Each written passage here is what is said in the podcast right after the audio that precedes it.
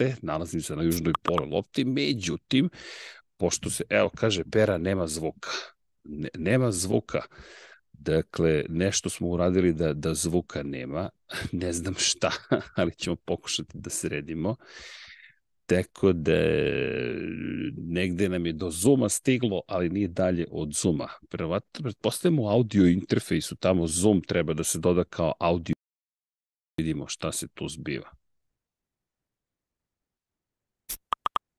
Ili da se unmutuje. Ja se nadam da ćemo to uspeti da rešimo ovoga ranoga jutra. Čekajte, da vidimo da ćemo uspeti to da učinimo.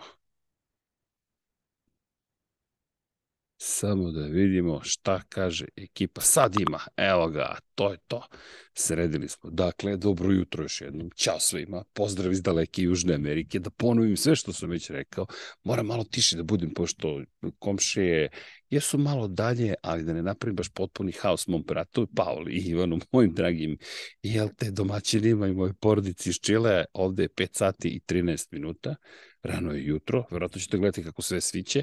Ekipa je na grobniku, međutim nismo još uspeli da postavimo live na startnu ciljnom pravcu, stiže mi live timing, malo je bilo pri drugih prioriteta, da ne kažem da ekipa morala da sredi automobil, tako da je automobil spreman za start trke, Miksa upravo vozi prvi stint, jel te prvi izlazak na stazu, tako da čim budemo uspeli da dobijemo, to jest Miksa da, da uspe da se vrati, za ne za upravljač, to očigledno, nego za upravljač računara u garaži, onda ćemo uspeti da postavimo i live. Ne zamerite, ali evo, prvi, malo učimo kako sve to da izvedemo, pa dok se ekipa na udaljenim mestima organizuje, samo da ubacimo i live timing u celu ovu priču.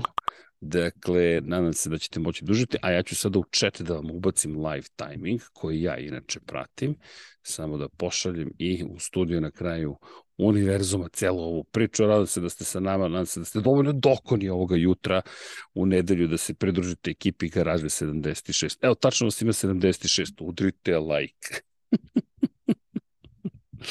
Evo, radi, kaže, ne dire ništa, sve radi, dobro. Evo mu chat, čak sam je ovo sposobio. A kerovi, pa kerovi nisu naši, ima komšijskih nanse da ih neću uznemiriti. Ali, šta da vam kažem, luda ekipa je uvek spremna da nešto radi novo, pa evo i ovoga puta, tako da znate, ali nadam se ćemo uspeti da se uključimo tamo negde u grobnik, ako ne uspemo da, da, se, da se ukrčimo, pa bar smo ljudi probali. E, inače, start je protekao, kaže gospodin Dejan Potkonjak, bez većih poteškoća, bilo je kontakt kontakata, a nadam se ne sa brojem 76, ali uz lokalne žute zastave. Ili ti trkamo se, a ko može da prati, evo da vidimo, gde nam je posad, sedmi smo ljudi u ukupnom poredku. Izgubili smo jedno mesto, bili smo na šesto mesto u nekom trenutku, zaostajemo 4,7 sekundi. Sad mogu samo da pretpostavim za bojem i tečom da kasnimo. Šeme i Alokes su na Šeme i Alokes su na prvoj poziciji, pa Preša Cerklje 1 i 2, pozicije 2 i 3 i onda Jančić Racing G4 grup Bovi Tečak, garaža 76, pa Bea Motorsport, e, Jazon ili Jason, ne, zama, ne zamerite, ne znam sva imena, i maratonci. Tako da znate, imamo još samo 3 časa 51 minuti i 40 sekundi, treći krug je u toku, pa eto, koji u prilici neka prati 4 časa Endurance Twingo kupa My Lab Speed Hive. To je mesto gde možete pratiti, inače prohladnih 9 stepeni Celzijusa trenutno na grobniku, a ja čekam informacije šta još ćemo dobiti od podataka iz rijeke, to jest sa grobnika, a da vidim da li možemo i da namestimo, evo ga, taman, dobili smo, pa ćemo pokušati da ubacimo i o, samo da napišem ekipi u studiju šta da ubaci, da bih ja mogao da sa vama komuniciram, U, u, u tako je. U browser. Ovo ćemo da ubacimo u OBS pa da pokušam da možda i preuzmem kontrolu nad studijskim računarom. Eto tako, pa ukoliko ste dosadni. Mogu se da podelim ekran. Ako podelim ekran, verujte, tek će sve da pludi. Namestit ćemo sve, nemojte ništa da brinete. Sad samo nam treba malkice vremena i vašeg razumevanja kada ste već sa nama i dajete podršku ludilu, jel te, opšte sve planetarnom, da podržimo i to. Ljudi, udrite, dajte neka pitanja. Uh, Srki, pošto čim dođe onboard, pa nećemo imati onboard uživo, imat ćemo pogled sa startnog ciljnog pravca, ako uspemo. Ako ne, pa makar smo se ovoga jutra družili nekih pola sata svi zajedno i iskoristili jel te, noć u Santiago da bismo prenosili trku iz rijeke, jer to je jedino logično što možete da radite kada dođete u Južnu Ameriku. Tako da, Marko, čim budemo u mogućnosti, mi to puštamo. Udrite like, drugari, kad ste, i drugarice, kada ste već stigli. Ali, upravo izašao safety car na stazu, dakle, uzletne zone sa mnogo šljunka prozorkuju da se tvinga ukopa i potrebno je vozilo da ga izvuče sa staze pod žutim zastavom smo, tako dok se ne raščisti staza, ali to ne utiče na našu ekipu Malenu, pošto smo mi dalje na poziciji broj 7, četvrti krug je u toku. Pa dobro, ajde da vidimo šta će. To je zapravo malo kasni live timing, tako da mi smo bili pola sekunde iza šestoplasiranih. Dobro, ajde držite nam palčeve da budemo u klasi, jel te? Da imamo rezultati po klasi. Pro Am, treći smo u klasi, drugari. Da li to sledi prvi pehar za Pro Am ekipu Garaža 76? Šta vi mislite? Sa startnim brojem 76. Samo još 3 sata i 50 minuta. Pa dobro, nešto ćemo da smislimo. Uh, evo, kaže Dejan, da li radi za live rezultate sistem? Radi deki. Ljudi, pišite ako imate neke predloge, ideje, pitanja, a i meni da pomognete malo. Kaže, Aleksandar Srki mora da četiri sata sedi, oni barem po pola sata. Kome je teže? Ne znam kome je teže, ne znam, ali hvala za, za, za, za ništa osim zlata, kaže Dejan. Pa ajde, deki, da probamo da uzmemo to zlato. Nadam se da ćemo uspeti. Nebo vam je granica, Igor kaže. Naravno da nam je nebo granice. Znao sam koga trebalo da uključim u celu ovu priču. Gospodina Brakusa i gospodu Brakusa i Banjca. To je trebalo da izvedem. A znate šta ćemo i sad? Sad ćemo da pokušamo da vam dodamo i live rezultate u ovoj prenos. Samo da vidimo. E, dajte mi kod za računar. Sad će remote access da padne iz Čilea. Da namestimo ako treba i to pošto juče, jel te, nije moglo da funkcioniše sve. Dobro jutro, Srki, kaže Emin. Dobro jutro. Kakvi smo? Treći smo u proam kategoriji. Tako da, treće mesto sigurno osvajaju. Nije baš sigurno, ali držite nam palčeve. Možda ćemo uspeti u ovoj ludoj akciji. Inače, ako imate neka pitanja iz drugih grana automotosporta, samo napred, tu sam s obzirom na činjenicu da će ovo biti dug prenos, a ne znam šta ću da prenosim. Kaže, morate da probate nešto na dva točka, Veljko. O, Veljko, to je to, to, to prevazilazi granice naše hrabrosti, ja bih rekao, ali ajde, razmišljali smo i o tome, moram da vam priznam. Ono što ćemo sigurno da uradimo, vozit ćemo rutu 76 na dva točka, to je da i ja planiramo, dakle, neće biti long way down. I evo ga, live timing je, pokazate, ba molim vas, ekipa radi sve što treba. Nadam se da ima i zvuka mog, ako nema, to znači da moramo da ubacimo mene kao audio source, da ne kažem da ćemo i to da, da dobacimo. Kaže, Boris, što se nas tiče, ne moraš tiho da pričaš. Pa jeste, Borise, ali i komši treba ispoštovati, ali pozdrav svima, pozdrav Dragane, Koli bolid mi je najlepši u 2023. sezoni. Uf, da, da, Red Bull u panici, izvanredan sastanak zbog garaže 76. Ne samo oni da su u panici, nego su u panici Baton, Rockefeller i Johnson. Oni su ljudi u panici. Ovo ostalo nekako će da se snađe. Mada, cilj jeste Formula 1. Koji mi je najlepši bolid? Uf, pa ne znam. I, i dalje mi je, moram priznati, Alfa Romeo nekako najimpozantniji, možda je najveća promjena odnosno na prethodne godine. Mercedes smo već imali, ne bih da se hvalim, ali je li ekipa Lab 76 rekla da će Mercedes biti skroz crn. Iako su izveštaj raznih dobro informisanih izvora govorili o tome da će zapravo da se dešava šta, da će biti kao prošle godine crno, a to smo mogli da pretpostaviti. Inače, neko me pitao za boje. Mercedes ima boje, tako da znate. A, kaže, Veljko, mora nešto, da, mislim, majster, mora nešto da točka da se proba, pa napred ekipu za jedno takmičenje. Ajde neki endurance ćemo da uradimo. A, kaže, Paja sabotira. E, nije, Paja je u Kragujevcu, ljudi, Paja prenosi vaterpolo. Tako da znate. Kaže Aleksandar Ferrari Mercedes najlepši. Pa možda i jesu, ali e, nekako to suviše ima vas navijača Ferrari i Mercedesa, ja opiram moje male ekipe, tako je nekako najlakše. A i činjenica nije da je Alfa nekako baš, baš je meni lepa na ta, ta neka kombinacija crveno-crne ispala dobro. Kod navijam za Milano ili za Vardar, molim vas, ali ne navijam, samo mi se dopada. A inače, da, pogodili smo za Mercedes. I iskreno malo se hvalimo, ali činjenice to bilo nagađanje, nismo imali pojma šta će Mercedes stvarno da uradi. Kaže Dragan, sledeći napad 24 časa Lemana. Nego šta? O, Ivan Toškov, kaže, dobro jutro iz Francuske. To, Ivane, međunarodna publika se okupila. I kao što možete vidjeti, garaža 76 drži svoje sedmo mesto. Ali, ali, moram da kažem, koleginici u Beogradu, kliknite na Results by Class, Interact, pa onda Results by Class i onda će da se vidi naše tre, crno, naše treće mesto. Jeste, Uroše, svi su otišli u crno da bi posle mogli da, da, da... A zapravo moram da proverim pravilnik da li postoji pravilo koliko boje mora da bude. Nisam nigde našao da je obavezno da se nešto farba, ali pošto je sad crno, jel te, boja ugljeno, ugljeničnih vlakana, to jest karbona, onda jeste sve otišlo nešto na crnu stranu. Ali, znate kako, smanjena težina, bit će uzbudljivo i tako dalje. Osmi, šta osmi? A uf, kako pali smo na osmu poziciju. Morat ću, morat ću Miksu da kritikujem. Sad će trener da mu piše odavde. Ga pali na četvrto mesto u klasi. A u BA Motorsport nas je pretekao. Dok ja ovde pričam, tamo je drama. Ali piše da imaju i krug manji. Hm. Kaže, pet krugova, ostali imaju šest krugova. Držat ću palčevi da je neka greška u tajmingu. A, pa ne, sad ću od ekipu da zovem, kaže malo, deki, kakav je ovo način, šta se dešava. Sad ću da mu pišem nešto, da, da, da daj neki, daj neki izveštaj, neki, da vidimo. Inače, ne zaboravite, posle pola sata, završava se s tim, bar bi trebalo da se završi, pet minuta kada se uđe u garažu, obavezno moramo da provedemo u garaži.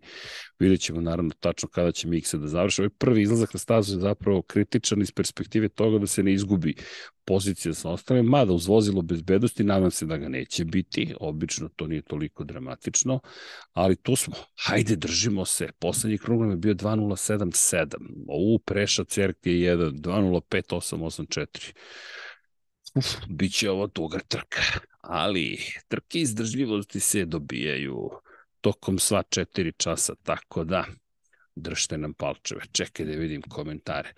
Da, AMG je skinuo 5 kg, jeste. Kaže Bojan Markov, gde je Bojan? Bojan je na Šrilanci, tako je Boki. E sad samo da imamo da li smo uspeli mi da sredimo ovo. Ja se vrtim između, a sad sam ja u kadru, dobro. Inače, ako se zanima gde se nalazim, Santiago de Chile, e, kuća mog rođenog brata, koji inače na moru, ali pošto sam ja morao da se vratim do Santiago da pozavršam neke stvari, a između ostalog ovde ima interneta, u Zapajaru ga nema, pa sam onda rekao, ok, kad već ovde ima interneta, onda nema smisla da ne uradimo garažu 76 i svinjavam se za nemogućnost da uradimo Lab 76. To je prvi Lab 76 koji smo otkazali ikada, 200, 273. izdanje i uradit ćemo ga da, ili u ponedljak ili u utorak, u zavisnosti od toga da li ja poletim ili ne. Nadam se da, će, da ću poleteti.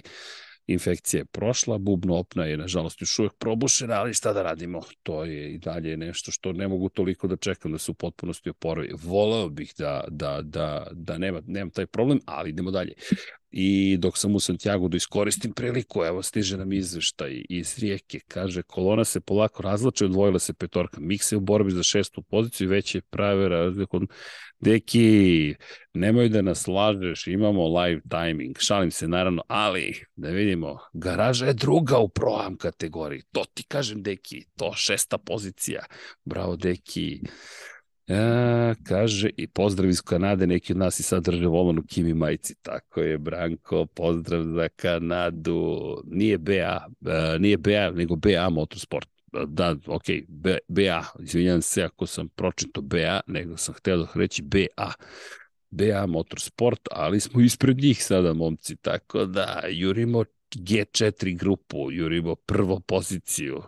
Dobro, odlično. Inače, Deki znam se da sluša. Ukoliko lideri ostanu ovako zbijeni, Toki će da preuzme drugi stint da bismo pokušali sa vremena zbog vožnje u zavetri da zadržimo dobru poziciju za moju smenu. Deki, nadam se da slušaš, nevažno je gde završiš, samo ti nama uživa i to je jedino bitno, da se mi lepo zabavimo i da pokrenemo stvari. Da li idete na otvaranje sezone MotoGP u Portugal? Emine, idemo.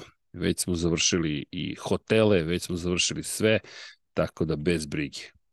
Idemo, ide cela ekipa, sad vidjet ćemo gde ćemo još ići ove sezone, neke stvari zapravo smo isplanirali, ali da li ćemo uspeti da ih provedemo u delo, ne, ne znam, jel te uvek se postavlja pitanje da li smo izabrali pravu trku za taj trenutak ili treba da idemo neku drugu trku, da li će se nešto organizovati na određenju takmičenja. Ukoliko sve bude ok, sledeća trka na koju idemo bi trebalo da bude Le Mans, Francuska, pošto je te Fabio Quartararo privlači toliko paže, toliko je dobar, bio je svetski šampion, možda će se boriti za titulu, da očekujemo oko pola mil, četvrt miliona ljudi, izvinjam se, u Lemanu tokom celog vikenda i moramo da budemo tamo. Realno, ove godine 100. godina Lemana, 24 časa Lemana, tako da je da je to nešto što bismo zaista volili da, da, da vidimo, da prisustujemo, da ovaj kovečimo, da prenesemo izveštaje sa lica mesta, baš iz Francuski, kako Francuzi doživljavaju Moto Grand Prix, pošto je dosta drugačije sad u Francuskoj od kada je Fabio bio šampion. Interesovanje je ogromno, nikad nije bilo tako veliko, što je logično, imate svetskog šampiona u Moto Grand Prix, naravno da će interesovanje da skoči, još legendarna staza, pa još stoto izdanje, 24 časa Lemana, Ideja nam je takođe da idemo u Nemačku, pa eto, idemo jedno po jedno, vidjet ćemo. Zapravo imat ćemo možda i još jednu trku pre toga, verovatno odemo za Teksas ako sve bude ok, ali to sad zavisi od viza, zavisi od organizacije, tako. Držite nam palče u svakom slučaju. Inače, Deki kaže, uskoro kreće prva zamena vozača, to smo najavili i 8 stintova se vozi, tako da je 7 zaustavljanja obavezno u trajanju po 5 minuta. Ili ti 35 minuta ćemo biti i u garaži i svaki sekund ranije izlazga od predviđenih 5 minuta povlači stop and go kaznu 2 minuta. Opa! Tako da bolje da budemo e, strpljivi. A, Srki, da li će biti prenos testiranja ili nekog dela? Za Formulu 1 pretpostavljam da je pitanje. Marko, znate kako, Marko, mi ćemo organizovati šta ćemo mi da uradimo. Mi ćemo lepo da uradimo sledeću stvar. Inače, garaža 76, trenutno smo koliko, vidim samo da vidimo gde, gde mi je lap timing. Imamo ovde 15 ekrana otvorenih. Kaže, trenutno smo treći, devet krugova u, u grupi, u kategoriji naravno. Ponovo safety car, kaže Deki na stazi. Dobro, nadam se da su svi dobro, to je jedino bitno, sve ostalo je manje bitno. Samo pošaljem. Um, ma, da vidimo. Samo da, ovako. E, da li će biti, e sad, šta ćemo da radimo u četvrtak? Ideja nam je u četvrtak zapravo da se spojimo sa Hasanom Bratićem, pozdrav do našeg dragog Hasana, koji će biti na, Hasan će biti na, na stazi u Bahrinu i opa, neka reklama nam je upala, imamo reklamu na MyLabs, pretpostavljam, ili se nešto desilo? Okej. Okay. Uh, u svakom slučaju, dakle, Hasan Bratić će biti u Bahrinu I dok je Hasan u Bahreinu, Hasan kako bude fotografisao bilo koji bolid, bilo koju fotografiju koju on odabere da je u tom trenutku aktuelna, mi ćemo pustiti u studiju na kraju univerzuma. Ukoliko sve protekne kako treba, Mixed, Toki i Deki će biti zajedno sa mnom.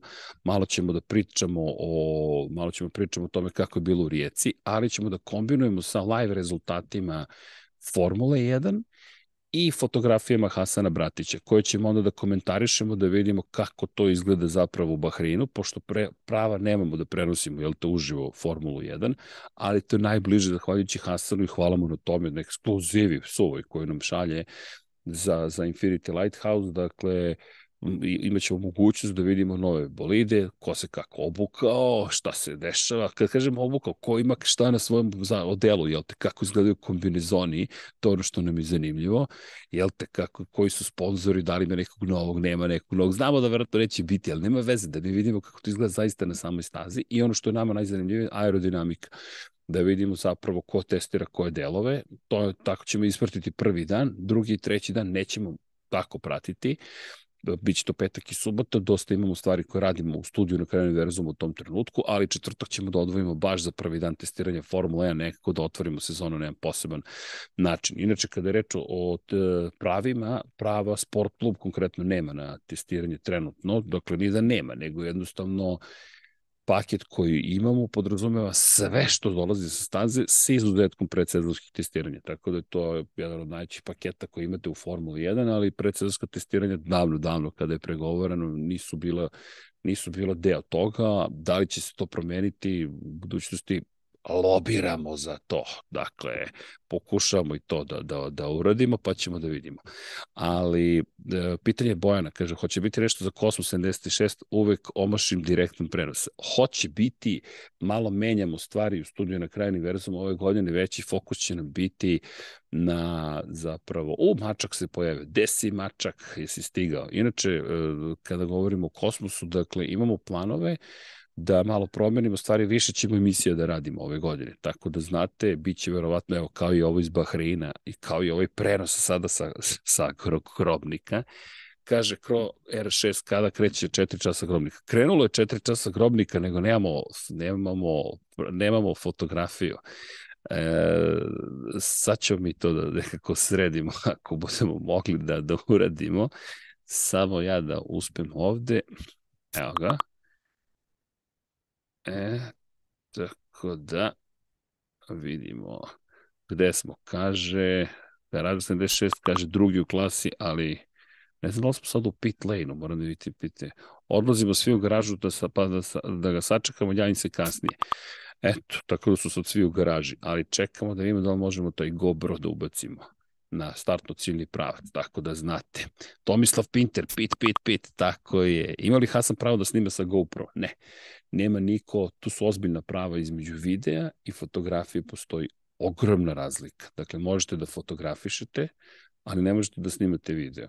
Ili čak i ako ga snimite, nemate apsolutno nikakvo pravo da distribuirate taj video kada je, na primjer, reč o tome za, ne samo za fotografe, nego za bilo koga ko radi u pit lane-u, priča se, priča je ista i za Moto Grand Prix za Formula 1. Vi morate da se obratite vlasnicima prava da vas white listuju, da vas stave na belu listu na svim društvenim mrežama, da vas prijeve Instagramu, Facebooku, to je Facebooku koji je vlasnik Instagrama, TikToku takođe, da vas automatski ne, ne banuju, dakle da ne dobijete zabranu korišćenja svog naloga i onda kada ste vi white listovani, zapravo onda smete da stavljate kratke videe. Ali čak i tu ako preterate, mogu da vam zabrane da rad ili da vam, da vam traže da skinete određeni snimak, tako da znate.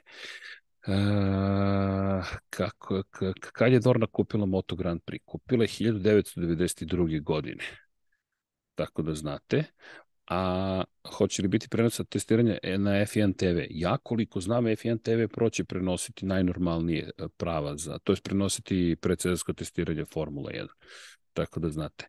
A, Emin Šubašić, samo da ne zaborim to pitanje, Uh, Vaskus, idete u kotu, idemo u kotu, ukoliko kažem sve prođe kako treba, mi smo, pošto sam ja sada ovde, pa to sad malo koči ceo proces, jer moram da predam pasoš u američku ambasadu, pošto treba da izadimo takozvanu medijsku vizu, ne B1, B2, već i viza, to je I viza, koja je za medije, pa sad dok stignem predam pasoš, a pasoš treba da mi se vrati pre Portugala i tako imamo malo igra, igranku. A, pitanje Emina je bilo šta ćemo sa sprint trkama ako gledanost ostane na istom ili čak bude lošija. E, to je pitanje na koje niko nema odgovor u ovom trenutku Emine. To je ono što smo pitali i Carmela Espeletu i Ervea Ponšarala, pitali smo i Vjehasa, sve smo ih pitali, odgovor je bio, a zašto nas to pitate? Zašto to mislite? Kad nam je do sada sve uspelo, zašto ne bi ovo uspelo? Tako da nema plana trenutno ako ne uspeju sprint trke. Plan je kad se desi, šta se desi, onda ćemo da planiramo. Nije baš da se razmišljalo previše o sprint trkama, ali ajde da vidimo. Ako ostane, ja se nadam da će biti bolja gledanost, iskreno ne zato što nešto patim za, za, za Dornom, Fimom ili, ili MSMA, već zato što bih volao to zbog sporta. Eto, to je najjednostavnije. I ostale su sve sprinte, u, sve sprint trke su ostale u Moto Grand Prix, da, da odgovorim Mihajlu. Veljko kaže da vi napravite ekipu za Boldor. Ma, na, ni manje ni više, Veljko. Hvala vam, hvala vam što verujete u nas, ali čekajte malo da vidim šta još ima. Dobro jutro, kada kreće, to je krenulo, to smo rekli. Uh, četvrtoj klasi uh, Srki imali neke inside informacije vezano za Eon Sport. Nemam apsolutno ništa. Apsolutno ništa. Evo ga Hasan Bratić. To Hasane. Hasan, legenda. E, ljudi, da ako hoćete da pomognete, Da, evo GoPro, čekam kada će da postave. Dakle, izvršena zamena, Mix završio Sting, Toki ušao u automobil, sve obavljeno za 3 minuta, sada u pit lane, predizak na stazu, čeka da proteknu 5 da bi krenuli, upravo se priključio drive-thru kazna za 788. Neću da se radujem ničijoj kazni, samo eto konstatujemo, dajte GoPro, velikim slovima mu pišem da zna da vičem, da dajte GoPro, neki iz garaže, bilo šta, da publika može da vidi da ste stvarno tamo. Evo, sad ćemo da sredimo GoPro, nemojte ništa da brinete. I sada, uh, da vidimo, da vidimo, da vidimo. E, da, Hasan Bratić. Čekajte da vidimo. Hoću da vam kažem kako svi možemo da pomognemo Hasanu Bratiću. I on nije šal, to stalno govorim, ali zato što to zaista toliko ozbiljno. Ajmo mi, evo, mi ćemo da se radujemo, Voskos kaže.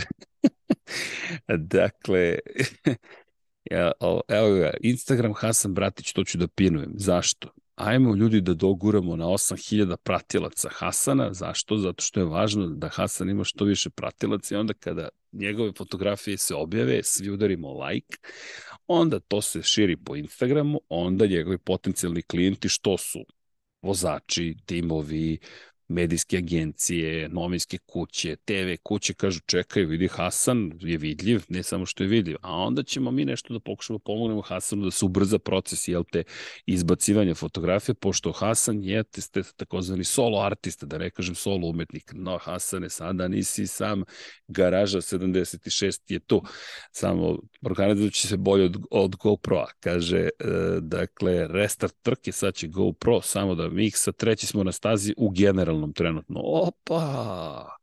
Opa, kakva klasa! Ne idemo u Pro-Am, mi odmah u Pro. dakle, Deki kaže da smo trenutno treći. Ajde, Deki, ako ti kažeš tako, čekaj da vidim. Malo kasno izgleda rezultati, piše da smo deseti, ali ja verujem mom, mom informatoru. Inače, ovaj mačak ovde je, e, kao i svima, sve mačke, pošto je dvorište ogromno, e, samo noćni mačak, on se noću pojavi, danju niko nema predstavu gde se nalazi, noću dođe, malo se mazi, zna i da donese svoju hranu, ne bih ulazio u ozbiljnije detalje, ali recimo da miševa nema u komšiluku i onda porodici ispred vrata ostavi ovako miša da, da, da se zahvali za hranu koju dobija, da i on uzvrati svom čoporu tako što ostavi, jel te, ono što je ulovio preko noći, desi mačun. Tako da, eto, imam, imam društvo za večeras. U svakom slučaju, kaže, sad će GoPro. Dobro, čekamo GoPro sa restrpljenjem, odgovaram na pitanja. Dakle, pitaj za ko... Srđane, kako mišljenje imaš u vezi indikara što će uvesti hibrida 2024. i nova zapremina motora? Kako mišljenje imam? Hm, znate kako?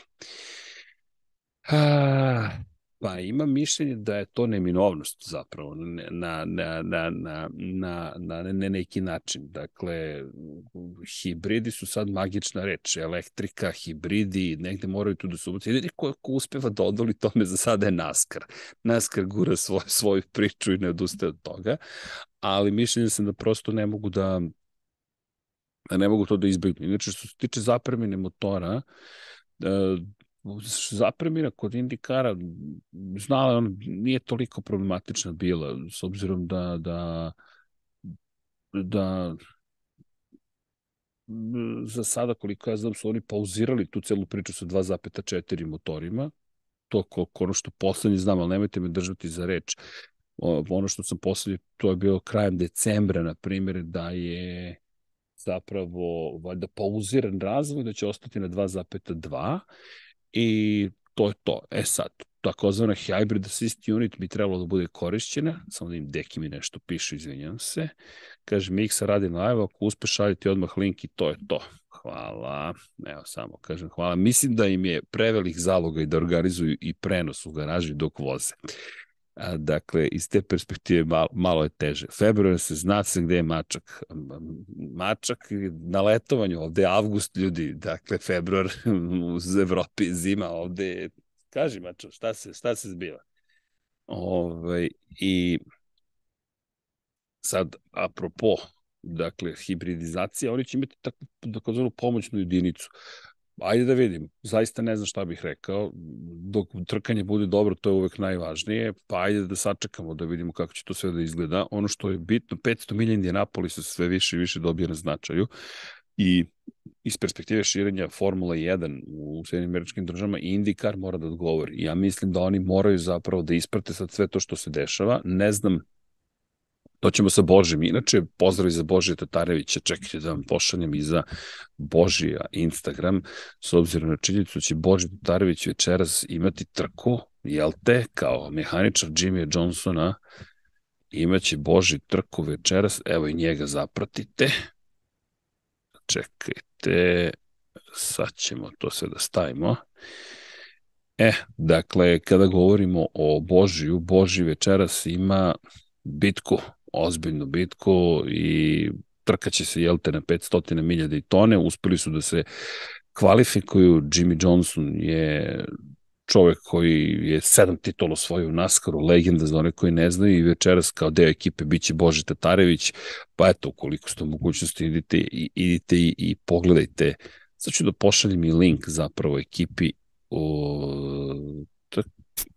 Sad ćemo. Da, pošalje fotografiju da ubaci Božje kako gura Johnsonov LT automobil. To je čovjek porekle sa, sa Balkana koji živi radi u Americi, konkretno u Severnoj Karolini i mehaničar je već dugi niz godina i u trkama izdržljivosti i u IMSI i sada u Naskaru i to ni manje ni više za ekipu Jimmy Johnsona, pa eto, tako da znate to je, to je ta na, naša ekipa svoja, tamo je sve smo, sve smo oteli. E, dakle, da vidim samo još to pitanje koje još ima, da, ako nam se sam odgovorio za hibrid, ajde da vidimo, ja mislim da to neće biti toliko loše, tako da, tako da znate. Inače, Haas potpisao ugovor sa Chipotle, da, Chipotle, to još jedan američki sponsor koji, koji uskače u celu priču, pa ajde da vidimo kako će to izgledati iz perspektive iz perspektive sada razvoja Hasa, pošto dolazi sve više sponzora, ali to mi je sad ta, moje mišljenje veze, Indikar, hibridi, pa Has, pa sponzore američki i tako dalje. I sad da vidimo, da li cela zajednica može bilo što da uradi po predstavskih testiranja, na primjer da izvrši pritisak ako je već moguće da to realizuje.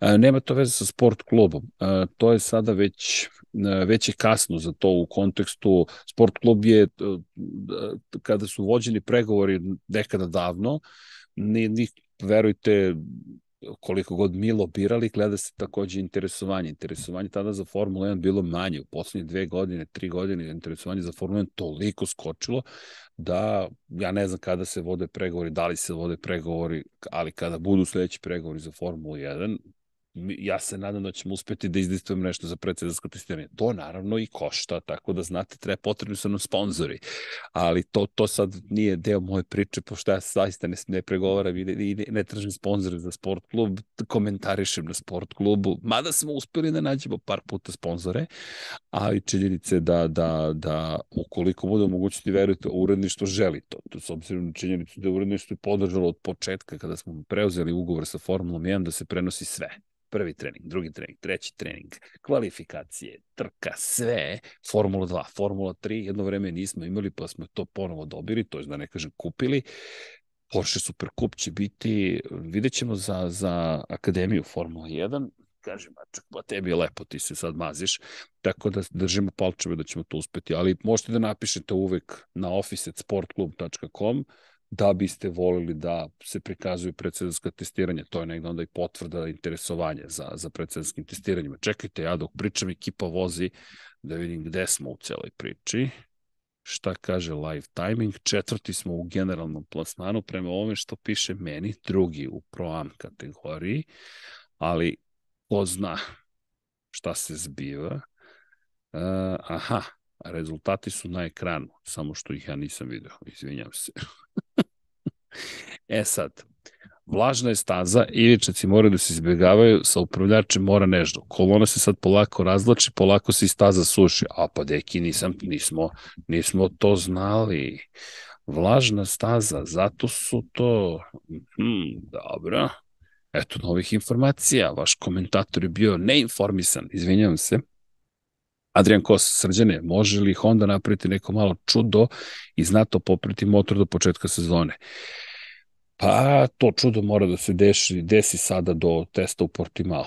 Ukoliko u tome uspeju, da li može Honda da napravi čudo? Pa ja verujem da može. To je samo moje mišljenje da, da može, ali, ali iskreno ima tu puno posla. Tu je sad pitanje posla. Aha, evo ih rezultati na, na, na, na, na ekranu. Izvinite, ja toliko vrtim ekrane da nisam ispratio gde, gde se šta ko nalazi, ali ne zamerite.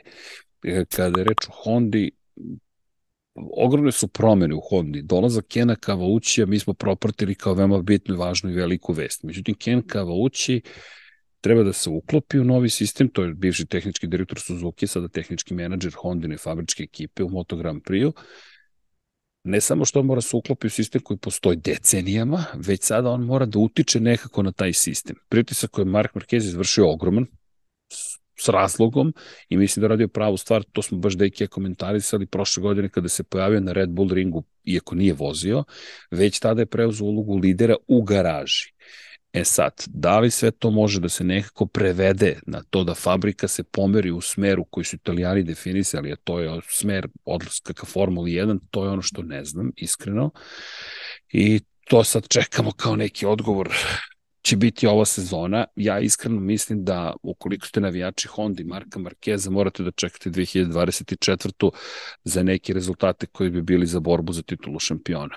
S obzirom na činjenicu da to je samo moje mišljenje. Čujte, zato je taj test u Portimao toliko važan, gde ćemo saznati zapravo da li, ajde, da li smo dobro pročitali situaciju. Zašto to kažem?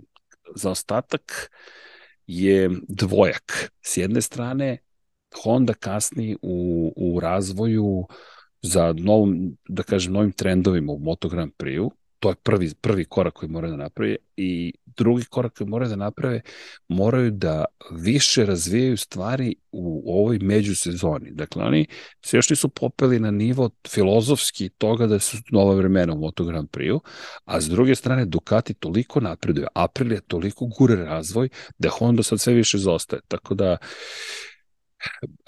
čekamo Portimao, test u Portimao će biti najvažniji. E, gde možemo pogledamo Markezov dokumentarac? Čekajte da vidim dalje izašao na Amazon Prime-u ili nije. E, dakle, da vidimo. Mark Marquez All In se zove, inače, sad ćemo da vidimo premijera All In.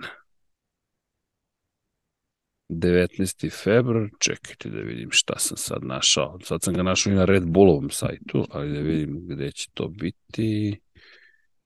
Uh, ne, nije, ovo je nešto drugo. Red Bull, ne, jeste premijera, da, All In, Amazon Prime će biti, dakle, ve, to je danas, eto, nisam ispratio da je danas premijera. Opa, čekajte da vam pošaljem ovaj link za one koji su ljubitelji Marka Markeza da vidimo gde nam je. E sad, našao sam samo špansko izdanje. U Čileu sam sve mi prebacuje samo na španski, tako da nadam se da ću uspeti ovo da promenim, ali ako govorite španski, evo ga. Pa da vidimo. Evo ga. I Božija sam ubacio umeđu vremenu, tako da znate. Eto ga, Amazon Prime bi trebalo, eto ga. A, pozdrav za staze, Nemanja Ivanović, prva smena urađena Mixo Boxu, Toki sa volan. To, pozdrav stazi, bravo Nemanja. Da li treba mnogo proizvođača u Indikaru poput Mercedesa? Uf, i jao, to bi bilo super kada bi se desilo.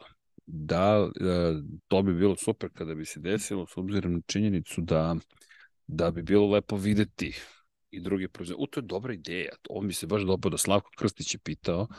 Slavko, pa to bi bilo fenomenalno. Nisam siguran zbog sad kako bi uspeli da izbudžetiraju sve, ali to bi bilo baš dobro. To su bili Ilmurovi motori, ali bez obzira Mercedes je zvanično bio prisutan. Ne se tačno koje godine su koje godine su ušli, to su 90. godine i to je dobra ideja, baš bilo dobro kada bi se to desilo. Ajde da vidimo da li će IndyCar nešto uspeti da učini po tom pitanju. IndyCar mora sebe da sada izmisli ponovo, jer Formula 1 je počela da mu otima tržište zapravo, pa će to biti interesantno da vidimo da li postoji neko pravilo u Formula 1 za izduvni sistem, da li imaju neku vrstu prigušivača. Pa za izduvni sistem postoji dosta pravila zapravo. Postoji pravili koliko različitih izduvnih sistema možete da koristite bez kazne tokom sezone. Morate da imate jednu izduvnu cev. To je, to je, to je obaveza. To su uveli 2014. godine u hibridnu eru kad, kada smo ušli onda su prešli na sistem gde morate da imate jednu završnu izduvnu cev. Dakle, jedna grana zapravo na kraju je izduvna i ona je morala da stoji takozvana periskopska grana. Zašto? Zato što su hteli da izbjegnu takozvani produvani difuzor ili ti. Hteli su da ne dozvole da izduvne gasove preusmeravate na difuzor i tako dodatnu zapreminu gasova preusmerite ka difuzoru, nahranite ga dodatnom energijom i učinite još stabilnim zadnji kraj. Zapravo, od kada se završila era tih takozvanih prodovanih difuzora, Sebastian Vettel nije osvojio ni jednu titulu. Sad, s jedne strane, Red Bull je u saradnji sa Renaultom zaostajao na početku hibridne ere, to je Renault je pre svega zaostajao, s druge strane Renault je bio ekspert za takozvani hladno prodovani difuzor. Šta je bio hladno prodovani difuzor? Kada biste pustili gas i dalje bi motor izbacivao izduvne gasove. To je ono što je bilo fenomenalno, ali šta bi se događalo? Cilindri bi se i dalje pomerali, to jest i dalje bi bez paljanja svećice gurali, jel te, vazduh, to je gasove kroz izduvni sistem, kako bi što više zapravo vazduha steglo do zadnjeg difuzora i taj hladno prodovani difuzor, cold blown diffuser sistem je nešto što je Renault razvio do te mere. Inače, mogli ste da ga prepoznate po zvuku, onako prljav zvuk. Pusti gas vozač na kočnici, a vi dalje čujete blja, blja, blja, blja, blja, kako nešto izbacuje praktično. I imali ste sa, sa, sa obe strane na zadnjem kraju bolida, praktično na podu, ste imali ogromne rupe kroz koje su izbacivali zapravo izdovne gasove preusmeravali ih na, ka difuzoru i zato su oni to zato su to i ukinuli da bi jednostavno sprečili da imate dodatno nahranjen difuzor. Sad to bi bilo zanimljivo na ovim ogromnim hibridima vidjeti, zamislite da produvaju difuzore još sa ovim sistemom sa Venturijim tunelima, sa mojim, oj, ko zna. E da, evo, pogledim fotografije, nisam ni vidio da su fotografije stigle, izvinite, malo kasnim, jel te, ko zna kad su ove fotografije prikazane, pošto ja gledam vaša pitanje, pa onda ne pratim Zoom preko kojeg smo zapravo prisutni, izvinite. Eto, tako da znate da postoji, ali prigušivač uh, nema. Veliki pozdrav za ekipu iz Infinity i Lighthouse-a, mali doprinos za biblioteku, Nikola Bata, 500 dinara. To, to, to, to da vidimo mi šta se zbiva u, u garaži. Niko mi više ne odgovara iz garaže i to je to. Dalje je krenuo Deki da, da vozi? Jeste, Deki je za volanom, tako da znate. I sad očekujte da idemo na prvu poziciju. Dakle, sada napad na voćstvo. Za, trenutno smo 14. od 16 vozača. Ništa ne brinite, to je sve deo plana. Dekijev plan je samo polako do pobede. Tako ćemo i da, da stignemo do, do triumfa. E, a, mačak, to je moj prst, nemoj da mi jedeš prste. A, dobro. Kad ćemo GoPro dobiti? Ne znam, Gojko, ja čekam taj GoPro, evo me u Čileu sedim i, i čekam. Pričam sa vama o svemu i svačemu. E, dakle, šta mislim kako su šanse uh, MM za ovu sezonu, Motofan? E, Deo Majstore, pa ti si bog. Pa rekao sam za Marka Markeza, mislim da sve zavisi od ovog sada perioda, od ovih nekoliko nedelja do testa u Portimao. Ukoliko tu nešto uspeju da učine, što nije ni malo lako, postoji šansa, ali mislim da će biti uh, biti baš problematično, problematična sezona April i Ducati su mnogo napredili, pogotovo taj jedan brzi krug. To ne znači da Mark Marquez nema šanse, ali ono što, što bi morao da radi ove godine je da bude nekako skuplje poene. Ili ti da primjeri taktiku koja se razvila još 2020. završavaj trke, možda ne možeš do pobjeda na svakom mestu ili do velikog broja pobjeda, ali završava trke, pobjedničko postavlje, juri osvaje poene i možda se tu nešto otvori. Pita Gojko zašto smo otišli dosta ranije u boks. E, kaže, miksa ne vredi, ne mogu da namestim live kao uvek Murphy odredi, odredi svoje. Miksa nema veze. E, imamo dosta posla u garaži. Samo polako, e, neka mi Nemanja šalje izveštaje. Eto, Nemanja šalje izveštaje ko vozi, šta se zbiva, pa sad tu smo još tri sata. Jedan sat smo odradili, Mačak i ja iz Santiago, zajedničkim snagama. Pitanje zašto smo dosta ranije otišli u boks. Ne znam, Gojko, to ćemo sada saznamo. Zašto smo otišli ranije u boks? Da vidimo. Pa ćemo da saznamo. Dekiv krug, Igor kaže 2.21. Dobro, da vidimo. Ajmo da imamo sledeći kakav će biti. Sad po kiši. Gde mi je Deki? Ma nema veze koji god da bude krug. 2.07.4.1.7 moj bio. Ne, to je najbolji krug. Ajde, ne znam da li ja, da li kasni. Timing, ali tu smo. Pa dobro. Hvala još jednom Nikoli na, na podršci za biblioteku. Kupit ćemo knjigu. u 2.39. Još vlažna staza. A ne, čekaj, ako je deki, da, sad, sad ćemo saznamo šta se zbivalo. Sudire su nam pokazale tehničku zastavu. A, zato ima posla. U suštoni e, je imao tehnički problem. A, tehnički problem smo imali. Dobro. Pa eto, prvi kvarovi u garaži 76. Srđane, komuniciraj sa ekipom iz studija, samom sebi sam to napisao. Dobro. Dobro, da vidimo šta kaže. Nemanja mi šalje. E, dobro. Sređeno tehnički problem, ali smo to sad rešili, popravljeno je. Eto, koliko ukupno ima automobila na stazi? 16 ima automobila. Da kaže Dejan Plačko, Plačko, kada ubedite Strh Sport Klub da prenosi vaše trke, još neka prenosi Vanja. Može, Dejane, može.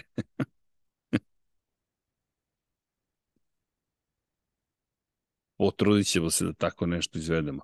To je dobro pitanje. Ko komentariše kada, ako ja budem vozio? Pa znate šta, onda ćemo morati komentarisanje da radimo sa staze, a deki da usme, ne pa Paja, pa nema ljudi šta, mora Paja da posle uključi u ceo projekat. To što je u Kragujevcu ovoga puta, to je jedini, jedina mogućnost za izgovor. Inače, Paja je šef ekipe, ali Paja je zauzet bio ove nedelje, to je Marfiv zakon, naravno, samo ovog vikenda je Liga šampiona u Waterpolu tokom vikenda, obično utorkom i sredom, što nam onda utiče na Lab 76 redovni, e, ove nedelje, ko za inac, subota i nedelje su dani kada je Paja zapravo taj koji ne može. Kaže, kaže srđan za njih kao Oracle za Red Bull. jeste, jeste. dakle, ne vez, bit ćete kao Red Bull na početku, Bojan kaže posle šampioni. 2.16 Gojko, tako je, idemo, bitka traje. E, ljudi, pre svega hvala svima vama što ste sa nama. Imamo malih tehničkih problema, ali učimo i mi kako da sve ovo izvedemo. Očigledno je da, da, da nedostaje jedan par ruku u garaži da, da setapuje sve to. Moj deo priče zapravo bio upravo ovaj koji ne možemo da realizujemo malo sam daleko, jel te, na drugom kontinentu, pa ne zamerite, to je, a ovog puta je stvarno viša sila. Dakle, infekcija uveta sa probušenom bubnom opremom, to nije bio plan. Krivac je, evo ga ovde, evo ga krivac, bazen od dubine 1,70 Ne znam kako sam to izveo, ali ok, izveo sam. Nikola Niksi kaže, srećan danas. Nikola, hvala. Ej, Nikola, može molba, jedna pesma za ove četiri časa, To, to bi bilo fenomenalno. Emin Šubašić kraj prošle godine bio sjajan za Markeza, konstantno top 5, sada dosta spremni, može da nastaje u tom ritmu, nije sve u motociklu, ali to je na Honda ako misli da ne budu zadnji od svih konstruktora. Pa to je pojenta, ne, ne možete, postoji limit, dakle, koji, koji je dosegnut jednostavno kada je reč o, o tome šta vozač može da uradi. Gde, to je deki i upozoravao pre dve godine. Ovo je Moto Grand Prix sada Formula 1 90-ih, nikad neće biti u potpunosti Formula 1. Motociklizam će uvek imati veću dozu uticaja vozača na, na, na sam ishod. Ali ta doza se smanjila i ne možete, evo, prošle godine to bilo i tekako vidljivo, dakle, ne možete vi da prevaziđete nedostatak na startnom ciljnom pravcu zato što ste dobar vozač. Možete u krivinama, možete na kočenju, možete u strategiji, možete u kvalifikacijama, eventualno nešto pokušati da uradite. Ali postoje limiti. Sad, to nije opravdanje za Fabio Quartarara. Fabio Quartararo, da, nije imao najbolji motocikl, ali takođe napravio neke greške koje je mogao da izbjegne. Dakle, da i on imao savršenu sezonu, možda je mogao da bude šampion sveta. To, to ne znači da nije zaslužio titulu Francesco Banjaje. Naprotiv, nema nezasluženih šampiona. Nadokladite 91 poen, pa taman da imate ne znam, FW14B, Williamsov, treba to odraditi. Dakle, da mislim da je tu zapravo, kada je reč o Markezu, zaista pitanje sada promene pristupa ukoliko Honda ne može da mu pruži to da se bori da da, da, da se bori za, za, za pobede. Jer pogledajte kvalifikacijone kruga Ducatija. Tempo u trci je još možda i u redu. I Yamahi za Fabio Quartarara i Markezu za Hondu. Međutim, kada pogledate kvalifikacijone krugove, Aprilia i Ducati su u nekom potpuno drugom svetu. E da, e, kaže šta mislite ovako na slepo dok su još ništa, ne znam ko će biti top 3 u poredku vozača u Formuli 1. Mpa pita, u, na slepo, a? Hoćemo na slepo. E, jer moram da dam tačan poredak ili moram da dam koja će biti tri najbolja vozača, pošto to gde svi ste, pretpostavljam da znamo. Zorić Matija, nemoj Fabio da mi diraš trke ili podsjećaj mi na 2022. Pozdrav za, za, za Matiju, to je cela ekipa. Dakle, hvala što ste sa nama u još jednom zanimljivom vanrednom izdanju Lab 76 i da odgovorim na pitanje, pa vodeća trojica, uf, ko će da uf, stvarno nemam pojma, ajmo realno, Max ima najveće šanse. Max Verstappen i Red Bull Racing izgledaju trenutno neprikosnoveno. Mercedes nepoznanica, da li je lep bolid? Prelep je bolid. Da li je brz bolid? E, to je drugo pitanje i ima, ne znam ko je od vas zaustavljao kadrove, na Twitteru sam video i gleda da li poskakuje bolid.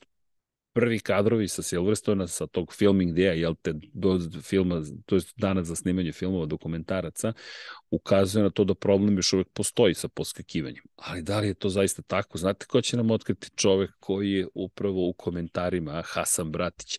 Hasane, Dogovorili smo se, dakle, kad izveštaj, molim te da nam daš da li poskakuju bolidi, koji poskakuju, koji ne poskakuju. Konačno, ako se sećate, prošle godine Hasan nam se bio pridružio i upravo kada pričamo o tome da je prvi primetio poskakivanja, već su stigli prvi izveštaj, ali Hasan nam je bio čovjek koji je bio na licu mesta i njegove fotografije smo analizirali, setite se kada je bio dan za testiranje po kiši, pa smo gledali kako McLaren funkcioniše, izgledalo je kao da će biti fenomenalna godina za, za McLaren na kraju, eh, slabo ispalo, to je bila Barcelona, Bahrein je bio drugačiji, pa eto, to, to čekamo. E, Srđan Lukić, kada je trka? Srđan je, trka je u toku, ali nažalost ekipa ima tehničke neke izazove, da ih tako nazovem, kolokvijalno, to su problemi. E, to su nisu kolokvijalno, da upotrebim malo eufemizam, e, izazovi, jel te? E, to, je, to su problemi, tako da sređujemo, nećemo verovatno imati prenos, ali sam ja to, pa eto, ako vam je, ako ne ništa pametnije, nedelju pre pode šaljite pitanja, ja ću vam prenositi šta se zbiva u Rijeci. Tako da će nam Hasan otkriti da li je, da li je to, da, da li je Mercedes uradio posao i da vidimo Ferrari kakav je posao uradio. Ali mislim da Ferrari, ni Red Bull, ni Ferrari neće prave karte pokazati do trke u Bahreinu. Mercedes, ukoliko ima šta da krije, sakriće, ali Mercedes nije u poziciji nešto previše da krije. Tako da moje očekivanja, moje očekivanja za ovu sezonu su da Verstappen odbrani titulu, Leclerc bude drugi, treći da bude Lewis Hamilton. Eto, to na osnovu ovako na slepo, ali ajde da se nadam da, da, da su se izjednačili toliko da neće imati pojma, da niko neće imati pojma ko će da osvoji titulu. Ali ljudi, uzmite obzir, Red Bull je svestan da je ovo prilika, Max Verstappen je svestan da je ovo prilika, u najboljoj je formi, 15 pobjede prošle godine su i on imao konkretno. Dakle, govorimo o jednom nevjerovatnom vozaču u nevjerovatnoj ekipi. Pa da vidimo. Eto, to je na slepo. Dobro jutro, Srki, kaže Kelt 10. Dobro jutro svima, dobro jutro. Kaže, hoće li, e da, baš zanimljivo vidjeti kada sviće zapravo učila. A hoće li audio na početku biti potrebno neko vreme za privikavanje? Piše Anko, Bana, Anko Bananko X ili Anko Bananko 10. Da li će biti potrebno vreme? Znate šta? Ajde, ajde da ja pitam jednu drugu stvar kad je počeo, i ne šalim se, ako možete Anko Bananko da mi kažete, evo, e, da bi bio zanimljivi razgovor, nadam se, šta je početak za Audi? Je Audi počeo sada ili Audi zapravo zaista počinje 2026. Ako je to početak 2026. onda će se mučiti, ali ja mislim da Audi već počeo i da je najveće pitanje za Audi zapravo pitanje motora, da ne kažem pogonske jedinice, I vratit ću se opet na Dekija, koji je davno predvideo, jeste pa Baba Vanga u smislu, ne Baba Vanga, on čovjek prognozira nemoguće. Deki studiozno takođe pristupa svemu i ako se setite Dekijevih izjava, Audi ima spreman motor za Formula 1 još pre x godina, 10 godina bukvalno, Ajde da vidimo uz pojednostavljivanje pravila i pojačavanje snage elektromotora i da ne zaboravimo uz e-tron ceo sistem, uz pobedu sa dizelima, sa hibridima, sa elektrikom, sa motorima, sa, sa, sa klasičnim benzinom, Audi ima sve što je potrebno da odmah počne da, da uspeva. Zašto mislim da će biti odlični na samom početku? Baš zato što je Zajdl sada već u Zauberu, dakle, preneve iskustva i znanja iz McLarena, on je čovjek koji je bio u McLarenu godinama, nek su i dve godine, nek su i tri godine, opet su to godine vrlo bitne, audio tehnologija stiže, sve su posvećeni tom cilju, imaju Zauber koji ima savršen vazdušni tunel, imaju sve što im je potrebno za uspeh, ja mislim da će oni biti ozbiljni od samog početka. Ono što mislim da im je veoma bitno da organizuju su dve stvari, da nađu vozača broj 1 i mada dobro, i vozač broj 2 postaje važan, ali ok, ajde imaju Valtteri Bottas da se tu pita i da nađu nekoga za strategiju. Čekajte da vidimo šta se nama zbiva na stazi. Gde smo? Garaža 76. E, Nemanja, daj neki izveštaje, molim te, piši mi. Dakle, nemam nikakve izveštaje. Da vidim. Mm, da vidim, da vidim, da vidim. Evo ga, Nemanja, sad sam video. Trka se Sam, samo piši Nemanja. Ne mogu da pohvatam.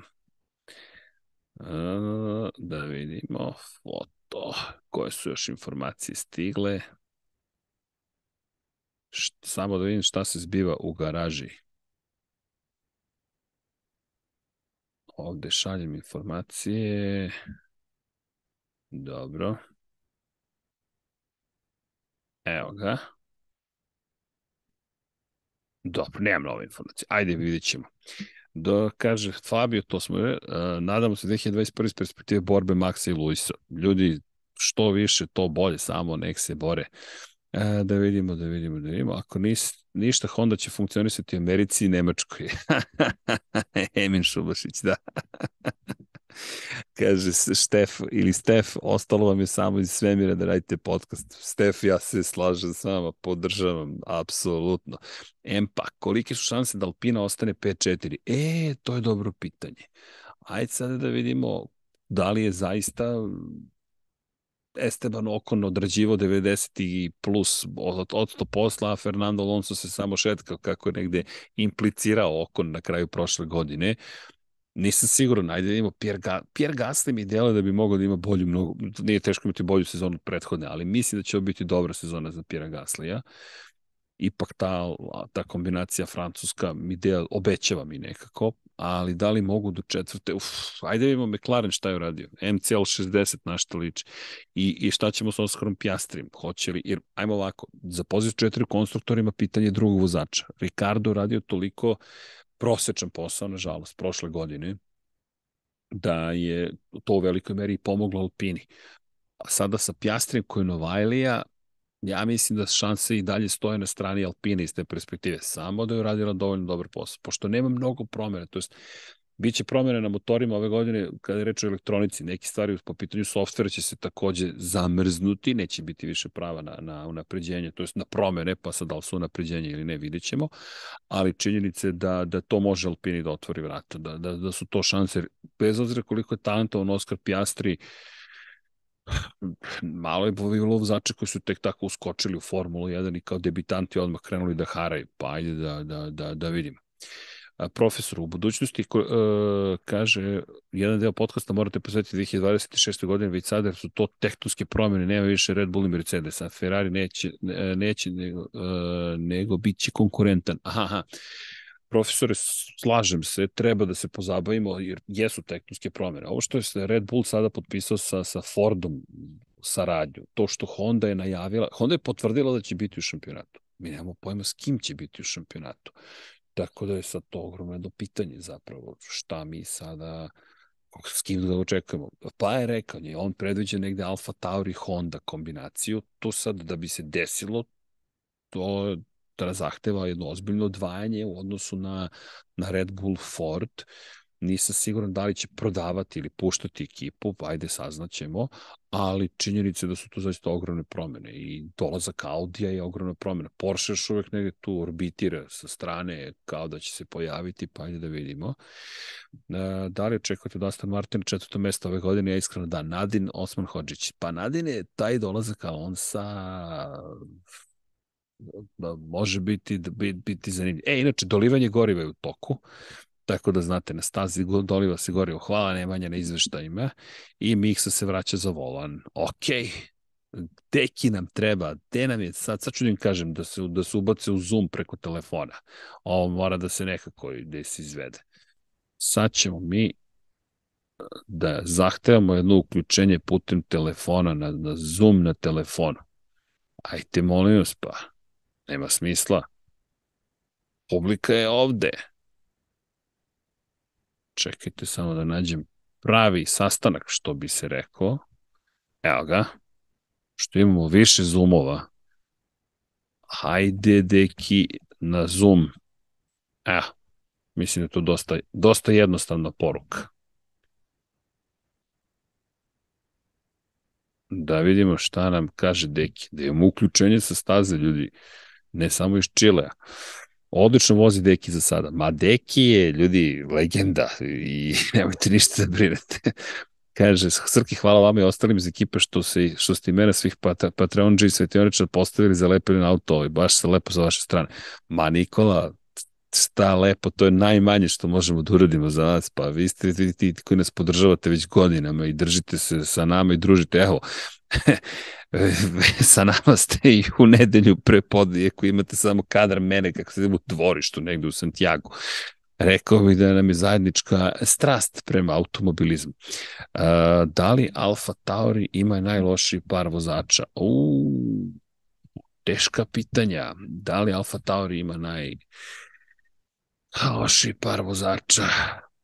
Pa ne znam sad šta bih rekao na to, to mi dosta zvuči onako agresivno nekako, ali nigde Vris je nepoznanica. Ne bih rekao da je loš nigde Vris. Šampion Formule E, šampion Formule 2. Da li će... Postoji da blaga doza skepse delim je sa vama po pitanju De Vrisa u smislu cele sezone.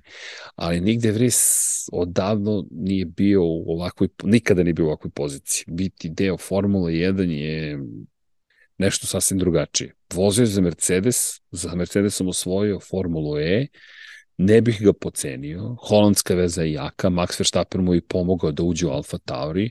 Nisam siguran da ćemo baš, baš se sad Max baviti previše Nikom De Vriesom, ali Nik De Vries ne ugrožava Maxa Verstappena, tako da Max može njemu i da pomogne. Ne, ne, ne, ne, ne tu ne postoji problem. I e, imam dozu rezerve, ali loš vozač svakako nije sigurno nije loš vozač, ne, ne, to, mi, to nikad ne bih rekao, sve su oni dobri, ali ok, ako u relativnom smislu posmatramo, za Juki je najveći test. Juki ako sada ne polože ovaj test, još uz potvrdu da se sa Hondom završava saradnja 2025. To znači da naredne dve godine Red Bull, Alfa Tauri nisu dužni da moraju da imaju da, post, da imaju veći uticaj da trpe Honda na to ko će biti vozač. Ryuki Tsunoda preko Hondine veze dobio najveću podršku. Ali sada uz odlazak Honda ko zna šta će se tu otvoriti. Možda Ford ima nekoga koga bi želeo da vidi. Ne kažem da baš može odmah da utiče, ali ej, nikad se ne zna.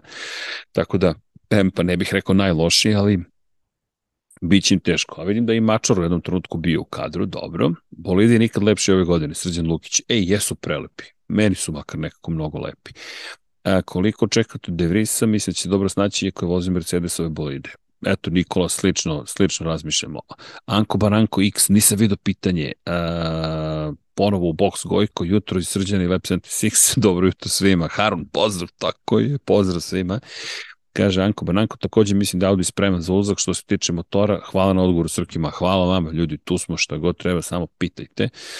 E, kako će se Honda osjećati kada prekinu saradnju 2026, a svojili su sve titule nove ere? Pa... Da, kako će se osjećati, ne znam, ali čudno je meni to sve. Ja razumem i Bože je to lepo prokomentarisao, dogovore se poslovne glave oko toga kako dalje sarađivati, to je kako predstaviti sve, ali ne znam, za mene je iznenađujuće koliko je Red Bull Ford komunikacija već sada agresivna. Ako pogledate Ricarda, koji je treći vozač i neka vrsta, da kažemo, egzibicionog vozača, već sada on nosi Ford na sebi. Ne, kao da Honda ne postoji uopšte. Ja se ne bih baš osjećao najprijatnije. To je, to je neki moj stav, ali ok, Honda isto tako ti sama rekla, izlazimo iz Formula 1 2020. Zašto su to osetili kao potrebu da kažu ne znam, ali su rekli pa onda osvojili titulu. Pri čemu? Prvi šampion sveta Formula 1 sa Hondinim motorom od Ayrtona Sene Max Verstappen i oni umesto to da iskoriste maksimalno toga praktično nema. Ali to je opet pitanje za njih. Kako, kako su se i postavili celoj priči. Ali svako se ja ne bih hoću dobro. Pjastri ne može biti loši nego Ricardo prošle godine, kaže Empa. Pa, teško.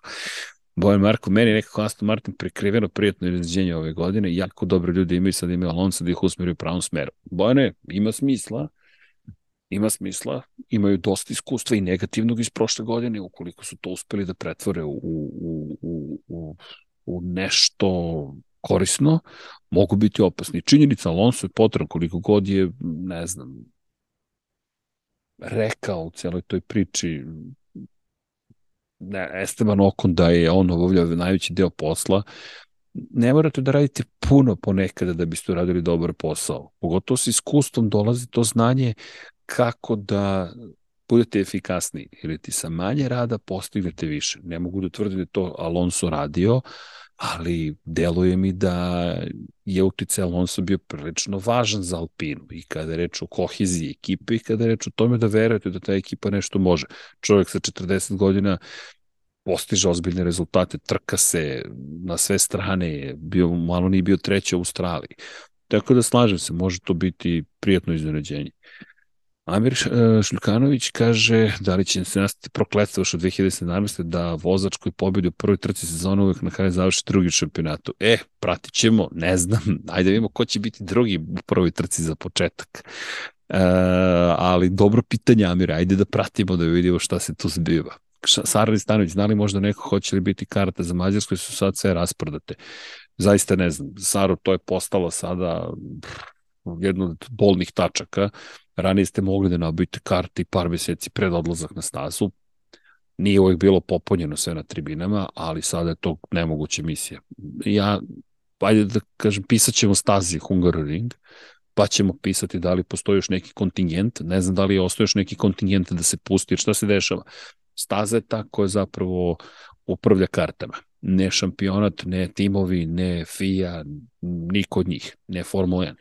Ali oni prodaju preprodavcima, to je legalno naravno prodaju takozvanim agentima za prodaju i prodaju određeni kontingent, daju Formula 1 organizatorima trke i tako dalje ali staza tako definiše koji kontingente kada pušta u prodaju, pogotovo kada je veliko interesovanje, onda ih puštate tako da što više stvorite pomamu i potražnju još više da iskoristite i da bude veća cena, ali saznaćemo. E, neki vaš utisak kako su timovi čekaj da vidimo, da vidimo šta se zbiva na stazi. Uh, sipali gorivo, mikse na stazi, to smo već izvestili, nema nekih novih izveštaja. Da vidimo. Um, neki vaš utisak kako su timovi radili prezentovanje bolide za novu sezonu.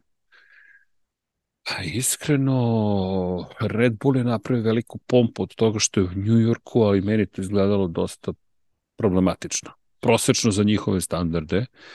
Nekako ljudi koji su vodili, koji nemaju nikakve veze sa Formulom 1, pričalo se o, o drugim sportovima, sve ja razumem, promocije pre svega Red Bulla kao robne marke, Red Bull Racing kao ekipa nekako došla na kraju, sve to, sve to razumem, ali mi nekako delovalo pomalo van sinhronizacije. Nije neka ozbiljnija kritika, jer mislim da je to prvi put da su tako nešto radili i da će to biti bolje i mislim da će oni biti nezadovoljni. Jer Christian Horner mi je delovalo na samoj pozornici kao da nije zadovoljan kako je to sve urađeno. Ne znam, nije ništa izjavljivo, svako neće ništa reći protiv svoje ekipe, ali mislim da iza kulisa će se poraditi na tome.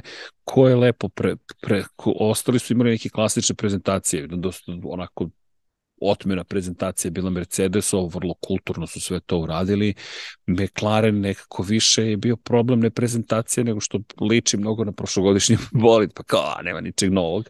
Ferrari mi uradio baš lepu prezentaciju, ovo ali standardno njihovo. Ono što je super kod Ferrarija, to je Carlos Sainz rekao, najzad pred ljudima je imao prezentaciju bolida, najzad je mogao da stane pred ljudi. To mi je bilo mnogo lepo, baš je, baš je to lepo bilo.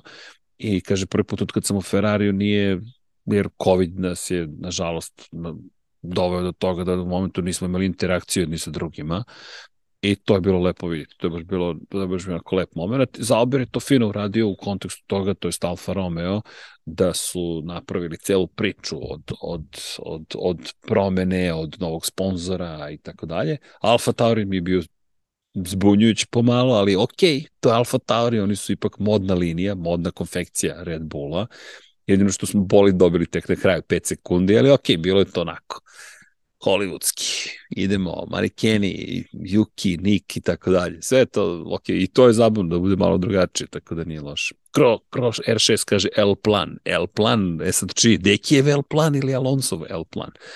Deki mi ne odgovara na moje poruke, ignorišu me. O ovome ćemo razgovarati kao e, produkciju, produkciju nisu ispoštovali. A je, da,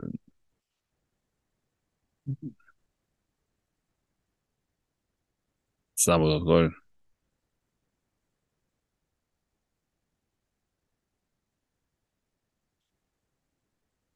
Da.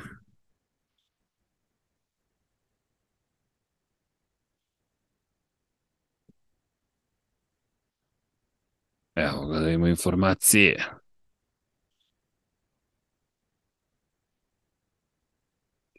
Dakle, Ferrari je baš pokidao. Pa da, da, Ferrari može, može, to, to, to. Činjenica da je pomeo konkurenciju, slažem se. Nema tu šta. Možda im nisam dao dovoljno za pravo, ali činjenice Ferrari, Ferrari je to uradio onako na jedan baš baš velelepan način, ajde tako da, da, da kažem. A, da, tak, tak, tak, tak, tak, da vidimo, da li će Aston Martin, dobro jutro, bacite like. Da, bacite like, drugari, kada ste već tu. Čekajte da vidim da po, po, pohvatam što se sve zbiva. Evo, kritikuju me iz studija, nemojte me kritikovati, ljudi, ne mogu sve da stignem da pohvatam. Molim vas za razumevanje, ipak smo na, u daljini. Mene samo zanima hoće li Ferrari imati snagi da Sainz posle dve trke postavi na svoje mesto ukoliko Leclerc, kao što pretpostavljam, odmah pokaže svoju klasu, to će da bude ključno za tim. Kjelt 10. Pa, ajde da vidimo šta će tu da se desi. Za početak da imamo ko će imati koje rezultate. Da li mogu da se ponove rezultate iz početka prošle godine, da li može Leclerc da nekako odskoči, ne zaboravite imao je one dečije bolesti imao Red Bull na samom početku sezone, s obzirom na činjenicu da, da je tu Ferrari stekao prednost, nisu baš najbolje reagovali i to je ono što je Frederik Vaser, novi šef ekipe, najavio. Rekao je, ja se neću mešati u to ko će biti vozač broj 1 na početku sezone, ali sam spreman da reagujem u skladu sa tim kako se bude razvijela situacija. Ajde ja da postavim hipotezu na drugu stranu, pošto svašta može da se desi na početku sezone. Šta ukoliko se desi da je Sainz taj koji zapravo ima bolje rezultate i počne da se odvaja? Ne kažem da je to nešto što očekujem, očekujem da Leclerc bude bolji, ali šta onda? Da li onda kaže Levaser, ok, moramo da podržimo Sainca, ili kaže čekaj da sačekajmo još malo da vidimo šta će se desiti. Samo, samo razmišljanje. Da li Mercedes može već u prvoj trci biti konkurentan Emra? Pa, uf, ne znam. Stvarno ne znam. Znam, ovaj bolid, kažem, lepi, ali ajde vidimo šta, šta kak, kako će da se ponaša na stazi. I slažem se ovo za Ferrari, u pravu ste, ajde, mora, a, a, nisam im dao dovoljno. Nekako viš, veći utisak mi je bila loša prezentacija, prosečna prezentacija Red Bulla nego kvalitetna Ferrari, ali Ferrari činjenica to uradio na, na jedan baš kažem, lepan način. Nekako je bilo radosno vidjeti Formulu 1 u glamuroznom izdanju.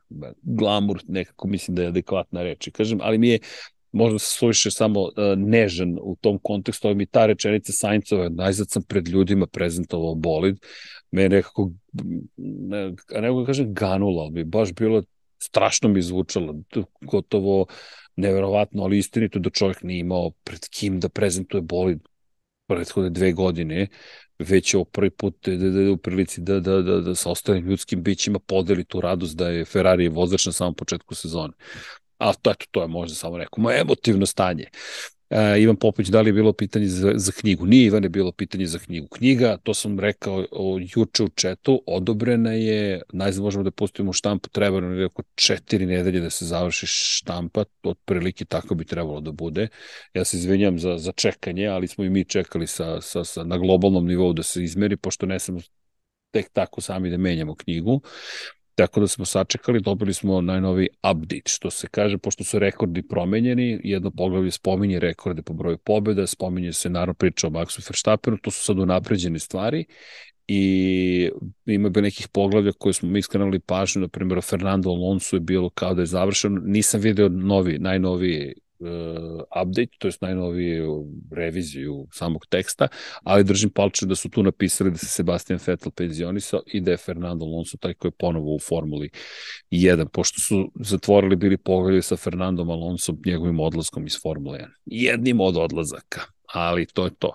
Kaže, tako da znate, izvinite što čekate i mi čekamo. E, Grigori, ko će biti bolji, Russell ili Hamilton? Ja mislim da će biti Hamilton bolji ove sezone. Mislim da ne može da dozvoli sebi drugu sezonu u kojoj koji god da je razlog, neka i bio on taj koji je testirao različita podešavanja, opet ne sme da bude u situaciji da ga ponovo pobedi klubski kolega. Ali da vidim, da vidim samo šta se zbiva na stazi. Garaža 76, imamo za ostatak propisan, ali imali smo tehnički problem, to sad već izmišljam ja, ovako sa strane. zašto se nešto desilo. Sad ću da pišem Nemanji, da vidim šta se zbiva. Šta se događa, zašto ovoliko zaostajemo, zašto ovoliko kasnimo. Da, i ovo se sada iz prenosa trke sa grobnika pretvorilo u jutarnje časkanje. Ko je za kafu? Jedno od pitanja. Ja sam za kafu, ako neko može da mi pošalje, daću vam adresu, samo nisam siguran da išta radi u ovo doba. Ovde je 6.29 da, da, da, da. Je, kaže, Hrvoje me Ferrari pomeo konkurenciju s prezentacijom, upravo ste, Hrvoje Ferrari je baš pokidao s prezentacijom, činjenica. E, gde će Marquez i Quartararo ako je Mahe Honda ostanu na istom nivou? Hmm, gde će? KTM i Ducati, jel može? To je eto, neko predviđenje, Jelena imala predviđenje. I pogledajte prethodni podcast o Moto Grand Prix-u, bio je drugačiji, Deki nam nije nažalost bio tu, ali i Jelena bila tu i baš smo se lepo ispričali sa različitih delova sveta. Deki i ja u sredu se ponovo nalazimo, pa se nam da ćemo imati još nekih gostiju. A što se tiče za ostatke, evo čekam odgovor. Čekam odgovor. E, tako, tako, tako, tako, tako, tako, tako, da. Mm, A, da, da vidimo šta, niko mi ne odgovara. Sve me ignoriš u ovom trenutku. Evo, Nemanja piše. Nemanja, šta se događa? Zašto ovoliko kasnimo da odgovori na pitanje? Uh, Lance Stroll, novi Latifi. Eh, hajde da sad čekamo da ima ovaj bolid kakav će biti. Šta ako nas iznenadi prijetno Lance Stroll? Da vidimo Nemanja iz Typing. Poseban pozdrav inače za koleginicu iz prodaje koja realizuje ovo iz studija na kraju univerzuma u nedelju pre podne. Hvala.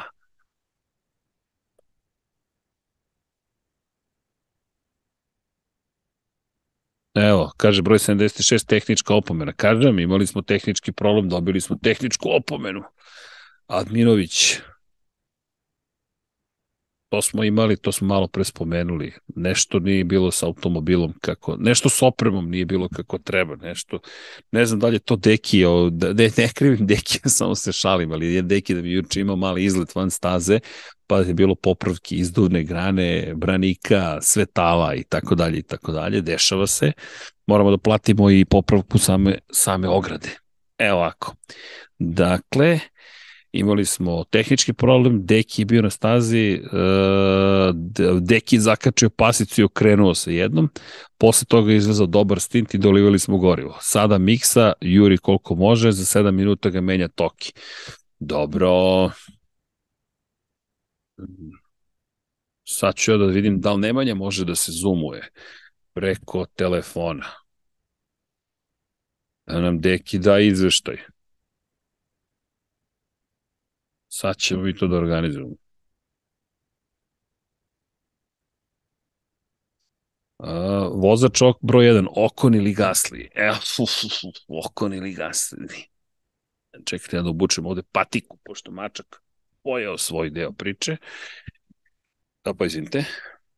Dakle, ko je ovogodišnji Latifi kad smo već kod toga? Ko je ovogodišnji Latifi? Hm, kome pripada ta čast? Pa, Nažalost, baš u sedištu Nikola Salatifija mislim da sedi neko ko će dobiti sličnu ulogu Logan Sargent. Ajde, nadam se da greši. Vidjet ćemo. Ali bojim se da njegovo neiskustvo još Williams koji zaostaje, baš će biti teško. Uh, ko je ovo godište? To sam odgovorio, vozač Brendan Okon ili Gasly. Pa Okon mora biti tu još uvek vozač Brendan, ali znate šta? Okon i Gasly se nisu podnosili godinama. Godinama Dakle, bukvalno godinama se nisu podnosili. Sad odjedno mir, mir, mir, niko nije kriv. Zamisli, a setite se Okona u duelima sa klubskim kolegama, a sa Alonsom je imao problem, imao je problem sa Serhijom Perezom, dakle, Perez je imao druge klubske kolege s kojima nije imao toliko problema, Alonso sad, to je možda sa Jensonom Batonom jedino nije imao probleme, ali činjenica je da je i on zahtevan klubski kolega, I sad zamislite prvu trku koju su Okon i Gasly jedan pored drugog i bore se za poziciju. I još za ovo pitanje, ko je prvi među Francuzima? Okon ili Gasly? Ja i dalje mislim da Okon tu ima prednost, ali Gasly ukoliko uspe da se nametne, a videli smo da u izazovnim situacijama zna svašta da uradi, mislim da će to baš biti zabavno, zabavno pitanje, ali Okon za mene ostaje broj jedan za sada. Bruno Perković, svima treba prijatelj ko srđan, on u sred noći prenosi trku svojih prijatelja svaka u čast. Bruno, hvala, a to je najmanje što ja mogu da uradim za, za, za ovu ekipu. Kaže, može, može uključenje za 15 minuta, samo promenu da uradimo. Uh, dobro. Imali još nekog nekog tu tu, da, ti se uključi Nemanja. Daj izveštaj sa staze, daj malo zvuka sa staze, da malo osetimo ko će biti Latifi Moto Grand Prix. Ih, ko će biti Latifi Moto Grand Prix. Pa nema, imamo jednog Novajlija, Augusto Fernandeza, čovjek je svetski šampion Moto2 klase. Ne vidim Latifija baš ove godine u Moto Grand Prix-u. Auf, nažalost, vidim jednog ko će biti problematičan, ali sad suviše simpatičan vozač i drag čovek, ali ali da, teško bi da izgovorimo, misle će Takaki Nakagami baš imati tešku sezonu. Ima Rinsa kao klubskog kolegu, Aleksa počne da ispada iz forme, problemi sa povredom još iz Holandije 2018. si dalje vuku, uh, Marquez, Mar, Mark se uporavio, neće u Hondi više biti toliko za ostatka sa te strane. Joan Mir stigao u HRC, bojim se da će, a Honda nije baš najspremnija, bojim se da će Takaki Nakagami baš imati puno problema. Samo moje mišljenje, ali ne vidim nijednog baš kao Latifi. Latifi nekako nesrećno dobio tu tu, tu, tu, tu reputaciju, ali jednostavno vidi se njegov nedosta, zaostatak u odnosu na, na druge vozače Formule 1. Da li eh, Marko Fratrić, da li sad Audi ima pristup Ferrari tehnologije, jer Zauber koristi njihove motore? E, to je odlično pitanje. E, to je odlično pitanje zapravo. Šta sve to... E, to je sad ono što, se, što je mene, što je moje bilo pitanje za Ford i Hondu. Christian Horner je rekao da postoji zid u kontekstu prenosa, prenosa informacija između Hondinih i Fordovih inženjera i da ništa neće od Hondine tehnologije tići u Fordove ruke i obrnuto. Znate kako? To je istina, verujem, i nije istina. Zašto nije istina? Zamislite mene kao inženjera koji radi sa Hondom 5 godina. I onda od sutra radim nešto sa Fordom, pa ja ne mogu da zaboravim tek tako to što sam naučio ili shvatio. I zato želite ljude da povedete sa sobom. To je takozvano tacit knowledge, to je neopipljivo znanje. To je znanje koje se nalazi u glavi. Način razmišljanja mi se promenio. Tako da, odlično pitanje, to bismo morali nekako da postavimo, to bi do Zajdla vredalo doći ili do nekoga i pitati kako sada će to rešavati, jer to je odlično pitanje. Vrlo zanimljivo. Hvala. Moram priznati da nisam o tome razmišljao, iako sam razmišljao o Fordu i Hondi. Hvala Marko, eto, to je nešto što treba sebi da upišemo, dakle, da upišemo kao pitanje šta možemo da uradimo. Raul Fernandez bi mogao biti problematičan i nezainteresiran ukoliko ne bude išlo kako je planirao Hrvoje, kaže. Činjenica Raul Fernandez je sada već potvrdio da ukoliko ga nešto ne interesuje da ne, nema nameru da se tome ozbiljnije posveti. E, polako počinje da sviće, čini mi se. Opa, dobit ćemo i dan ovde. Ali, ali, da, Ralf, ali mislim da, da je već sad jasno da ta prošlogodišnja Aprilija i mnogo bolji motocikl. Gde, mi je, gde je problem Hrvoje, moje mišljenje ove godine sa Raulom? Već ima jednu sezonu u kojoj nam je pokazao da je nezainteresovan.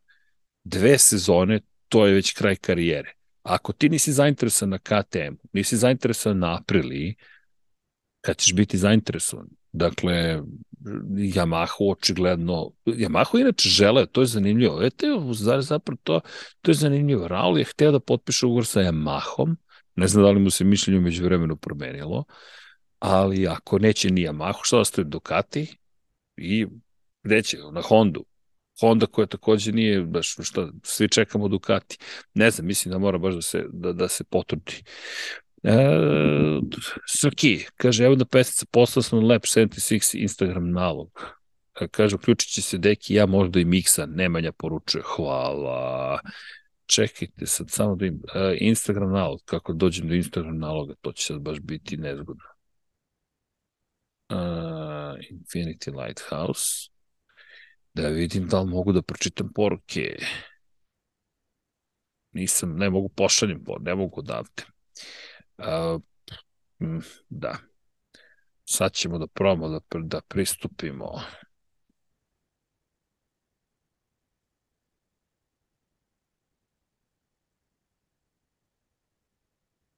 E, pogledaš pesmu na nalogu sad ćemo mi ne da vidimo, stigla pesma. Ajmo ovo da pročitamo pesmu, recitujemo od ranog jutra. E, kaže, hoće li timi tokom sezone skidati farbu da bi bili lakši i da liči na Mercedes? Nisam siguran, Grigorije, da baš žele da liči na Mercedes, ali ta smanjuju težinu, definitivno smanjuju težinu. Da mi vidimo gde, gde se, mi smo prošli pola trke, je li tako? Ajde da spomenem šta se tamo zbiva, koliko ja vidim.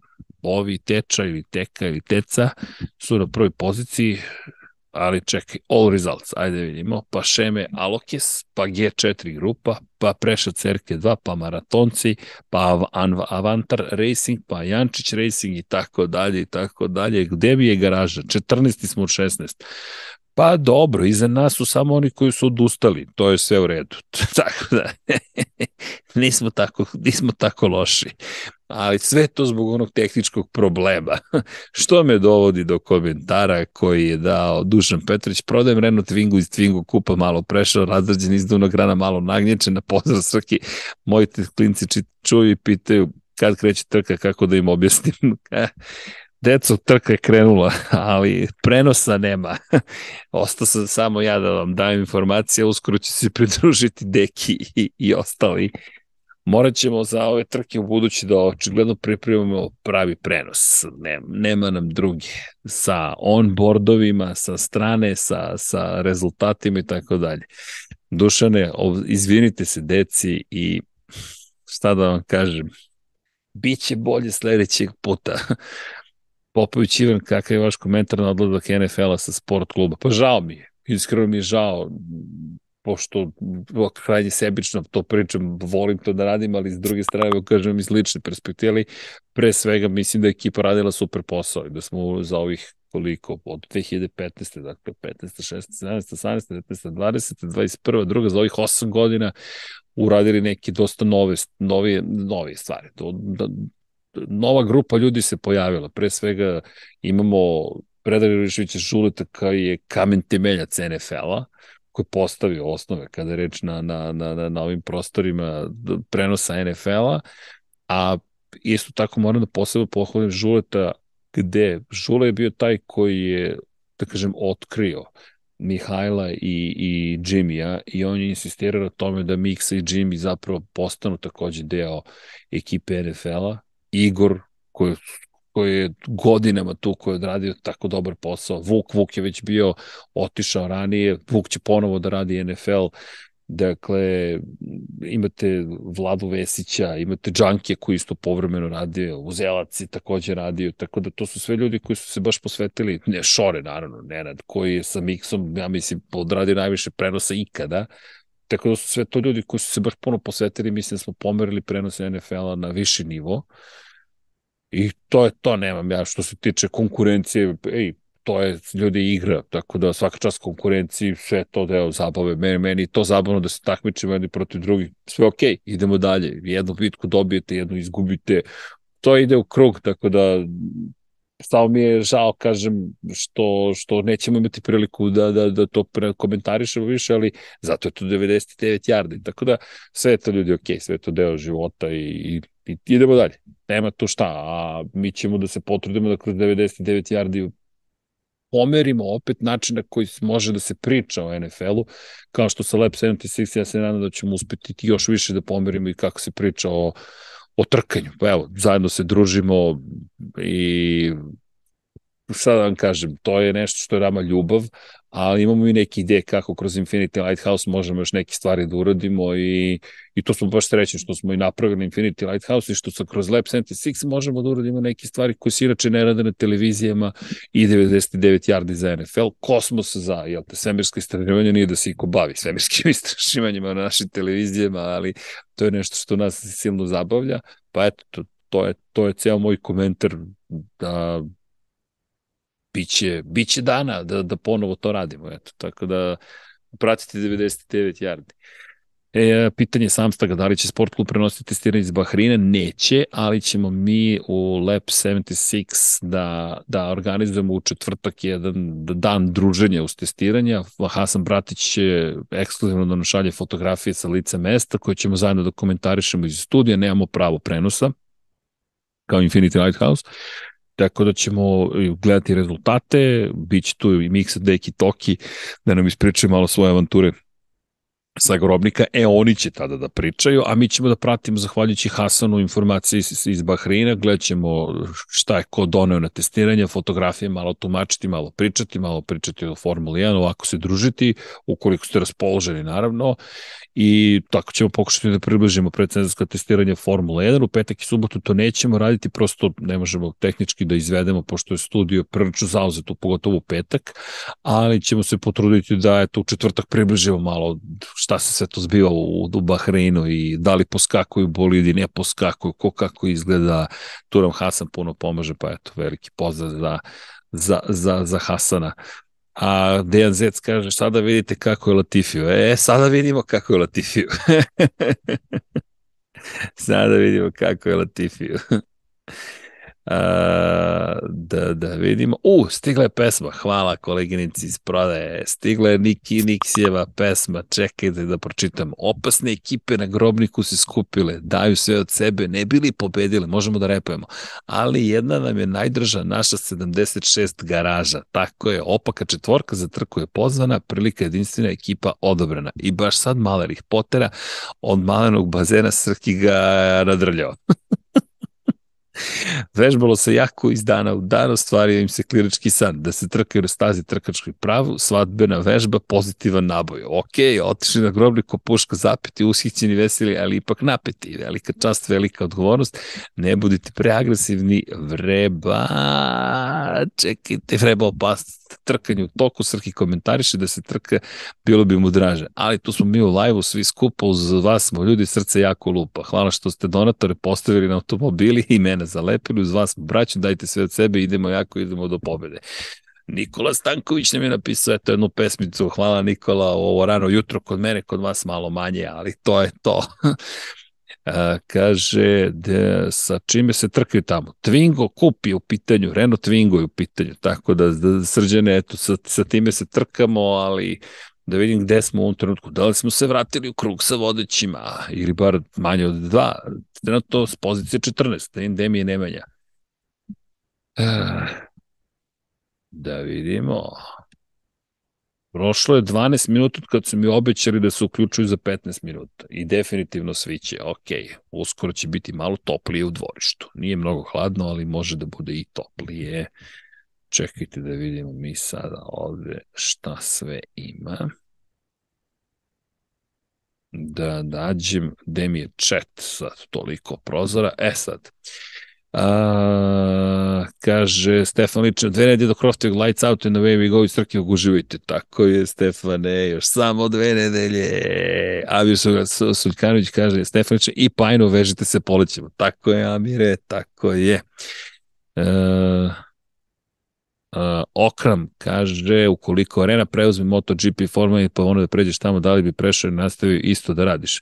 Znate kako, moje prvo pitanje bilo kome ko kupi prava ili ima prava za Moto Grand Prix Formula 1 nije da li bih ja negde prešao ili ne, nego bi bilo pitanje, a šta vi planirate da radite sa Moto Grand Prix i Formulom 1? Dakle, ne znam ko da kupi prava, najveća televizijska kuća na planeti Zemlji, prvo i osnovno pitanje, možda ne radimo u svoju korist, ali baš me briga, mislim da to jeste direktno u moju korist, jeste koji su vam planovi s ovim sportovima. Jer da uzme, ne znam, intergalaktička televizija i kaže nećemo prikazivati sve treninge ili prikazivat ćemo samo delove ili ćemo smanjiti način na koji se radi, ja u tome neću da učestvujem. Ja ću onda lepo da uzmem moj laptop, da se spakujem i idem na sve trke i da radim intervjue sa vozačima, neću moći da snimam videe, ali ću da fotografišem, pravim priče, izveštavam odande i zajedno sa vama svakog utorka i srede, možda ponedeljka utorka ukoliko promenimo saticu, pričamo o Moto Grand Prix Formuli 1 na Lab 76. Zašto? Zato što je meni najvažnije da se radi to na još bolji, najbolji mogući način i to je ono što je sport klub radio. Kada sam prešao na sport klub 2009. Prva stvar koju su mi rekli, mi planiramo da radimo trening broj 1 za 125 kubika, 250 kubika, to je tada postojalo, Moto Grand Prix, trening broj 2 za 125, 250 Moto Grand Prix, trening broj 3 za 125, 250 Moto Grand Prix, kvalifikacije za 125, 250 Moto Grand Prix, zagrevanje jutarnje za 125, 250 Moto Grand Prix i trke za 125, 250 Moto Grand Prix, a onda tokom svih tih prenosa smo došli do toga, ajmo da nikada ne prekidamo prenos, već da nastavimo i uvod u samu trku, od čuvenih 40 minuta od kraja trke Moto2 do Moto Grand Prix-a. Što sam rekao, ok, ovi ljudi imaju istu viziju koju ja imam, a to je da je ovo najlepši sport na svetu i da o tome mora da se priča još više i više. A onda se pojavila Formula 1 i isto su mi rekli, mi hoćemo da radimo 1, 2, 3 kvalifikacije, trku. Pa je i ja smo ostavljeni kao tandem, sad smo, sad smo se poznavali ovo, sad smo prijatelji pravi, dakle, ja makar tako doživljavam Paju kao mogu velikog prijatelja i umeđu vremenu smo radili Formulu 2, Formulu 3, tako da moje pitanje, imam ja uvek kontra pitanje, kogod da ima prava, a šta vi planirate s time? Ako nemate plan da radite to ozbiljno, ja neću to da radim. Ne zamerite, prosto mislim da bi to bilo uvredljivo za, za, za sam sport, za mene, za vas, da se nešto promeni. Ne kažem da će to neko da uradi ili neće, ali to bi bilo moje prvo pitanje a šta neko planira da radi sa time. Tako da, kada je reč o sport klubu, mi smo stvarno zaljubljeni u sport, možda to zvuči šašavo, ali kada su svi govorili ludi ste što prenosite treninge, ludi ste što ste na Twitteru, ludi ste što radite ovo ili ludi ste što idete na trke ili šta god da su nam govorili, mi smo samo mahali glavom i govorili jesmo, apsolutno smo ludi. Tako da, eto, to je to je dosta jednostavno pitanje. Nemam odgovor na to pitanje, tako da ja znam ono što ću vam sa sigurnošću reći, koliko mogu bilo što u životu biti siguran, Lab 76 će da radi. Pa sad šta ćemo da radimo, nemam pojma. Vidjet ćemo, ali ćemo se potruditi. U svakom slučaju ne bih baš da, da ne budem u Moto Grand Prix Formuli 1, A imam ja i drugo pitanje, a šta ako neko kupi prava, a mene ne pozove? Evo vam još jedan odgovor. Ja znam gde ću biti i da ne radim komentarisanje, bit ću na trkama, pa kome je zabavno da se druži sa mnom, ja sam tu, pa eto, to, to je to je sve što pametno mogu da kažem na tu temu. To dosta je hipotetička i nadam se da ćemo se još dugo družiti. Eto, to je, to je sve što pametno mogu da kažem. A, kaže, mama Kelse pravi MVP Superbola. Tako je mama. E, čekaj se, mi to čujemo na Zoomu. Stani, je li to Nemanja? Nije. Učinilo mi se da sam čuo Nemanju, ali nije Nemanja. Pomis, ponadah se, kaže, mama Kelce pravi MVP Superbola Stefan Ličina. Jeste, mama je bila super, kako, da imate dvoje deci i sad jedan s jedne strane, drugi s druge strane, pa kao i da se raduješ i da se ne raduješ, i da budeš tužan i da budeš srećna, ali sve su oni to lepo uh, sve su to lepo izveli, tako da, da, da, da svaka čast. I napravili su i show oko toga, ali to, to je činjenica emotivna priča i verujem koliko god i, i Jasonu Trevisu Kelseu je Kelseu je teško i lako, te, vidi, budeš srećan za svog brata, ne znam, ja znam, moj brata, oko njega sam u kući u Čilevu, da, da smo sa suprotnih strana terena i donosili Super Bowl, ja bi dalje bio srećan zbog njega. To je moj brat, to je, to je čista ljubav. Ali činjenica, lepo je. E, da li može sport da prenose stare trke Formula 1 kao za vreme korona toku pauze između dve sezone? Evo Ivan je odgovara, puštaju starije trke na 4K kanalu. Da, pošto u glavi filozofija je na sport klubu da se prenosi direktni prenosi, da imamo dakle live, onda se ponavljaju stvari kada je reč o, o o 4K, na 4K kanalima, pošto nema mnogo sportova koji se pr produciraju i realizuju 4K, onda koristimo tu šansu da, da ubacimo. To, to čak nije moja ideja, to je uredništvo samo smislilo, to je da ubacimo Formula 1, imamo Formula 1 u 4K, ajmo. Inače, Motograd prije trebalo pre korone da investira u uvođenje 4K kamera, ali ne znam šta se desilo sa time među vremenu, znam da nisu to uradili.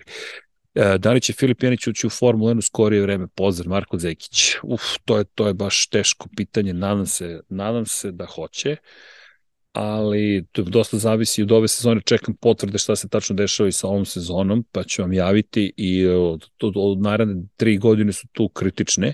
Iskreno, kada je reč o nekoj vezi o ljudima sa ovih prostora, ja mislim da Dino Beganović najveće šanse ima. Dino je švedski vozač, ali on poreklom iz Bosne i Hercegovine i ja silno javim da Dino dobije priliku. Dino ćete moći da pratiti na sport klubu, na, u Formuli 3 će biti, član Ferrarijeve akademije, za Dina se sve više i više zna, šampion Formule regionalne prošlogodišnje četvorke, Tako da Dino je tu, pa eto, nadam se da, da, da, da, da, da se ćemo ga imati u Lab 76, to bi bilo lepo malo da se ispričamo sa njim, pogotovo sada kada je ušao u Formulu 3, ali mislim da, da su Dinove šanse najveće. E sad, Filip, držim palčeve, to bi baš bilo lepo, ali najlepše je bilo i Dino i Filip pa da vidimo ko je bolji. Ne, nije ni bitno ko je bolji, neka samo neka budu tu, neka inspirišu. Dragan Šogoro kaže, bravo Nikola, tako je, hvala Dragani. Boris na stazi, trenutno ništa spektakularno, svi su, svi su razmaknuti, šta da radimo? Kod mene su 12. idu pit, pa meni, evo da vidim refresh, meni piše 14. i dalje, pa ne znam. Gde mi je ovaj Nemanja? Spremni smo za call, istekao link, izgleda šalji please DQ novi. Ja sam u tom kolu, ja se nadam, ali sad ćemo copy invite link. Šaljem Dejanu Potkonjaku novi. Evo ga, deki. Poslah novi. Evo. Poslao. Dajte da se uključimo sa staze, da imamo uključenje sa staze, da ima šta se tamo zbiva. Hvala Srki što ste protiče vremena na Brzaka napisana pesma, nam se da sam opravo očekivanja. Apsolutno, malo me ona psovka izbacila na trenutak, nisam znao kako da se snađem, ali to je to. Uh, Kaže, sam ste da li ova tehnička direktiva favorizuje Mercedes? Pa ja mislim da i ne, ne favorizuje.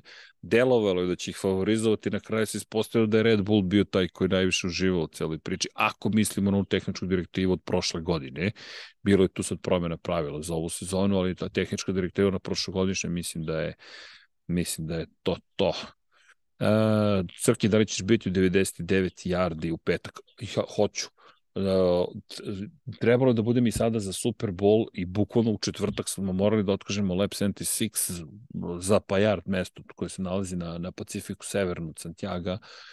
Pola grada nije imalo internet. Šta da radim?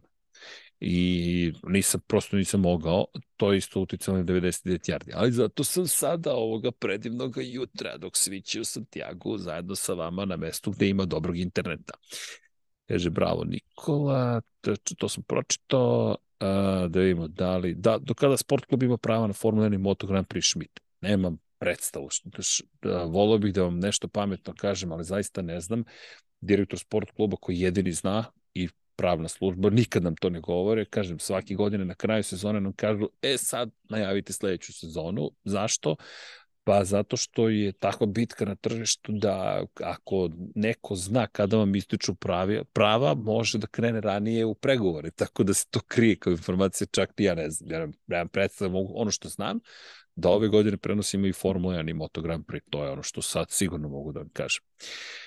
E, Boris, kaže, kao što je nekad bila Formula 1 na RTS-u, počne prenos 15 sekundi pre starta, ali se hramama. Pa, ja ne bih da da, da se vraćam u to vreme gde imamo samo kvalifikacije i ne veze koja televizija, kažem, da ne bih se vraćao u vreme gde imamo samo kvalifikacije trku i to je bolje kad nemate ništa, naravno, ali ako mi imamo mogućnost da gledamo i trening broj 1 i trening broj 2, kada god daje, neki 1 i 45 ujutro, ja mislim da to vredi, ja mislim da to je jedna od najlepših stvari koja može da se desi. još samo da uspemo pa i ja da izlobiramo, to smo malo uspeli prošle godine, ali da imamo uvod u Formulu 1 od pola sata, samo sa staze da ide kadar, mislim da smo to već pomerili. Uh, čujemo. E, opa, čujemo se. Opa, čujemo. zumeri.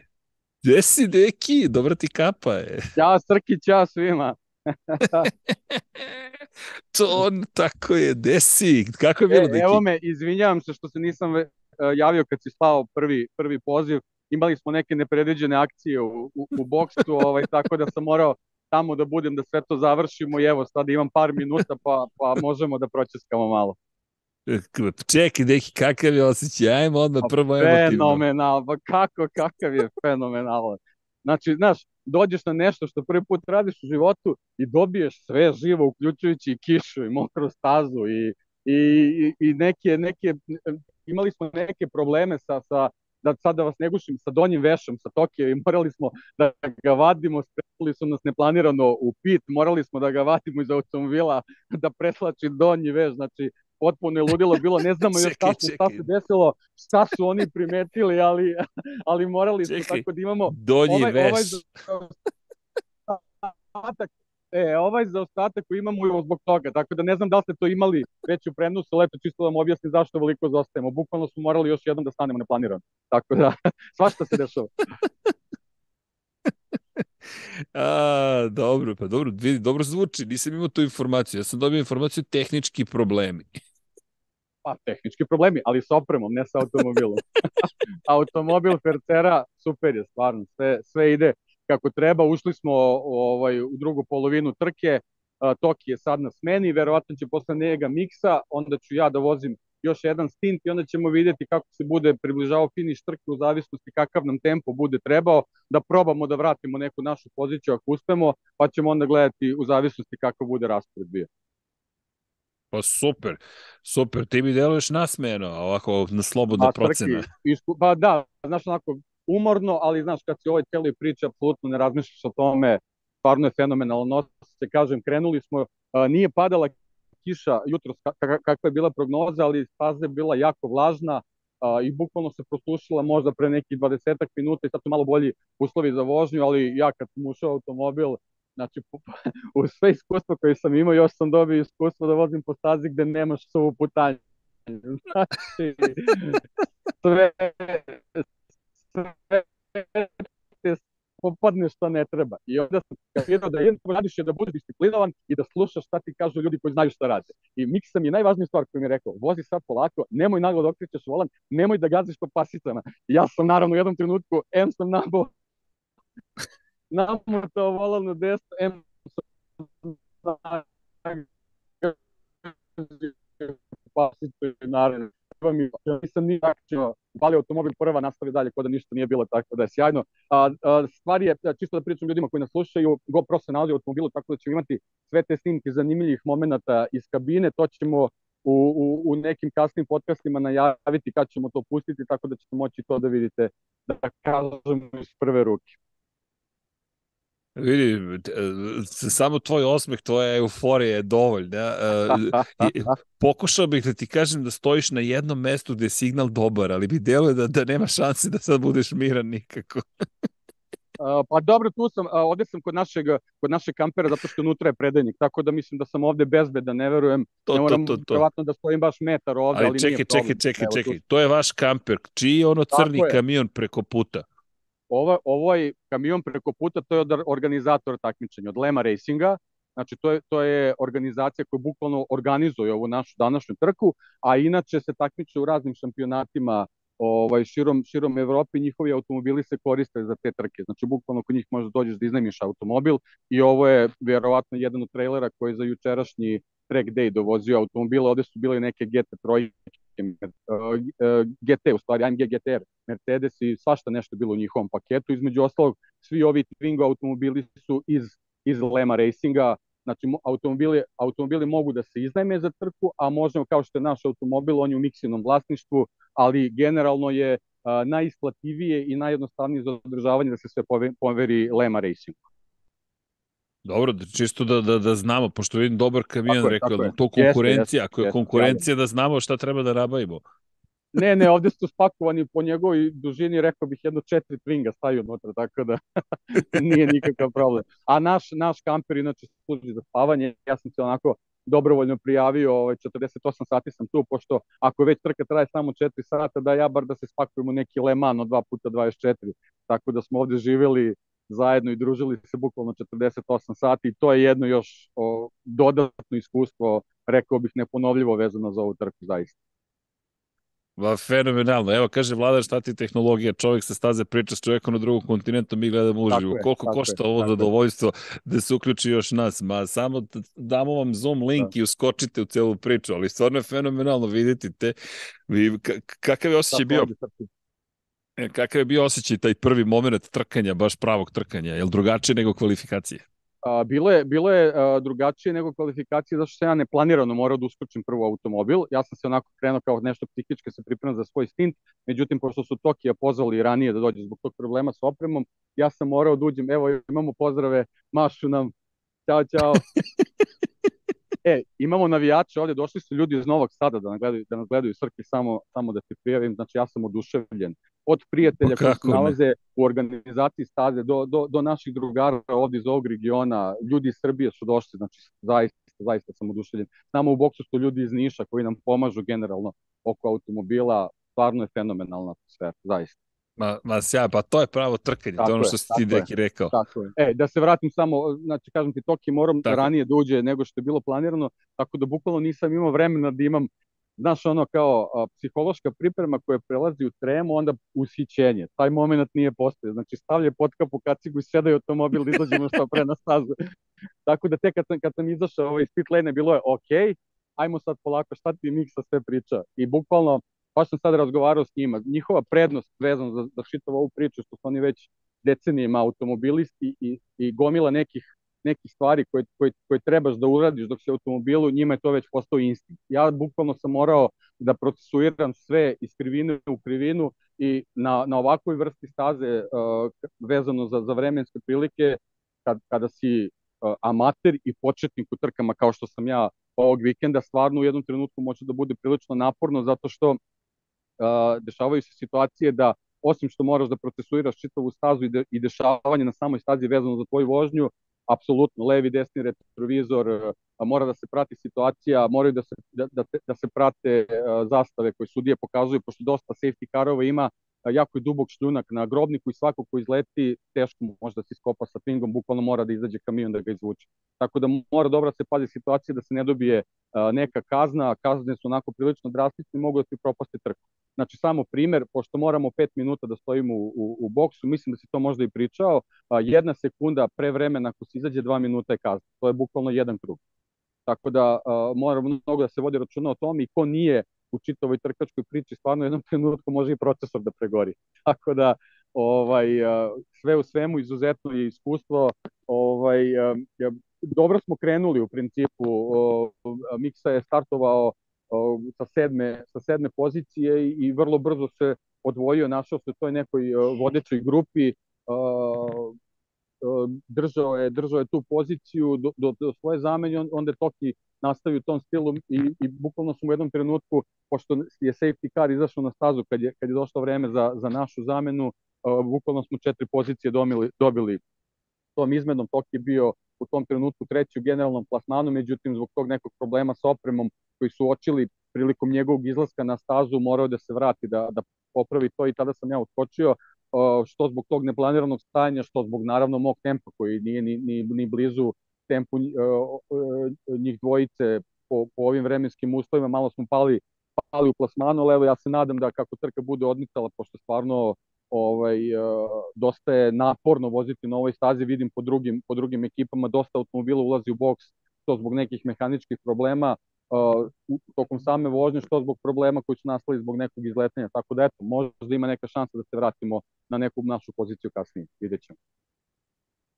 Sjajno, deki, vidi, ja sam, ja sam u jednom trutku senzacijalno, ili ja sam morao da se obučem, dakle, Ovde je prohladno zapravo i pokušavam sve junački da sačekam sunce, sunce nikako da dođe, na kraj sam se obukao. A, A iskoristi se priliku što nisam u kadru na trenutak, znači čim si ti u kadru, neko trči pod uksiricu. I tako da, da, da, da, da, da sam imao taj moment kada ste bili na trećoj poziciji ili drugi, rekao to, idemo na pehar, levo desno, celo uzbuđenje, ali ej, ej, tek je pola trke, ko zna šta još čeka.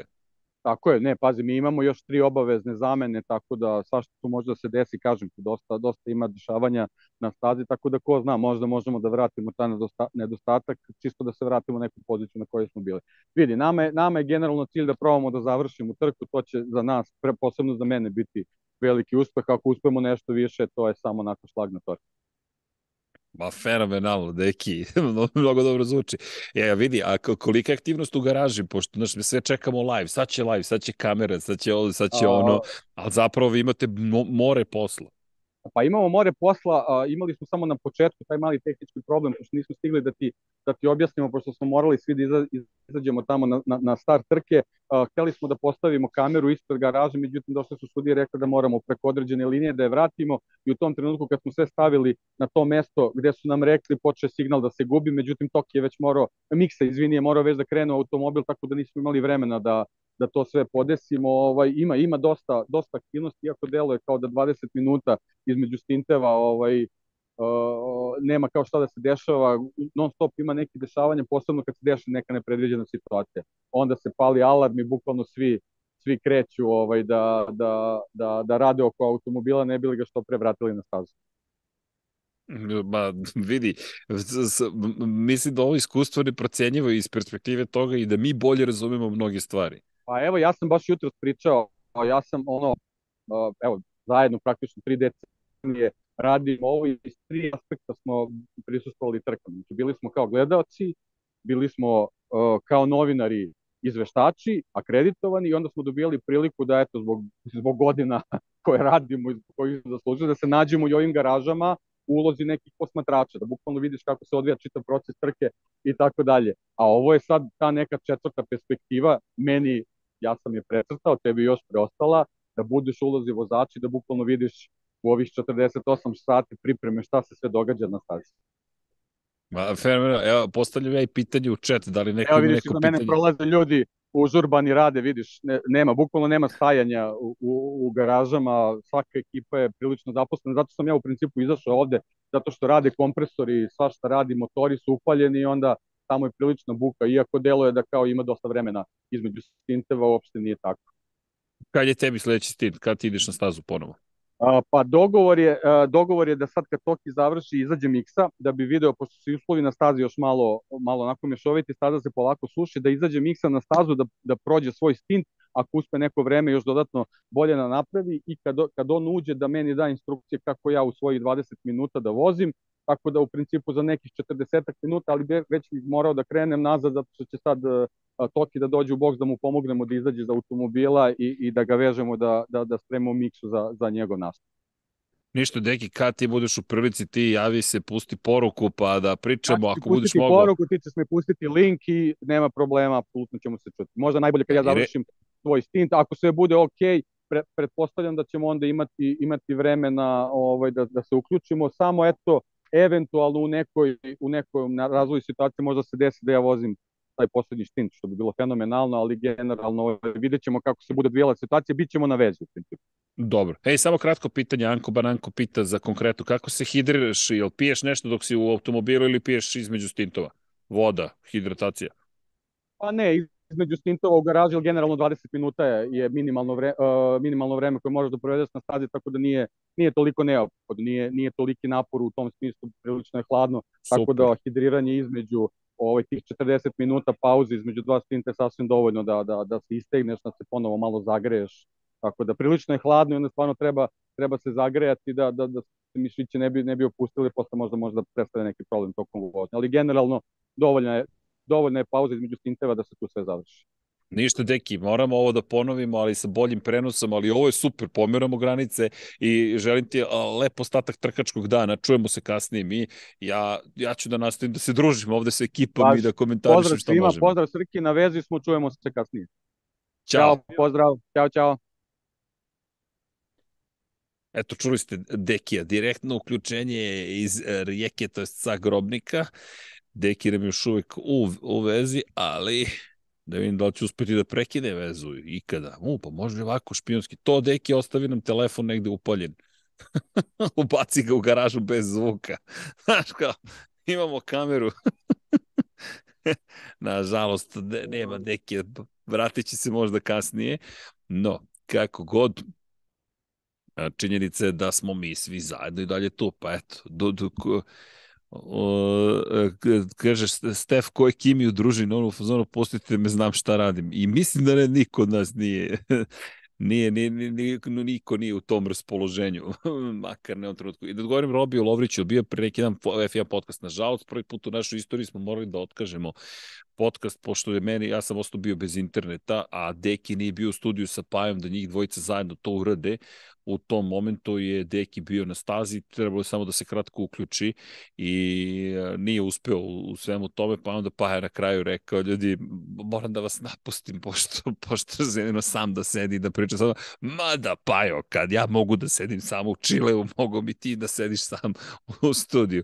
Ali šalo na stranu činjenice da, činjenice da je, da je baš bilo ne, nezgodno i da, da nismo mogli to da uradimo. Tako da, Robi, izvinjam se što, što, što nismo to odradili, ali ćemo to uraditi utorak, možda snimimo u ponedeljak, ali sumnjam, ja sam dobio dozvolu da se vratim za Evropu, tako da infekcija je prošla, bubnopna, bilo bi idealno kada bi mogao još 10 dana da ostanem ovde, da se u potpunosti oporim, ali sad već toliko stvari stiže, knjige, početci prenosa, da, da, da, da je lekar rekao, ok, rizik postoji, ali mali imaš dozvolu da letiš, tako da znate.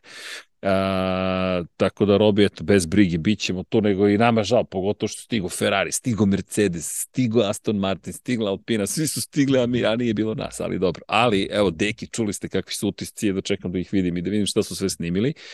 A, ka, ta, da li treba neka licenca, pita Vladan, pa da napravimo još koju ekipu. Licenca vam treba, morate da budete članovi kluba, morate da prođete lekarski pregled, ali ono što je bitno jeste da znate da postoje te amaterske kategorije, konkretno ekipa Garaža 76 takmiči u Pro-Am kategoriji. Dakle, jedan od vozača je profesionalac, to je dvojica od četvorice su profesionalci u našem slučaju i dva amatera.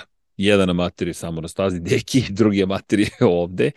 E, I i e, kada govorimo o, o kako se zove, o pobeže mi misao kada govorimo generalno o licencama, uh, amaterska ta licenca, to je nije amaterska, ona jeste profesionalna, međutim mi nemamo dovoljno iskustva da bi se mogli da se takmičimo tek tako, tako da mi moramo da budemo u pro kategoriji. To je bukvalno za ljude bez obzira koliko imate godinu, koliko ste psihofizički sposobni, dobijete dakle, lekarsko uverenje, dobijete licencu, onda možete da amaterske kategorije. Uh, Amir pita da li Paja radi večeras prenos NASCAR ili neko drugi. E, ne znam, ali ću, ajde proverit ću. Uh, Ramzes Rama, dečki, rešite da se preko Paypala može plaćati naručba. A Paypal, pokušat ćemo da rešimo pitanje Paypala. Paypal vam je, uh, za sada može preko kartice da se kupuje na sajtu, ako pričate o sajtu, nego PayPal je malo problematičan u, u Republici Srbiji, pošto je Infinity Lighthouse registrovan kao deo u Republici Srbiji, onda papirološki to je toliko problema kao da ne znam šta radimo, ali ajde da pokušamo da vidimo da se nešto umeđu vremenu izmenilo, pa da pokušamo to da sredimo. Ali hvala svakako i za predlog, i za podršku, i za sve. E, da vidim da li sam propustio nešto. Miloš Glavinić kaže, obožavam vas širiti toliko pozitivne energije da ne mogu da opišem, užem dok vas gledam i slušam. Hvala, to nam je jedan od ciljeva, naravno, samo pozitiva ljudi. Dakle, uvidim ovde i komentare, kaći su problem, klasika, tako i Hamilton mogu uči. A, lepo, lepo što nas prozivate, lepo vreme baš tamo, jeste hladno. Živi su, živi su. A, Mladen Dukić pita za uvo, evo, to, to, to, to je to, dakle, nije još uvek sve sanirano, ali infekcija je prošla. To, pio sam, dobio sam 2 grama antibiotika dnevno, baš je bila ozbiljna infekcija, počela mi se spušta i na zube i na vilicu, ali sad je, sad je. Okay. Koliko sati kod mene? Kod mene je 7 i 16, 4 sata razlike. Uh, Splite moj, di je prenos utrke? Nigde, e moj ti, pa nemojte tako i mi pokušavamo to da sredimo, ali nam ne uspeva. Čuli ste sada zašto nismo imali uh, kameru, ali ćemo to da sredimo tako da nemojte ništa da brinete. To, splite moj, bez brige, sledeći put ekipa će biti bolje opremljena, tako da ćemo se potruditi da imamo i, i iz garaže kameru, da ćemo da imamo uključenje i da imamo onboard i tako dalje i tako dalje. Čekajte, mi smo krenuli Krenuli smo sa jednim GoPro, evo sad smo došli do toga da se trkamo, pa polako. Uh, kako će sezonu imati Lando, pita Marko Zekić. Ja mislim da će biti veoma dobra sezona za Landa, ali problem za Landa nije više pitanje njegovog, njegovog potencijala, to je njegovih sposobnosti, njegove brzine, već u kojoj ekipi će on moći da ostvari ono što sanja, to su pobede, to su borbe za titulu šampiona sveta.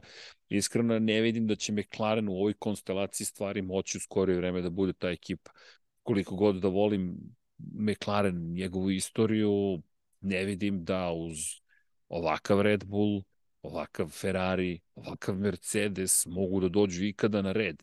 Dakle, opet ona priča i mislim da je Paja nanjušio, Paja izgovorio McLaren Honda pre nego što se uopšte desilo da su svetski mediji počeli da izveštavaju o tome da su navodno započeli ponovo priče McLaren i Honda, što ne garantuje uspeh, samo da se razumemo, Honda ima fantastičan motor sada, ali nije to dovoljno da, da tek tako uđete i kažete sad sve funkcioniš. To ne znači da, da ne navijam za to navijam, ali bez neke ozbiljne promjene u McLarenu, bojim se da Lando takođe neće moći da ide dalje od toga da bude, ne znam, peti u šampionatu eventualno. Čak i to pitanje. Sedmi ako bude u šampionatu treba da bude zadovoljan, a to je, mislim da za vozača takvog kalibra ne može da bude zadovoljstvo nikako. Ali mislim da ga čeka dobra sezona. A, profesor pita šta je pa radio pre Formule 1, pošto je par puta rekao da nije bio u Formuli i do dolaska na sport klub. Pa Paja, osim što je veliki ljubitelj Formule 1, bio i godinama i decenijama, je bio novinar zapravo za sportski žurnal i za frankfurtske vesti. I pa je sportski novinar već 30 godina, bukvalno sad ove godine 30 godina, tako da je Paja baš dugo u sportskom novinarstvu, a kada je reč o, o Formuli 1, profesionalno od 2011. pa evo sad već 13. sezona za nas dvojicu da komentarišemo Formulu 1 a koja nam je ovo sezona zajedno, u čeka, ovo nam je treća sezona e, da, sad, sad će kraj treće sezone, uskoro će četvrta Lab 76, tako da eto, dosta se družimo, ali da, pa je dugo, baš dugo u sportskom novinarstvu. Ne, Šta još imamo? Taka, taka, taka, taka, taka, taka. Upravo to, Amir kaže, ako već kupiš pravo za neko takmičenje, radi kako treba, ne dio trening ili samo utrku i samo neki meče, slažem se sa srđanom. Pa to su, to ja tako razmišljam, prosto mi ovo volimo, nije ovo samo došao sam, podigao sam platu na kraju meseca i štiklirao sam količinu prenosa koje smo imali Mm, to je naša strast, bukvalno je naša strast. Inače nisam stigao da pozdravim poseban pozdrav za ekipu iz Niša koja pomaže u garaži, pos, garaži poseban pozdrav za ekipu iz Novog Sada koja je došla, poseban pozdrav za sve vas koji ste sa nama u ovom prenosu, prenosu ne znam ja čega, ali ja trudimo se nešto da prenosimo, da vidimo gde su nam rezultati, da li možemo da dobijemo rezultate, Ja trenutno ne vidim rezultate, tako da nemam pojma. Evo ih rezultati, to! Dakle, imamo rezultate, pa da tu makar pratimo, da imamo da li Miksa može da nas spasi od toga da ne budemo baš 14. Ali bojim se, bojim se da je mrka kapa potopi. Mada, mada čekaj da vidim. Poslednji krug kakav nam je bio 2.11, 1.5.1. A dobro, nije tako strašno. To ja kao kažem nije strašno, ali na, nije nema veze. Inako se važno da se družimo, to je najvažnije. U, čekaj, ima još pitanja koje su stigla među vremenu. Da vidim šta se ovde desilo. Boris Trutin, samo Bron Grand Prix uspeo da prepakuje motor i uzme titulu. Pa, da, samo Bron, Bron Grand Prix je uspeo da zapravo napravi dostruki difuzor, to je nađe ne rupu u pravilniku, nego pravilnik u pravilniku, ali dobro. Nikola Iksi, hoće li biti Zoom druženje za patrone svetioničare? Hoće. Hoće, izvinjam se, tu smo malo u ovom periodu bili van stroja, ali vidite sami, gomilu nekih projekata smo prebrali, što nije opravdanje, niti treba da ga bude. I zato sam i rekao, ove godine malo planiramo da se više posvetimo kada je reč o samom studiju Infinity Lighthouse-u, više ćemo da se bavimo emisijama koje, koje smo sami osmislili, pokrenuli i tako dalje, pošto baš hoćemo da se fokusiramo i na vas i na ono što su nama najvažnije teme i da nekako pomerimo ponovo neke stvari i u Lab 76 i u 90 DDR i u kosmosu, tako da izvinjam se za to i naravno da će biti. E, Stef, sledeći put vodite taj simulator u studiju, analizirajte trku, tamo malo da se upoznam sa simulatorom i kako se vozači pripremaju za trku. E, to uopšte nije, nije loše. Vladan kaže, Luka Kuzma pita i za PayPal. Da, da. Pa da, da ima, ima rešenja, nego, nego je stvar u tome što Luka Kuzma su to drugačije rešene, mi nemamo tu opciju, pošto smo mi DOO, Tako da, da to moramo da imamo kako ćemo da rešimo. Ali da, da, da vidjet ćemo šta, šta su uradili, da, moram da ih pitam kad se vratim. A, Popović Ivan, da li će garaža 76 dobiti svoj logo, možda i naći na majicama. Čitate nam misli, hteli smo i za, za ovo izdanje, međutim, ne samo što se ja razboleo, već i činjenica da je bilo mnogo priprema oko samog automobila, vožnji i tako dalje, tako dalje, pa nismo stigli baš da usvojimo logotip, ali Pera već radi na tome. Tako da znate.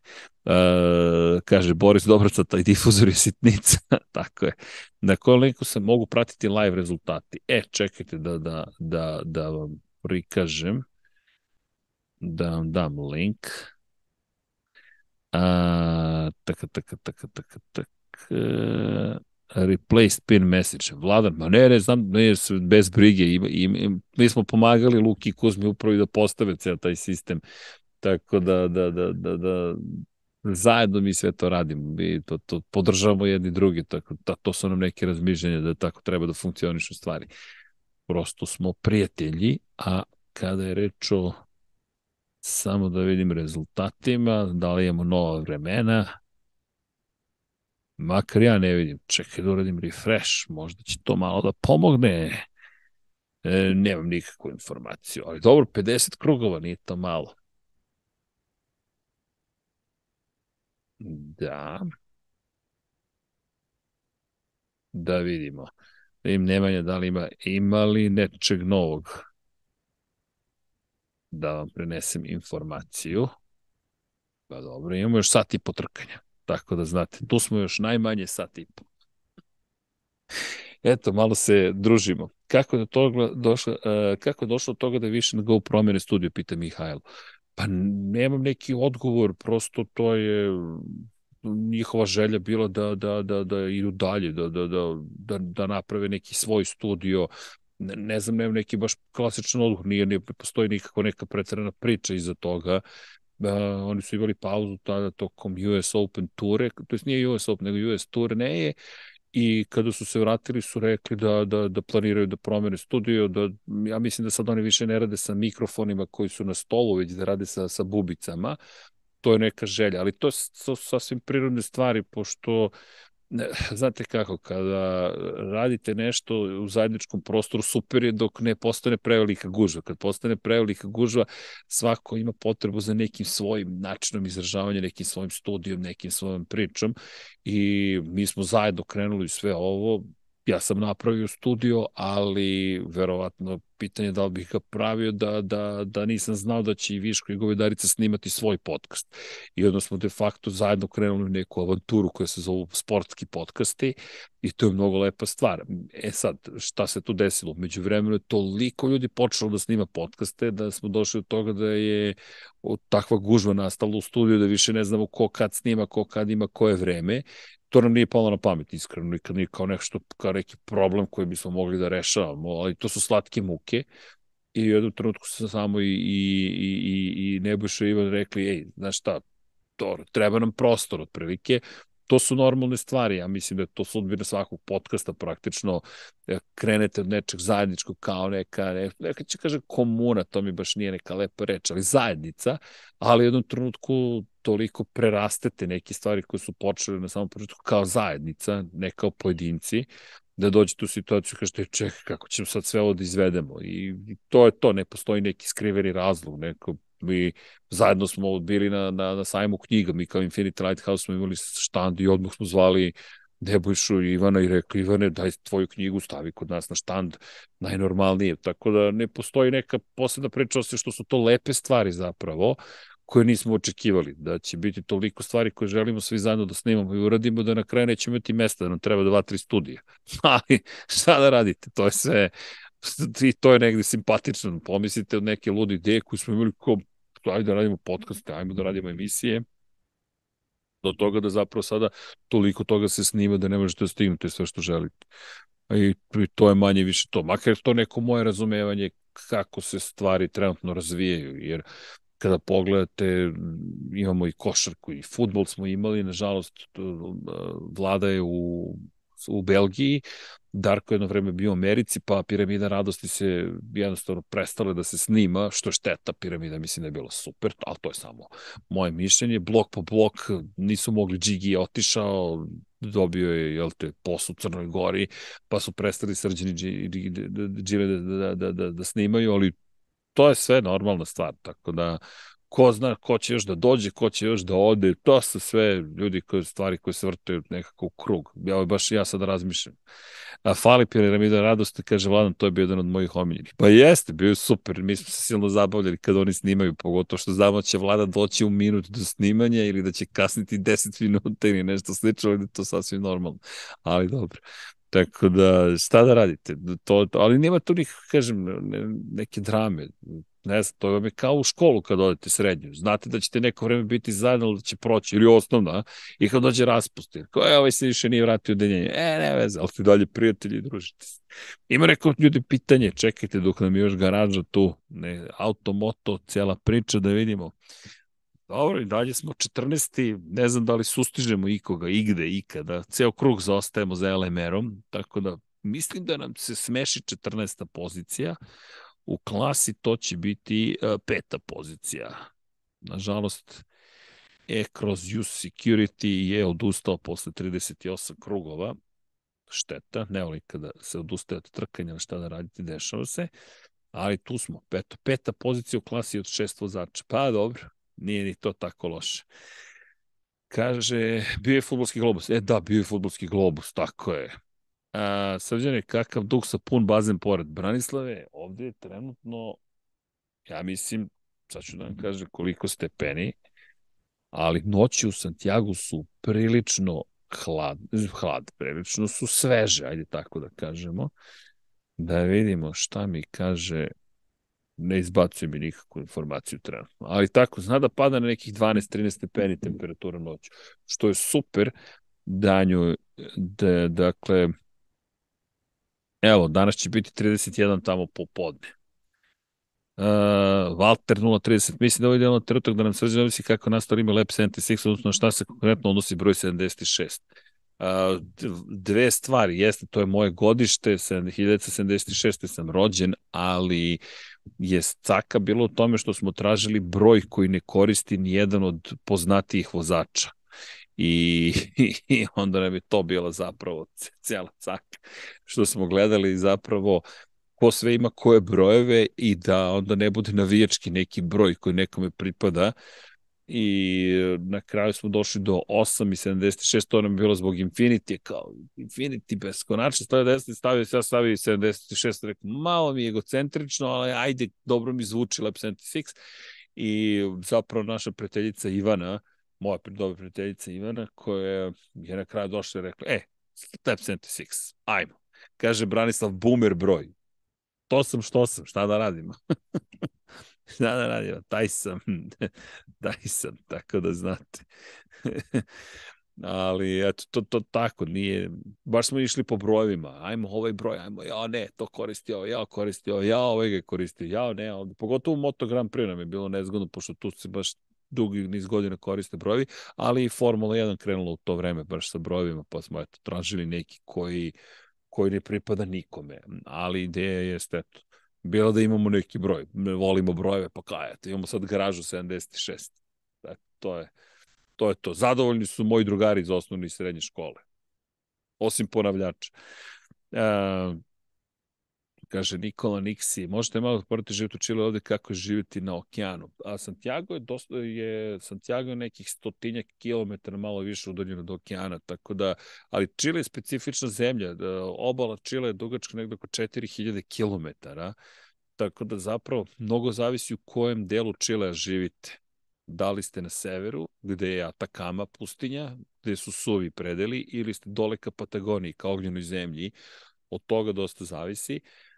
Čile kombinacija Južne Amerike i Južna Amerika je u velikoj meri, ali jedna od najbezbednijih zemalja u Južnoj Americi i, i prosto po broju stanovnika je, mislim da je manje, nego 15-16 miliona stanovnika, ali zanimljiva obala. Idete ruta 5, to je Highway 5, to je ruta 5, i onda idete ka sever, sve suvlje i suvlje, izvinjam se, dok ne dođete do pustinje, na dole idete ka Arktiku praktično, to stan od toga da dođete zapravo do, do, do Rta Horn. I mislim, možete i do Rta Horn da odete i do Magellanovog prolaza, to su isto zanimljivi prelepi dele, predeli. I naravno deo južnog pola, je čelejanski takođe, ali dosta je daleko i nije lako tako stići. Inače, ogromna ozonska rupa je bila iznad Patagonije godinama, sada se dosta smanjila, ali oprez ko dolazi ovde, kada je reč o suncu, ovde vam je UV indeks 13, obično, tako da znate. I iz te perspektive, dakle, vodite samo računa, ako dolazite ovde, obavezno morate da se mažete, nije uopšte šala. A kakav je žet, inače ovde je hladan okean, nema kupanja, ovde se samo čilanci kupaju, jedino oni mogu da izdrže tu hladnoću, pošto imate hladnu Humboldtovu struju kod južnog pola prolazi pored obale Čilea i ali ono što je super zato je bujan e, živ, morski život, imate hrane fenomenalne. Inače, Dino, ah, Dino je povukao poruku, pitanje kako čilo. Pa ništa, brat mi ovde živi. Tako, tak, tako da znate. Kad nema trke National Geographic sa mnom, pa šta da radite? Nema, nema, nemam neke informacije. Garaža nam je, nažalost, imalo tehnički problem. Ništa, morat ćemo Tokija da prozivamo kada, kada se bude vratio. A brat mi rođeni živi u Čileu, on se, on se je preselio pre 24 godine, dobio je ponudu za posao, programer stariji moj burazer i došao ovde, rekao meni ovde lepo, upozno ženu svog života, imaju klince zajedno, troje dece i lepo. Do kada sam tu, sutra putujem nazad. Ne, do, do, dobio sam dozvolu da letim i da nije bilo ovog prenosa, možda bih i danas već krenuo put Evrope, ali mi nije samo to, nego je preporučio lekar, kaže još jedan dan. Rekao mi od nedelje smeš da letiš, ali mi je rekao koliko možeš još da ostaneš ovde da se oporaviš, bilo bi bolje. Za tebe i tvoje uvo. Pa sam poslušao čika ocu. Da, a ovde niko mi ne odgovara. Kakvo je ovo ignorisanje? Morat ćemo na komunikacijama da poradimo. Dakle, koliko ko oni koji ne znaju, četiri časa grobnika je u toku. Ušli smo poslednjih sat i po, ali nemam informacije sa staze, pa eto, pokušavam malo da se družim s vama. Evo ih informacije sa staze. Dino, koliko traje put? 14 sati vam je let direktan od Pariza do Santiago. Da, Almire, ozdravio sam. To jest nisam baš u potpunosti ozdravio, još uvek imam bubna opna, još se nije oporavila, ali nema infekcije u uve tu, prostite, u uhu i onda su mi, pre, onda su mi rekli smeš, pošto je strah bio da mi infekcija ne pređe na srednje uho, pošto bubna opna zapravo odvaja jel te, uvo od srednjeg uha, tako da, eto, putujem polako, ali sigurno. A ovde, kao što možete vidjeti, ekipa nam je ekipa nam je posrnula na 14. poziciji. Gde nam je drugar Lukas? Lukas je na moru trenutno. Cela porodica zapravo za Pajaru. Ja sam jedini trenutno u Santiago, mada su tu to je Ivanov drugar jedan koji čuva kuću zapravo sa svoje. Oni su imali žurku, sinoć pa im se ja banuo, ja im panuo sa podcastima, ali dobro, sklonio sam se, imali su žurku. U svakom slučaju, drugar Lukas je na moru. Vidjet ćemo Lukasa danas, kad završim podcast, vozim nazad za, za, za Pajar imam da se oprostim od, od, od porodice. Hvala za, za, za želje da sretam put nazad. Važno je druženje, jeste. Kako je Boradze završio u Čileu? Pa kažem, dobio je ponudu za po, soludo. Javio se, a evo ga, to, ovo nisam video, čekaj. E, sad, aha, to su sad ovi rezultati. Ja pohvatam šta sve vidim, šta ne vidim, ali dobro. Malo mi se vratio prenos u nas. Kako je Boradze završio u Čileu? Pa dobio ponudu za posao. Bukvalno se javio na oglas u novosti oglas i tražimo programere za rad u inostranstvu. Eto, to je bio oglas. I on se javio, on C++ programer i ponudili mu posao, kaže, ako hoćeš povratna karta za Čile, ja rekao, jesi ti siguran? On kaže, baš si nepismen, za ne znaš da je čilanska ekonomija razvijena? Rekao, dobro, ode čovjek i evo, tu je već 20 i kusur godina. Tako da, eto, njemu zabavno, meni lepo. Imam, imam gde da odem u februaru, januar na neka toplije krajeve. A, koga planiramo ove godine, zovemo u studiju kao gosta. E, nemamo neki konkretan spisak sada imena, ono što smo dugo hteli da pričam s Martinom Vogrinecom, to nam se desilo. Ja se nadam da će gospodin Šebelj da takođe se pojavi, da ćemo imati ekipu, dakle, pogotovo nekih domaćih vozača, dakle, iz regiona, i nadam se da ćemo Dina uspeti da preko Zuma makar dobijemo da, za razgovor. Nadam se da ćemo uspeti da razgovaramo i, i naravno Dino, okoliko bude u mogućnosti, e, Filip svakako će nam doći. Ja se nadam da ćemo imati neki, pa hajde, to pokušamo sada neke poznate ličnosti koje vole Formulu 1 da malo pričamo iz te perspektive to nisu stručnjaci u kontekstu toga da se bave time profesionalno, već ljubitelji, pa eto, to je to. Je u planu dovesti Dina Beganovića? Eto, pa to je to, kažem, u planu je, e, imali smo već podršku i, i naših kolega iz Sarajeva koji su nas ispojili sa Dinom, međutim ja nisam uspeo tada da se javim na vreme, pa sad kako je došao do Formule 3, nadam se da će biti sve kako treba.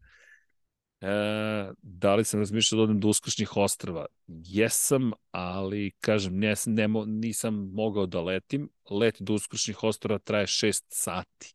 Tako da su uskršnje ostrava poprilično daleko. Da, da, poprilično daleko i brodom ne znam koliko bi bilo potrebno do uskršnjih ostrava, ali zaista baš je ba, baš je jedan lep put od Skrčnih ostrava, ali eto, to, to, to. Igor sa ozbiljnih tema. E da, Igor, koliko znam, voli, voli Formulu 1, tako da bi to bilo zabavno da ga, da, da, da, da, da, ga, da ga pozovemo. Nisam znao da memberi imaju highlight poruke. Da, imate highlight poruke, molim vas, vi možete da, da onda iskočite.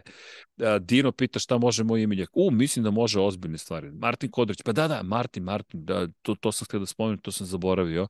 Uh, ali Martin, a, da dođemo do Landa, pa uz svo dužno poštovanje prema Landu, meni je, meni Martin zanimljiviji, pošto je Martin sa naših prostora i on je ta neka, su ti ljudi koji treba da inspirišu. Evo, vidim puno ljudi kaže Martin Kodrić. Ja mislim da smo dobili odgovor na pitanje koga treba prvo da zovemo. Martin Kodrić, dakle, mora da se upiše kao prvi, prvi gost. Ali da, hoćemo. Kažem, evo, bio nam je Martin Vukrinet, to nam je bilo super, zato što smo baš dugo čekali na taj razgovor i bio je sjajan razgovor. Ko nije pogledao intervju sa Martinom, pogledajte vi. Momak je toliko zreo sa svoje 23 godine, tako mnogo toga je već proživeo i ove godine ćemo imati priliku da, da, da gledamo Martina Vogrineca u, u šampionatu Evrope, Moto2 kategorije, to je Junior GP i to će se prenositi na sport klubu, tako da bi bilo super. Evo kaže Emin, Dino top 3 u šampionatu. Ja mislim da, da, da Dino može da osvoji titulu, mislim da će ova godina biti teška, mislim da sledeće godine može da se bori za titulu i to je ono što ne znam sad, da li će biti poput Denisa Haugera, da, da li može odmah da, da, da, da, da se bori za titulu, tu malo je treba i sreće, ali ja duboko verujem u Dino. Dino je ultra talentovan momak i, i iskreno ja mu držim palčeve i, navijam za njega od sveh srca. Na pravom mestu, u pravo vreme, 19 ima godina, ja mislim da da je sad napune 19 u januaru, na primjer, i, i momak koji je bio i šampion u kartingu i u italijanskom šampionatu je bio prvak, osvojio titulu regionalne evropske u, i to je sa Premom osvojio. Dakle, on već poznaje tu ekipu. On je sa Premom bio i šampionatu u Italiji gde je bio treći.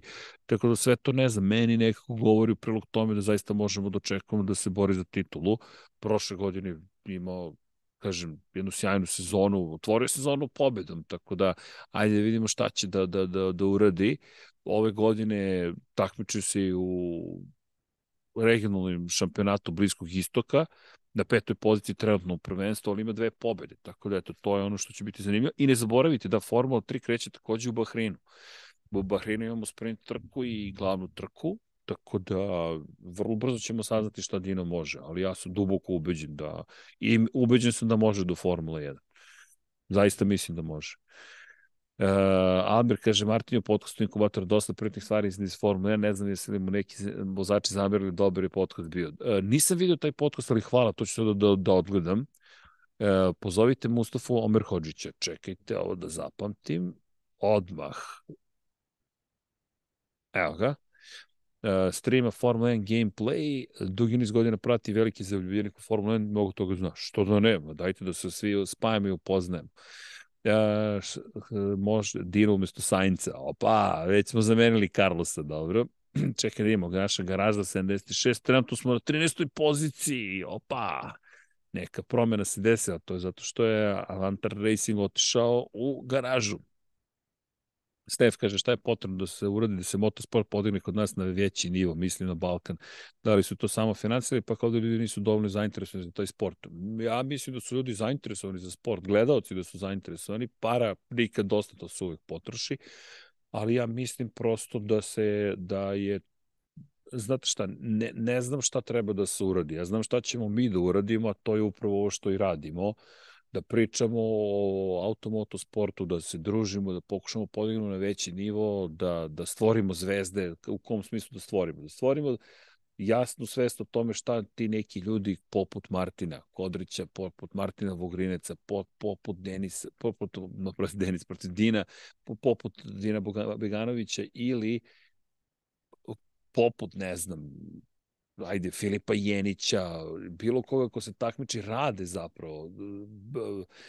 Protiv tih nekih stvari možete da se borite samo u kontekstu toga da pričate svoje lepe priče. Kad kažem boriti, protiv čega se borite? Protiv neke letargije i ne samo to. Ja nešto ne vidim institucije koje bi trebalo da rade na tome formalno, da se su previše zainteresovane za, za, za jedan malo drugačiji pristup automotosportu, a to je da se prestane sa tim nekim sitnim stvarima i da se malo šira slika sagleda i još jedna bitna stvar, da ljudi malo budu jednostavno, ne znam, veseli u celoj priči. Ovo treba da bude zabava, treba da bude inspiracija, sport, to su neka moja mišljenja. Tako da, tak, tako da, bolje da naprave stazu umesto nacionalnog stada koji će trošiti 900 miliona. Pa da, ja bih volio da se napravi staza bilo gde u regionu, Grobnik je nekada bio po, po standardima svetskog prvenstva, sada nije, koliko god ja da volim Grobnik i meni istorijska staza, prosto vremena su se promenila i ne samo malo, mnogo su se promenila. Ne možete vi da očekujete sada da imate Moto Grand Prix ili Formula 1 samo zato što imate stazu. Ne, ne, staza je samo delić toga. Vi morate da imate im prateću infrastrukturu, tribine, parking, bolnica adekvatna, da morate da imate pristup toj stazi koji je adekvatan. U Francuskoj su imali silne probleme zbog loših pristupa, pristupnih puteva, a kamoli kada govorimo o našem prostoru. Da li Dino zna naš jezik? Zna, ko bio je, Dino je dao intervjue već za, za, za regionalne medije i ono što sam ja uspeo da ispratim, ne koristi ga toliko često, ali zna. Tako da samo financije su problem, niko neće da ulože u motosport, oni bi htjeli nemaju toliko novca. Pa, kažem, kad već nemamo financije, možemo makar da pričamo. Evo, Lab 76 je neka naša ideja. To, je, to, je, to smo mi sami pokrenuli, nije baš da, da, da, da smo krenuli sa ne znam kakvim financijama. Neki to ja sam rekao, mi smo iskoristili što smo mi kao po nas nekolicina pojedinaca imali i dotle smo krenuli. I imamo sada vašu podršku, povremeno imamo sponzore, od YouTube-a se nešto zaradi, što bi se reklo, i ono što, što nam puno pomaže kada kupite knjige, kupite majice, to nam omogućava da postojimo. Da li bismo mogli da se bavimo unosnim poslom, apsolutno, ali nije tome poenta, ovo je neka ljubav, da je zabavno, eto što bi rekao Brana Floyd, ja ispunjam sve uslove ovih saveza, sa njima ne može da se priča. pa ne, ne bavim se toliko ni saveza, ja mislim da je negde nestala ta neka vera u, u bolje sutra, a kamoli nešto drugo. A ja želim da verujem da može da bude lepše tako što svi zajedno možemo da uradimo bolji posao. Političari sigurno neće pomoći, katastrofalni su svi zajedno, tako da od njih ne očekam apsolutno ništa a malo mi je muka od toga da ste uvek kriv e, narod, uvek je kriva publika, uvek je kriv... Pa to je nemoguće, oni su izabrani da srede stvari i katastrofalni su, tako da, eto, na, na, na, svodi se na to da je na nama, vama, nama, da poguramo stvari, pa onda kad ste vi zainteresujete ne, za nešto i vi tražite nešto, onda i političari se svete, u, čekaj, ovo je sada popularno, eto kada bi mogli da zovete neko od trenutnih vozača Formula 1 potes koga bi, koga bi zvali? U, a VRC, e, VRC, Neven Tutnjević. E, a samo da govorimo ovo prvo za VRC, pa ću se vratiti na vozače. Molim vas, idite na, na, na reli šampionat uh, svetski u Hrvatsku. Molim vas, ja, ja, mi svake godine pozivamo To je fenomenalno, ljudi, to je Formula 1 relija i to se odigrava tu bukvalno, da li ste u Hrvatskoj, ili ste u nekoj drugoj državi na Balkanu, nevažno je, idite, idite kod komšija, družite se, upoznajte, to, ima mnogo divnih ljudi na sve strane, kada pričamo o političarima, gadno mi da pričamo njima, neću da ode tamo podcast, ali kada je reč o druženju, ma, obavezno u Hrvatskoj idite da gledate reli, to je fenomenalno, čekajte da koji je datum tačno, ali Reli Hrvatske sada već obaveze. Ja se zaista nadam da će dugi niz godina biti u šampionatu sveta i to što je postignuto svaka čast organizatorima, biti deo šampionata sveta, to je neverovatan uspeh. Evo, od 20. do 23. aprila. Tako da, eto, moja topla preporuka koju mogućnosti, to će biti četvrti reli ovogodišnjem šampionatu, dakle, obavezno ko nije ispratio prva dva, završili su u Monaku i Švedskoj, od Tanak je trenutno na prvoj poziciji broj 1 u šampionatu, sledeći je Meksiko, to je krajem marta, i onda se dolazi u Hrvatsku, pa kreće tam kratka italijanska turneja, Hrvatska, Portugal, Italija, pa se ide u Keniju, pa Estonija, Finska, Grčka, pa zamislite gde se vodi šampionat uh, kada je reč o kraju sezone u Čileu, naravno, Reli Čile, a? tako da znate da i ovde gde se trenutno nalazim će biti i Rally Chilea, tako da eto, inače u Koncepcionu se vozi, nažalost moram da kažem u Koncepcionu uh, uh, je baš teška situacija po pitanju požara, užasno je stanje, sumnje se da su namerno podmetnuli, podmetnuli požare neki čudni ljudi, ali baš su, baš su bili ogromni požari i vatrna stihija koja pojela neke gradove. gradove. Da, samo jedna bitna stvar, a, Srki pisao sam par puta, ali evo opet uvedite polo majice sa manjim, hoćemo, hoćemo, nemojte ništa da brinete. Neven kaže, prolazi mi kraj vikendice. Pa ne, ne, ne, u vikendicu obavezno za obavezno. Deseti idemo, tako je, napredovalo se, ali sad smo 12. koliko vidi, ne, deseti smo, opa, šta se tu desilo? Vratili smo se na 14. mesto, pa šta se ovde desilo? Dok sam ja pogledao, nije, jeste, deveti smo, ho, ho, Miksa, Toki, Deki, kakva igrica se ovde okreće, čekajte, treći smo u grupi, u klasi, izvinjam se, Sad samo se nadam da naš ne čekaš neki pit lane koji će nas izbaciti iz ove priče. Ovde su se stvari uzbiljile. E, da li postoji mogućnost da, da prenosimo trku Formula 1 sa staze kao Moto Grand Prix? Postoji, postoji, radimo na tome. Baš radimo na, taj, na, na, na, na, na tome da ove godine odemo na par trka, pa držite nam palčeve. Uh, Walter kaže, Esteban Ocon says he will continue to race aggressively against teammates. That's how I've succeeded my whole life and won titles. And that's how in the end I've beaten Fernando as well. Eto, eto. Dakle, jasna poruka. Esteban se neće sklanjati klubskim kolegama, ni ove sezone, u krajnjem slučaju tako je pobedio i Fernanda. Pa dobro. Gojko kaže, ovo dobro vidim, mi smo u trećoj klasi. Dobro vidite, Gojko, podijum. Deki vozi, zato napredujemo. Idemo samo oštro, tako je. ja, Valter, već da pređeš na priču o okuru i gastu. Hvala, Valtere.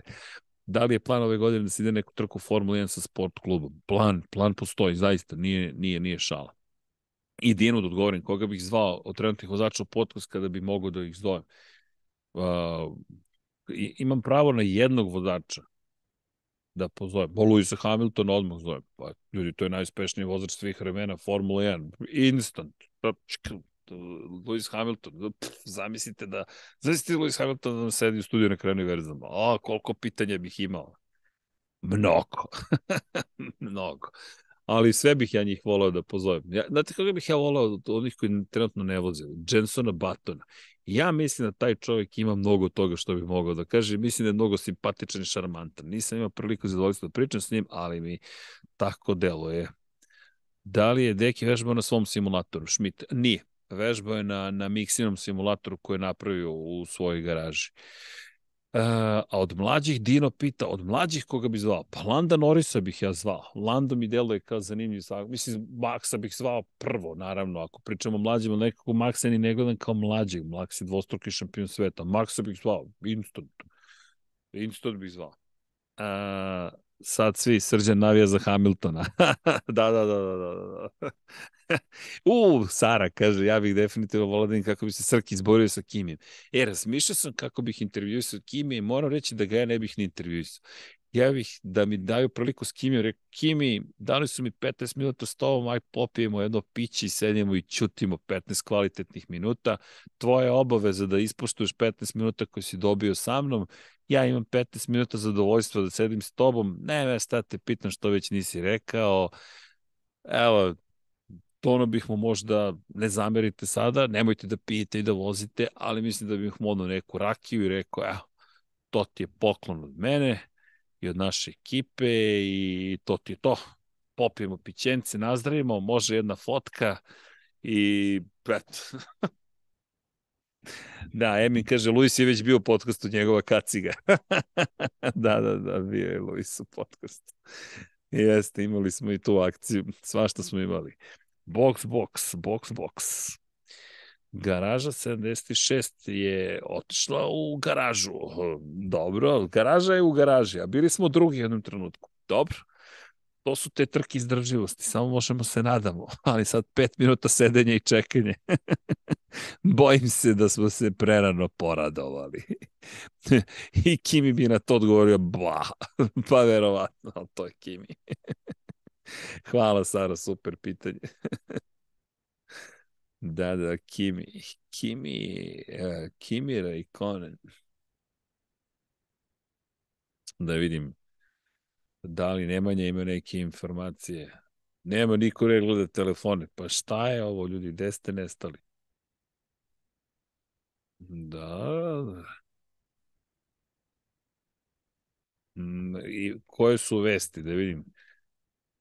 Da, kako smo bili drugi? Da saznamo mi to, kad se već družimo. Kimi. Da, to bi bilo dobro. A, prognoze za Mikov nastavak karijere. Hmm. prognoze za Mikov nastavak karijere. Uf, baš ne znam, ali dobro izgleda u ovim Mercedesovim bojama. Baš je nekako nekako se uklopio u celu priču. Ha, nisam siguran, ne, ne znam. Luis je rekao, planira još neko vreme da bude tu, ne vidim da će Mik ikoga moći da menja u Mercedesu, nije prosto taj kalibar. Volio bih da, da, da nađe neko mesto ponovo da vozi, ali Ne znam, zaista mislim da moraju malo da mu se kockice, samo malo sreće mora da ga posluži, da se negde otvore vrata. Mislim da će Toto Wolf rado da pogora Mika Schumachera ukoliko bude mogao u, da li u Williams, da li McLaren, bit će rezervni vozač McLaren, ali ne vidim baš McLaren kombinaciju. Ne znam, ne znam, baš, baš nezahvalna situacija trenutno. Mislim da, da, da od sreće dosta toga zavisi. Ali to je sad samo moje viđenje.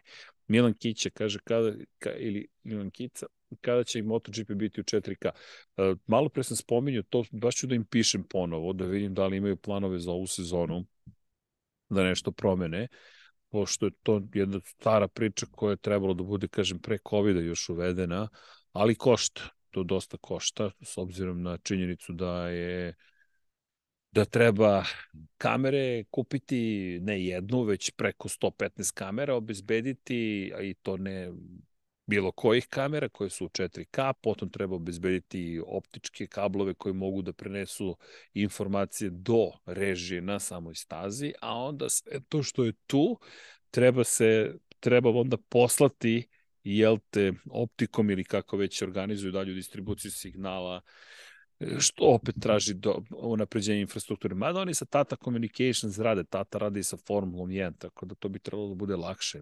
Baš, baš ću da ih pitam da proverim. A, mada su svih eksperimentisali sa 3D, pa je to bilo zanimljivo. Koga iz MotoGP-a biste najviše volili kao gost? Pa ljudi, to, to je tako jednostavno pitanje. Valentina Rosija, ako je, ga i dalje smatramo Moto Grand Prix, mora se krene od, od čoveka koji je, koji je promenio ceo sport ne, ne, ne, nema tu šta. Posle Rosija prosto bih zvao Markeza, nema tu šta, pa onda redom. Alex Rins bi bio zabavan gost. Mada nema tu šta, Valentino Rossi broj jedan bi morao da bude tu.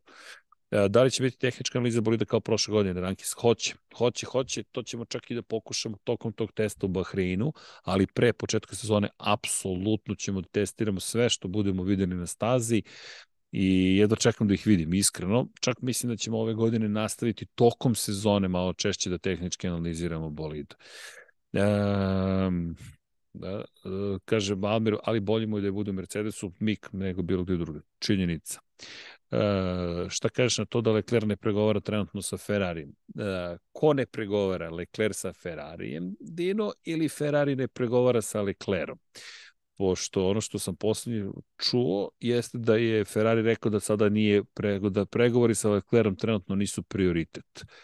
Tako da je tako da je to, to ono što je sada pitanje uh, mislim da, da kada pričamo o da kada pričamo generalno o, o, o Lecleru, mislim da, da, da Frederik Vaser zapravo pokušao da postavi stvari na to da se zna ko je ko i ko je glavni. To je da je ekipa svakako glavna, ali pričali smo već o tome. E, Charles Leclerc je u jednoj, ajde, malo težoj poziciji, moje mišljenje samo. Charles Leclerc je nevjerojatan taver.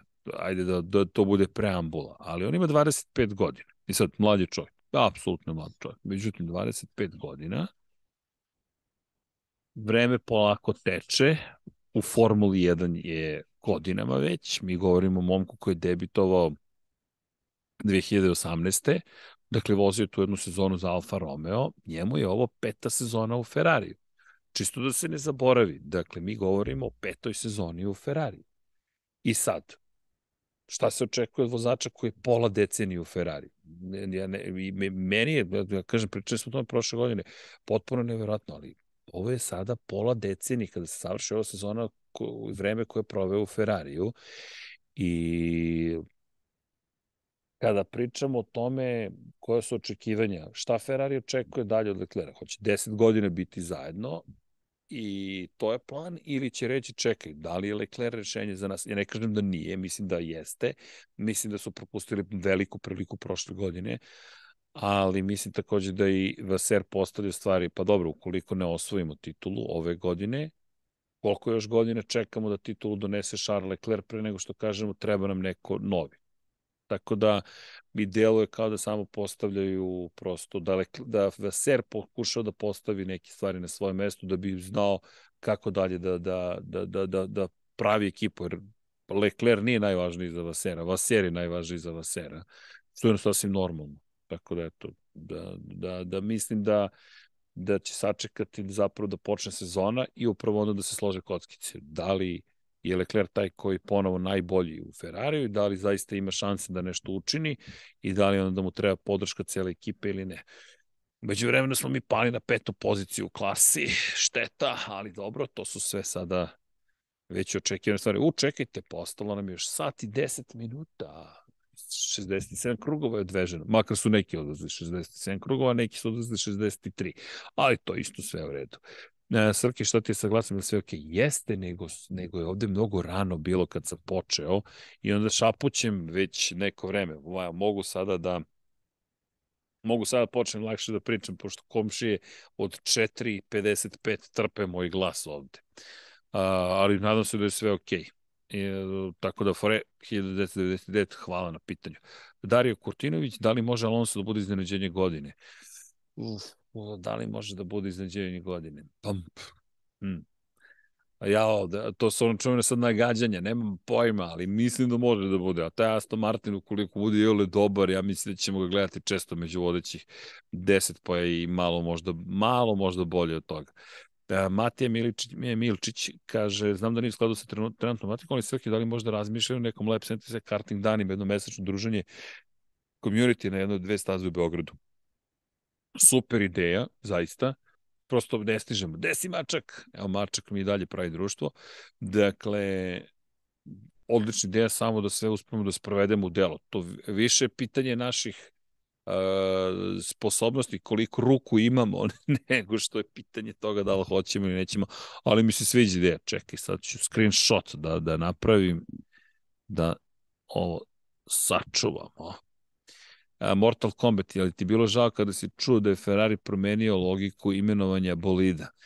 Pa, d, pa e sad, Da li je Ferrari promenio logiku imenovanja bolida? Imali smo SF21, ovo je sada SF23. Ali Ferrari, Ferrari, je li ima logike u Ferrarijevom imenovanju bolida? To je pre moje pitanje, s obzirom na činjenicu da kada pogledate, bilo je baš nekih čudnih naziva kada je reč o, o, o Ferrariju. Dakle, Ferrari ima neku svoju logiku kako imenuje stvari. Tako da ne znam da li je ovo sad najzad logika neka ili nije, jer ne zaboravite kako, kako se zvao prvi turbo F14 HT, li tako beše? E, da bi pisalo Fiat F114T, F, F14T, pa je to kao Fiat zapravo bilo, to je bila fora. Tako da, možda sad i postoji. Zamene su toku, kaže Miksa, dok se sve zamene, onda se ne zna pravi raspored. Deki trenutno vozi, posle toga idem ja kratko 20 minuta i Toki završava sve što ostane. Dobro, kad završim, ako ti treba neki sadržaj za prenos, mogu da se uključim. Uključi se sada. to će biti moj odgovor Miksi. Uključi se sada. kratko na telefon vršim ja pritisak. Ja, a evo, evo, to ti kažem, Toki, Miksa, čekaj, copy invite link. Evo ga. A dobit ćemo još jednog člana sa staze kako se uključuju celu priču, to vam kažem. To su već ozbiljnije stvari. Um, Aha, evo ih. Aha, e, Deki za volanom Miksa radi odličan stin, do, dolili smo gorivo za Deki, imat ćemo još dve smere, evo dobijam informacije. A, šta kaže koleginica iz prodaje, odvezao, Miksa odvezao najbrži krug pre zamene, Deki za volanom, malo sporije stajanje 16 sekundi. Eto, dobro, sve više informacija prodire do nas. Da im da li će se pojaviti Miksa u Zoomu, pa da malo časkamo sa nekim sa staze, da imamo šta, šta se tamo zbiva. Um, jeste Leclerc, ali Artur, najlepši bolid ikad. Uš, najlepši bolid ikad. Da li to postoji? Mada ja kažem, meni je jedan od omiljenih bolida FW14B, pa taj ja nekako često spominjem, zato što mi je bio, a to je zato što sam ja bio tad, šta, 15-godišnji, 16-godišnji klinac, pa mi je nekako ostao u glavi. Da li se čujemo, Trki? Opa, evo ga Miksa, gde si Mikso? I čujemo i vidimo. Čekaj, gde si ti, šta je to tako fancy tu iza tebe? Ovo fancy je naš kamper u kome boravimo. To ti kažem. Ja sam morao malo da dođem ovaj, da bi se čuli ovde, ali mogu i pred uključenja ako treba da izađem na pit lane da vidite malo čisto zbog buke, ali jako su bučni automobili da bi mogli da, da popričamo što kaže ono kamper. Nema veze, provedi nas posle kroz garažu ako možeš, samo telefonom malo da vidimo, znaš, mi smo oni što vole sve, mi osjećamo miris benzina kroz zvuk. Kako si zadovoljni, kako je prošlo? Pa evo, ovaj, kako zove, trenutno naš drugar Deki Potkonjak vozi ovaj, kako zove, svoj poslednji stint u ovoj trci. A, nakon toga ću ja da uđem na nekih 20 minuta i Toki će da završi trku. Toku nam je ostalo još do kraja, ja mislim, blizu sat vremena, koji minut, možda preko. A, imali smo razne situacije, svašta je bilo, bilo je okretanje na stazi, ja sam se okretao na stazi, Deki se okretao na stazi, a, imao sam vozača ispred mene koji se okrenuo i ja sam popustio da kažem tempo i sve, ali on se uštopao u tom okretanju pa sam ga gurnuo, onako malo odgurnuo, udario da kažem. Tako da Dobro. svega ima na ovom endurance to je, to je onako standardna priča. Dobro, vremena, jesi zadovoljan, rekoše mi da si odvezao naš najbrži krug taman pre sada za mene. Jeste, jeste, jeste, ja sam ga primetio da sam odvezo, a moram da kažem, mislim čisto da ne bude ono nešto kao vadimo se i ono, ali stvarno nemamo, nemamo, neću kažem idealne uslove, svi trkači kukaju, nisam imao idealne uslove, zeza me ovo, zeza me ono, ali ovaj, stvarno nam je auto od okretanja od svega, poremetio malo trap, bila je kiša, bilo je mokro, počela je staza da se suši, onda može se vozi brže. Mislim da je upravo počela kišica da prska sitno, sitno, tako da vidite kako će to da se odrazi, a taman se prosušila staza. Ovaj, uglavnom uspio sam da sastavim jedan krug sa autom koji onako a, vidjet ćete ako budemo imali dovoljno materijala koji kamera snimila, a, to je borba u vozilu, znači to nije neka onako mirna i tečna vožnja, znači to je borba da se održi auto na stazi, ali svakako izdržljiv je on, makar je mali i Renault Twingo i što kaže nije neka inženjerija od mašine, izdržava on sve te stvari. Čekaj, otkrio nam je Deki da, da smo imali tehnički problem. Do, donji veš se izbacio iz takta, izbacio sa staze. Tako Dobro. Je. Tako Dobro, je. dešava se. Vidi, dobro će biti fora, morat ćemo majicu komemorativnu da napravimo Tokiju za to. Ali dobro. Ja mislim da je to strava ideja, baš onako fora. ovaj, ne, ne, smislit ćemo neki slogan za gaće, a ima ih mali milion, 100%, tako da... ja mislim da će se već naći dosta mašte i kod nas i kod publike, ali dobro, to je sve deo trkanja. I, nema veze, dobro, Deki, vidim, bit će oduševljen što mu je kiša počela tamo kad se vratio sad. Kakav ti Deki? Dama je delovo euforično, uzbuđeno. A, ja bi sumirao od, sve, od svega toga da je, da je Deki ono top, da kažem, evo to nam je uzrečica sad top, ovaj, da, da se uhodao u sve, da je uvatio odmah, znači nema ono kao ja ne mogu, ja ono, znači sve prihvata, sve prima, a, bukvalno, znači eto ono, krenuo se juče, olupao se, prvi krug malo spori tempo, drugi krug već dao tempo, tako da to, to je ono nešto što mi ovako u, u krugu, da kažem, trkača gledamo, znači da li će neko sad da se uplaši pa da spusti sve, znači Deki sluša, Deki radi šta mu se kaže i sam ono hoće da, da, da proba, da pokuša, tako da ja sam prezadovoljan. Ma super, to, to, to, dobro, to dobro zvuči. Evo, dobili smo predlog Gaće 76. gaće 76, da. Ali onda moramo da, napravimo gaće sa, na, da kažem, zadnjici. Pa da to, brendirane, brendirane, da. Da, da, da. A dobro, e, kako je Tokio? Ja šta kaže? Polako iz kampera, izvini, pošto ovaj, treba uskoro deki da uđe da ja... Da ja Ajde, dobro, dobro, dobro. Da man malo da vas... Ajde nas provezi kroz garažu. Tako je, da vas malo provedem kroz garažu ovaj, samo ponesem internet sa sobom da ne bude ne, ne, ne, prekidanja. Evo ovako, ja ću krenuti kameru. A, samo da vidim na zoomu. Evo ovako. E, ovo je naša garaža, broj 8. Ovde to ispred Infinity, večnost. Kamper. Nismo imali još jednu nalepnicu da ovde stavimo 76, ja sam teo. I evo nas, ulazimo u garažu.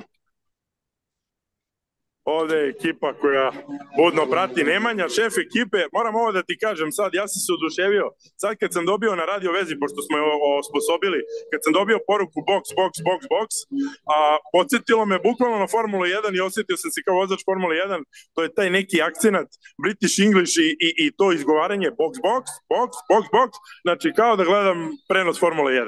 Tako da Nemanja svaka čast, inače Nemanja nam je šef ekipe, vodi računa o ulazku, izlasku iz boksa, a, na, da li smo na vreme, koliko stojimo u boksu, znači ja sam mu to sinoć objasnio i on je to odradio vrhunski. Ja, fantazija.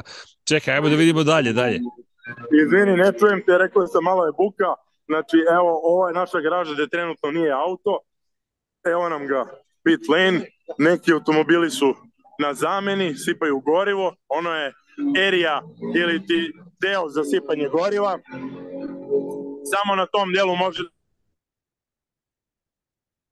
sme i radi bezbednosti. na pit lane-u koji prate trku. Imamo podršku, samo sekund jedan.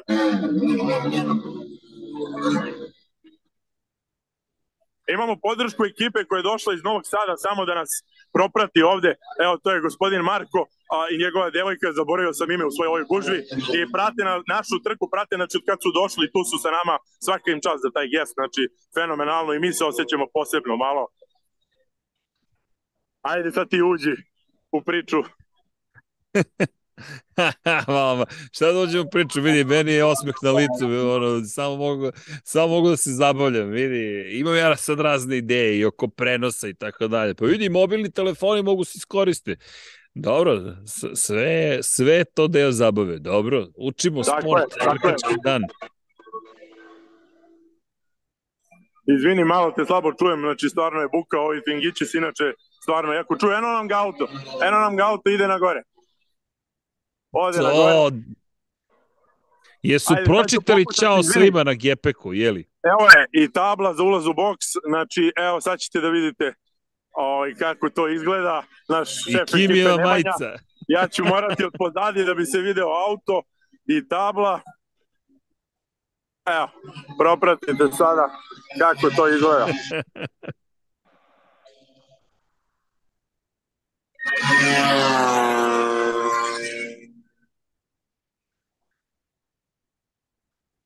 Sad ćemo doleteti još malo. Evo nam ga auto. Box, box, box, box. Deki box.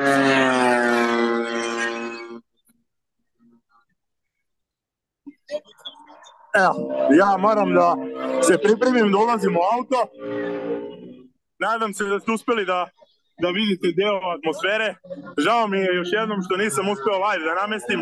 Naravno, po Marfijovom zakonu mora nešto da krene naopako u poslednji minut, ali to nam je priroda, to je tako i na to smo navikli i to ćemo da, da guramo i da radimo stalno. Dobro, dobro. Evo, kaže mi kolega da je bilo neko čukanje, da će možda biti safety car i to je moment da se iskoristi a, jer sada automobili sporije idu po stazi i naša zamena manje gubi vremena. A, toliko od mene, pozdrav za sve gledalce, a, pratite nas, ja idem da se presložim i da sedem u auto. Sjajno. Sjajno. Šta da ti kažem, hvala ti za ovo, ovo je bilo fenomenalno. Ovo je bilo super, nadam se da ste, nadam se da ste sve uživali, dobili smo i prolaz i Dekija smo imali priliku da vidimo baš kako treba. E sad samo da iskoristimo priliku kada je već, nažalost, jel te, safety car tu, ali da pokušamo da uskočimo nazad na neku od naših zasluženih pozicija. Ali pozdrav svima koji se trenutno trke gdje god da se trke, pogotovo ekipi na grobniku naravno, ali da vidimo sad, pratimo rezultate, da vidimo gde smo, šta smo i da li ćemo uspeti da iskoristimo ovu priliku. To pa, dobro, ajde sad uzbuđenje raste. Moram Nemanji da pišem, mada vidim da je gužva tamo, da je da stižu sve da postignu, ali dobro je, dupe gaće žvaće. Da, vidim da će ovo biti zabavno. Koji broj garaže? Garaža nam je 8. 4 plus 4, to da, razumeo sam sada zašto 4 plus 4. Pozdrav za kumove, kaže Saša Žile, po, pozdrav kogoda su kumovi, pretpostavljam ljudi. Zdravo, mačak, ti si opet došao kod mene. Maco, posle ćemo da idemo da se hranimo, samo da završimo prenos. A, da vidimo šta kažu rezultati. Još uvek smo peti u klasi, ali dobro, ovo bi možda mogla zaista biti prilika da da da, da neške stvari uradimo. Da vidimo. Dobre. Ništa ljudi, čekamo ponovo izveštaj sa staze pa da nastavimo dalje. Umeđu vremenu ja ću odgovarati dalje na pitanja i tako dalje i tako dalje. Ali evo, videli ste kako to lepo izgleda. Kamper, pa garaža. Mada mislim da moramo neki marketički trikove da iskoristimo, da izbrendiramo još više garažu, da se, da se zna da smo stigli a vidim da su uslovi baš, da, da vremenski uslovi baš nisu idealni, ali nema, makar nema bure, neko je rekao, e, kao, šta ćemo s burom? Evo, ovoga puta malo ipak bolje situacije. Uh, Srki, najlepši F1 bolid je Jordan 191. U, to je 7 Up Jordan, to je Bertrand Gachot, to je Schumacherov prvi bolid, verovatno Alen. Alen Jesenović, pozdrav za Alena. Pretpostavljam da, da, da pričamo o njemu. Jel tako beše, sam dobro zaprat, Jordan 191 bi trebalo da je taj Dakle, jeste, jeste, jeste. No, prelep je. Meni se dopada kako on izgleda, kako, nos kako mu je napravljen, ali da, štap kanap kombinacija Jordana. Jordan koji je stvorio vremenom jedan ozbiljan tim, borili se za titul. Benson and Hedges kad je bio sponsor, Mugen Honda, svašta nešto bilo. Uzbudljivo je bio tada u Formuli 1 iz perspektive Edija Jordan. Ali dobro, kada je reč o lepoti, to je uvek u očima posmatrača nego da mi vidimo garaža 76 tu smo, u garaži smo. Dakle dolivanje goriva zamena. Možda nam si Deki pridruži ajde vidjet ću sa Nemanjom da li može Deki da dođe, ovo je bilo odlično.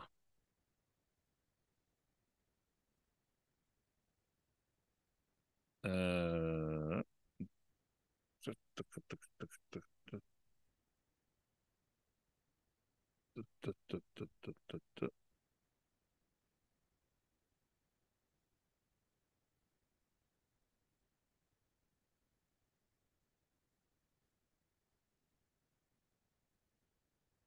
Da li nam je živ chat? Jeste. Pretpostavljam, nadam se. E, da dobijemo još malo informacija. Ukoliko deki može, neka uskoči.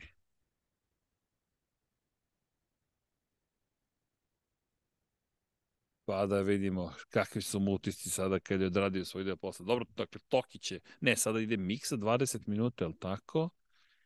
Koliko nam je još ostalo do kraja trke? Čekajte da vidim šta kaže. 50 minuta. Dakle, 20 minuta miksa i onda još pola sata toki. Dobro.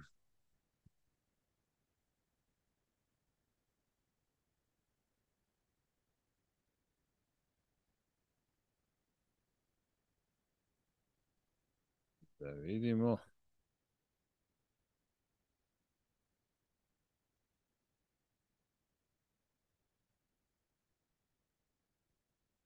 Da, i Dijan Plackov kaže, lepo kaže, nek neko ostavi mobilni upaljen u garaži da sledeću probamo da vidimo ako je moguće.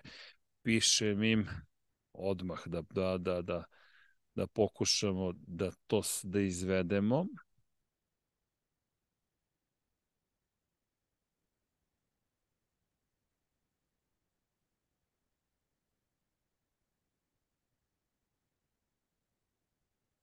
Da, pa možda ćemo to uspeti onda, pošto će Deki biti u garaži, da zamolimo Nemanju i Dekija da to urade kada Miksa bude predavao Tokiju volan, pa taman da vidimo kako to izgleda.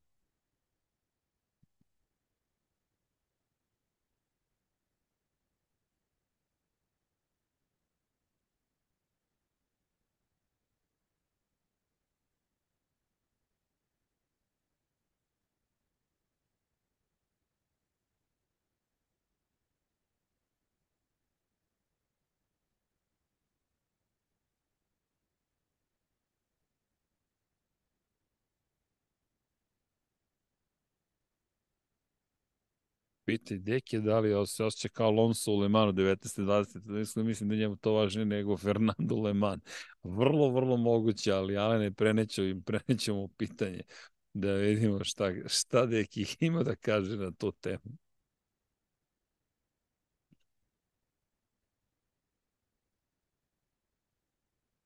Da, dobro.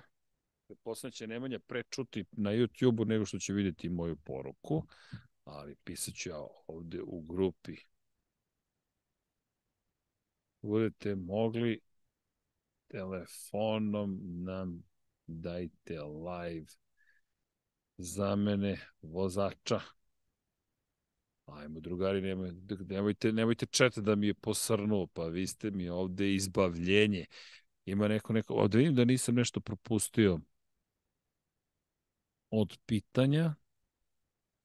Mm, najlepši bolid. Možemo, Samstag, možemo li očekivati ovo sezone borbu između Ferrari i Mercedesa, Red Bulla za titulu ili dominaciju Red Bulla?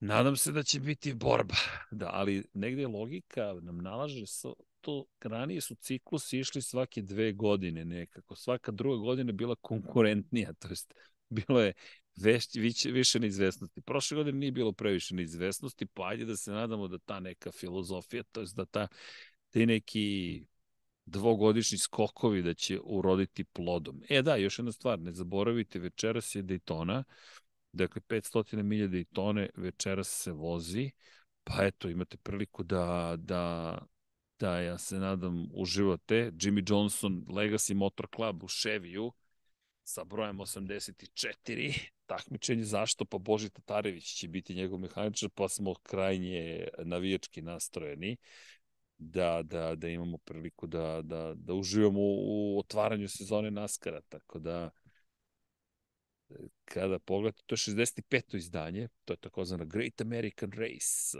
velika trka 200 krugova, 500 milja, 2,5 milje krug Daytona, čuvena Daytona Beach na Floridi i eto prilike malo da da vidimo ko će otvoriti sezonu na najbolji mogući način. Čekaj, kada se završava sezona? 5. novembra, naravno u Feniksu u Arizoni, to je sada već postao običaj, s obzirom na činjenicu da se malo promenio NASCAR iz perspektive koga, koja je prva, koja je posljednja trka. Imali smo dve uvodne trke, Clash čuveni u Koloseumu, ali smo imali i duele smo imali na Daytoni, to je bilo 16. to je bilo pre tri dana. E sad krećemo sa Daytonom 500 i onda lagano krećemo u punu sezonu, 36 trka, podsjećam, playoff kreće posle 26. 10 trka poslednjih play-off i 16 najboljih vozača. Ove godine su ukinuli pravilo da morate da imate da budete među vodećih 30 da biste ušli u play-off, dakle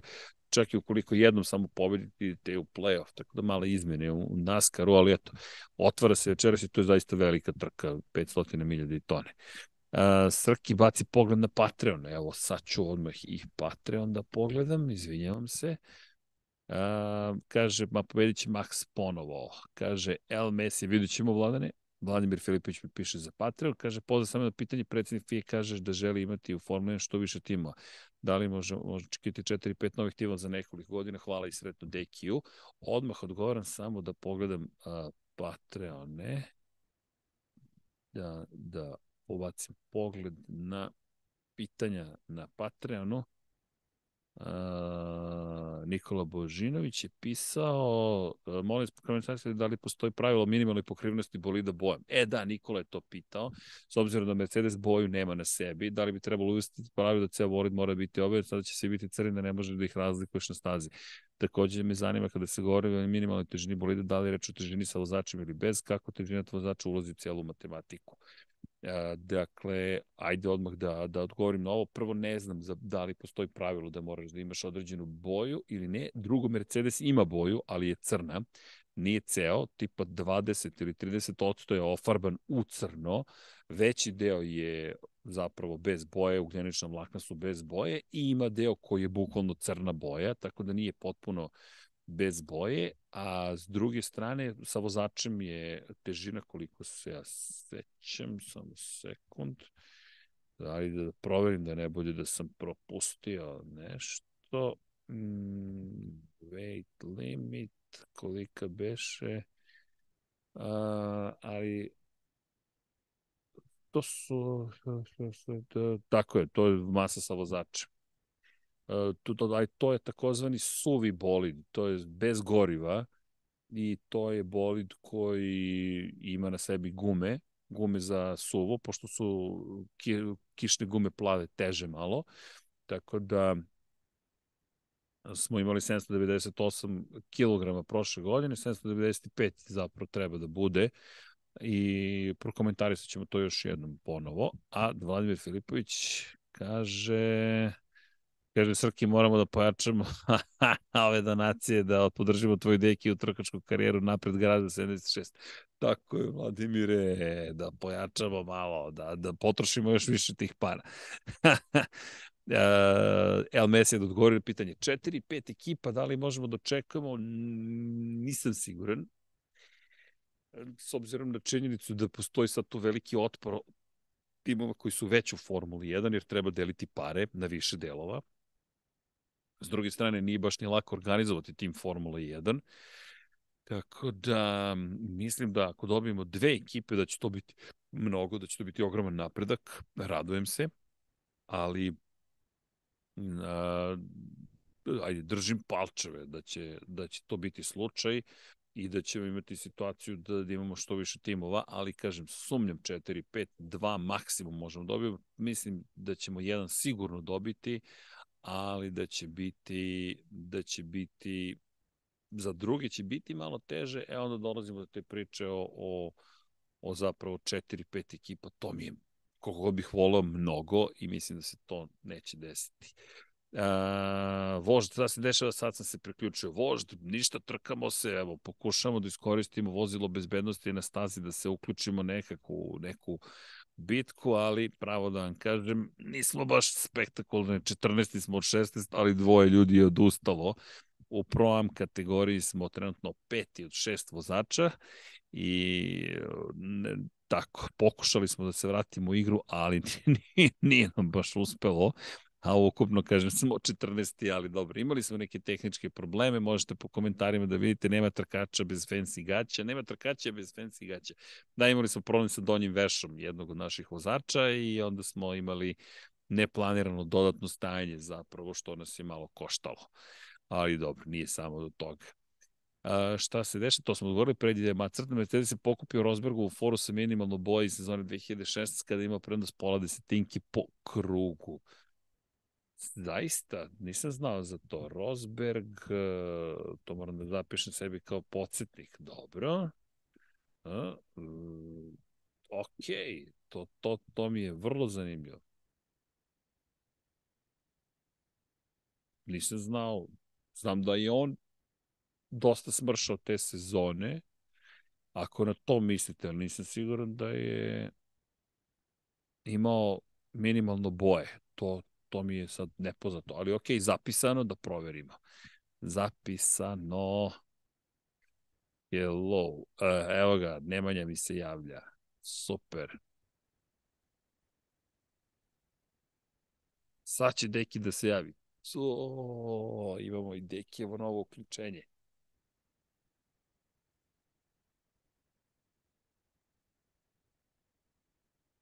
I nešto se događa na stazi, proverava pa javlja. Proverava pa nam javlja.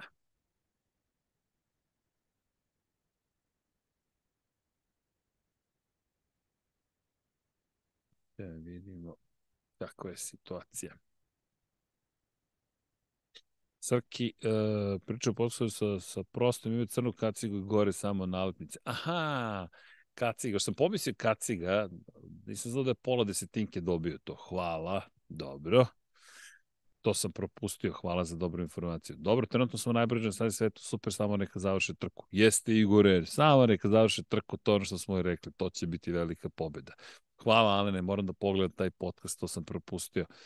Srki, najbolja sezona F1 tebi lično, najbolja sezona za tebe kao komentator. Uuu, te, o, Uh, baš teško uh, pitanje. Ajde da razmislim. Xperium, kad se vraćaš u Srbiju, Srki, da ostaješ u 99 yardi. Ja, verujte mi, izvinjavam se, evo, kažem, otkazali smo u četvrtak Lab 76, ostao sam bez interneta, plan je bio da se uključimo u 99 yardi posle Superbola i da pričamo, da prokomentarišemo sve što se dešavalo i ne, nemoguća misija, prosto svi su mi objasnili, kaže, vidi, za Pajar mi ovdje imamo samo mobilni internet i kad dođu turisti, to je kada je sezona, to sve prestane da funkcioniše. I to je to. Tako da, izvinite zaista što, što me nije bilo ovog petka, ali stižem, evo, sutra polećem, krećem put Srbije, dakle, u ponedljak, u utorak sam u Parizu ujutro i ukoliko stignem na let u 10 i 10, u 12.30 bi trebalo da svetim u Beogradu utorak. Ako ne stignem na taj let, pa onda se moja avantura nastavlja, onda ćemo da ima koji let ću uhvatiti za Beograd. Ove, pošto sam na ovom putovanju sam išao let do Milana, pa onda voz do od Malpensa, od aerodroma Milanskog do centralne stanice u Milanu, pa onda autobus do drugog stadiona, do, do, do drugog aerodroma u Bergamu, pa onda renta car od Bergama do Madone di Campiglio, pa onda ajoj, izleteli smo sa stazi. Imamo izletanje, izgleda da je Miksa, Miksa je u šljunku. Safety car na stazi. Miksa je pokušao da nadoknadi vreme, verovatno dobro. Dakle, e, šta da radimo, nema veze. E sad, samo da da vidimo šta ćemo sad s ovim.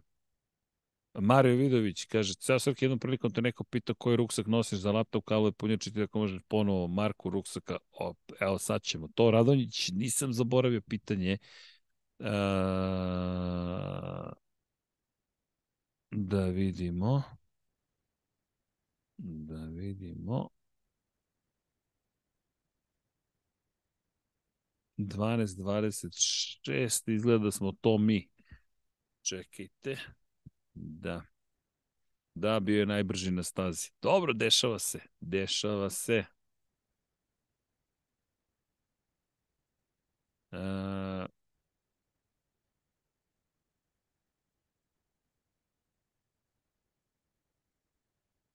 čekajte da vidimo. Imamo najbrži krug u svojoj klasi. Igore, nije mala stvar. Nije mala stvar, čekajte samo da pokažem ranac. Kokun je ranac, ali ajde da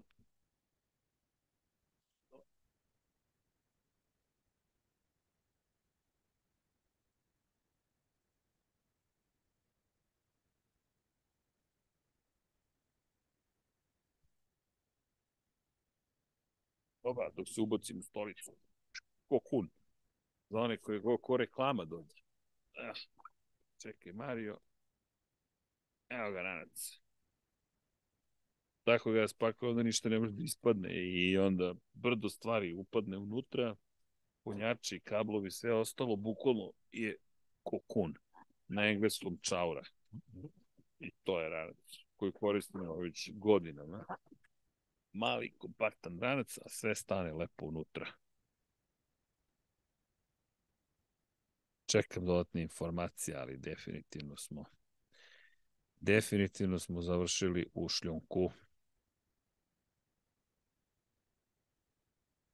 Da vidimo imali neki novi info. Ne vidim. Evo ih informacije. E, Kaže, pokušat ćemo da u garaži deki vidimo da li je moguće da se automobil pripremi za povratak na stazu, da probamo da završimo trku bez obzira na poziciju. Hvala deki za info. I koliko je još ostalo od trke? 34 minuta. Pa... Ajde da vidimo da li, da li ćemo uspeti.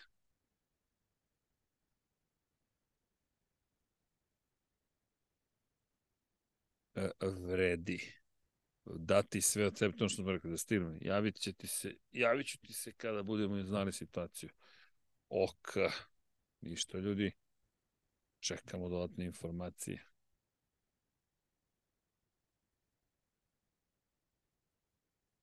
Kaže, da, profil opremni da, da, da, to su, to je zapravo OCD koji, koji vlada kod mene. Volim da imam spakovane stvari. A, Ovde imamo pitanje, kada dolaziš na tenis? Aleks Petrović pita Igora Ninića. Eto. Glavna tema sledećeg podcasta kaže, Valter, Dejan detaljno analizira još problem gaća u trkama, gleda nas nikad neće. Da li pratim The Last of Us? Ne još, zato što hoću da završim igricu. Pa kad završim igricu, e, onda ćemo. E, dešava se to, to su trke, Dragan Šogor. Tako je, to su trke, idemo dalje, šta da radimo. Ipak je izvukao se Miksa nazad na stazi. Idemo! To su najnove informacije. Dakle, Bojan Stanković, ljudi, sve to normalno što se kaže. Tako je, ali dobro. Dobro. Ovde smo. E, dobro. Samo da projem, nema potrebe za popravkama.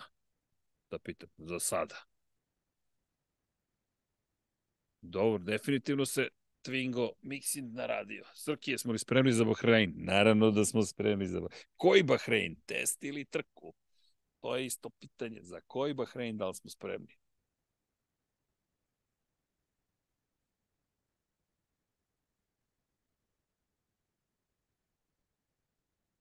Dobro. Evo, čekam dodatne informacije o tome kako nam je stanje, gde smo, šta smo, kako smo, zašto smo.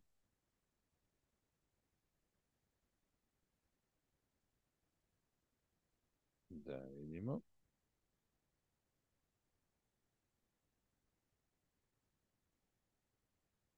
Nemam još info, šef ekipe verovatno je zauzet. E, Sova, ima li neki novosti u knjizi? Ima. Uh, rekao sam i ne, ne sad ne znam da je bio početak podcasta, pošto smo počeli pre tri sata i kusur. Dakle, dobili smo najnoviji e, update, to je novu, nije, nije najnoviji evo, reviziju knjige i to, je, to bi trebalo da bude sve gotovo, sad puštamo je na štampu, ja se nadam sledeće nedelje, sad treba da idemo samo u štampari da li, da li imamo da li imamo naš prostor za, za štampanje i posle četiri nedelje će biti gotovo. Izvinjam se što ste čekali i mi smo čekali, tako da eto, čim bude završeno mi vas obaveštavamo. Malo, malo, malo je ove godine sve kasnilo, obično pošalju sve pre nove godine kada je reč o, o knjizi. Ovo je prvi put da se desilo u februaru da pošalju najnoviji dodatak, ali ok, nažalost. Eto, molim vas za strpljenje, izvinjam se još jednom. Tako da, čim, bude, čim budemo mi imali, izvinjam se, završeno od, sa njihove strane potvrdu, to kreće, ali kažem, stigla je najnovija izmena, tako da bi to trebalo da bude gotovo. Kaže, F1 Balkan, prvo ćemo testove da rešimo, da imamo kako stvari stoje. Tako je, prvo testiranje, pa ćemo onda da vidimo dalje. Sa ovo odlično, hvala. Hvala vama za trpljenje, izvinite. Ovoga, ovoga puta mi isto čekamo. Ovo nismo još imali. Dobro, očigledno izdavačku industriju su stvari mnogo mi se sviđa izdavačka industrija, moram priznati nekako kao da je neko drugo vreme. Malo je malo je kao da je industrija koja zaista ne žuri toliko nigde i kao da je nekako stalo sve, ali na pozitivan način, nije, nema, nema tog neprekidnog stresa, ajmo, ajmo, brže, brže, brže, brže. Nekako čekaj polako, važno je da knjiga bude dobro urađena, da sve uradimo kako treba da proverimo. Baš mi se dopada taj tempo, nekako je, ko slow food, polako, stani, dežuriš i, i, i moram priznati da makar na mene pozitivno utiču, pošto sve neka te televizije uvijek jurnjava, ajmo sekund, nema kašnjenja, idemo, frka je. A ovde kao, pa, kao okej, okay. pa najavili smo knjigu, pa dobro, to su knjige, ljudi imaju razumevanje, svi, svi su opušteni, fenomenalno. Ali dobro, ne, neko, valjda nisam toliko dugo sam na televiziji, nisam naviknut. na takve situacije, ali to je to. Vladimir kaže, bravo za Last of Us, ja uzeo Platinum trofej, isto kao, isto kao, a, i u MotoGP 20, 21, 22. E da, neko je pitao za fantasy. Uh, poslaćemo vam linkove, ja ne znam da li je najnoviji fantasy uh, moguć, da, da su već pokrenuli najnoviji fantasy na formuli, a šaljemo vam not long now, evo, evo, not long now. Dobro, dakle, još nije počeo fantasy Formula 1, kada se otvori, to ćemo da budemo, moramo budemo spremni. Ove godine, e, ove godine ćemo biti malo zbiljniji u fantaziju, ove godine malo zbiljnija situacija.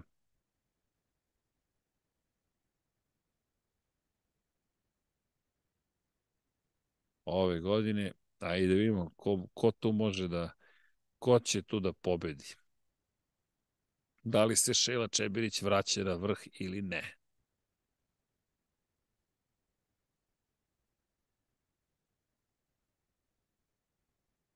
Nema Toki izašao na stazu, sve ok sa autom.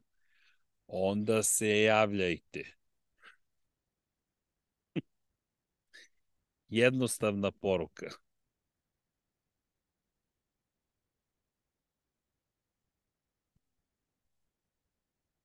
Uh, gde možemo se prvo da mi učestvujemo u fantaziji Ivan Matić. Još nije fantazija otvoren za ovu godinu, da znate. Još nije fantazija otvoren.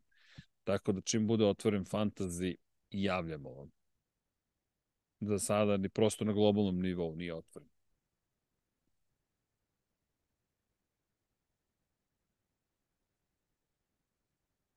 Evo Dekija. Stiže Deki na Zoom, vraća se na Zoom, tako da će biti uskoro tu.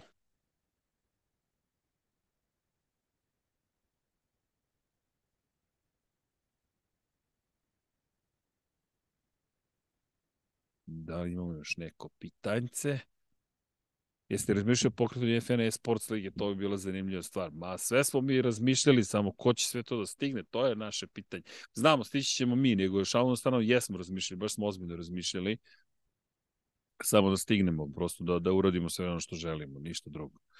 To jednostavno isti broj ljudi je, a, a više stvari koje treba uraditi. Opa, je li to Deki sa nama? Evo ga, Deki. Ćao, Srki. Šta da ti kažem? Pravi endurance.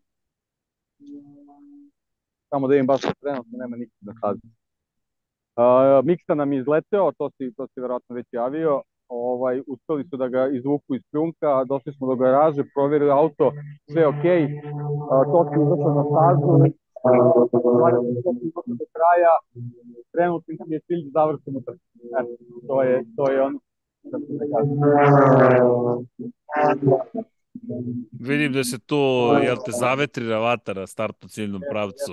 Generalno ovaj automobil pošto ima, da kažemo, taj neaerodinamični oblik kocke, ovaj, ko hvata zavetrinu, taj je generalno najbrži. I to se prilično dobija na brzini. Tako da to je, to je jedna stvari na, na trkama Dobro, ali vidi, i to je iskustvo, su to iskustva. Vi, naš, okretanja, popravljanja, da li ćemo uspeti, da li će se završiti trka ili ne. Znaš kako, bio je, bio je dogovor, ja kad sam izašao iz automobila, staza je onako prilično sad već raspašena i dosta je klizava, ima dosta blata na stazi, Međutim, bila je ideja da probamo da, da, da uhvatimo priključak sa, sa dvojicom koji su ispred nas, da bismo barem završili trku eventualno treći u klasi ili da zauzmemo četvrtu poziciju kako bi bili ovaj, kao na svoje startne, startne mesto. To bi bilo sjajno. Međutim, eto, naravno, ne, ne, nije u trkama baš sve tako jednostavno, ali evo, kažem, sad nam je generalno cilj da, da završimo trku. Ima još dosta da se vozi generalno 25 minuta u, u, od recimo pola sata pre kraja, pa prethodnih 5 sata mogu to ne predstavalo, tako da nije još se gotovo, tako da ne predajemo se tok je poslednja izmena, više nemamo potrebe da, da ulazimo, ispunili smo sedam, sedam ovaj, obaveznih zamena, tako da smo ovaj, ono, u zadovoljni tempo i dalje dobar, automobil nije oštećen i evo jedna možda zanimljiva stvar, što se pohvalimo, imamo najbrži strug u pati. Da, to, to, to, to je Igor, isto, Igor Ninić pažljivo prati vremena, konstatovao najbrže vreme u klasi, tako da eto, pazi, ima razloga za zadovoljstvo. Apsolutno, pa znaš kako, ovo je za nas pre svega happening i, i uživanje, naravno svaka prilika se koristi ako možda napraviš dobro, dobro a dobro, stvarno, stvarno mnogo faktora zavisi, svi koji su vodili endurance zna, znaju šta to znači posebno kad su ovakvi vremenski uslovi koji su potpuno nepredvidivi. Tako da, apsolutno smo zadovoljni i poenta da vidimo kada da stanemo na kraju.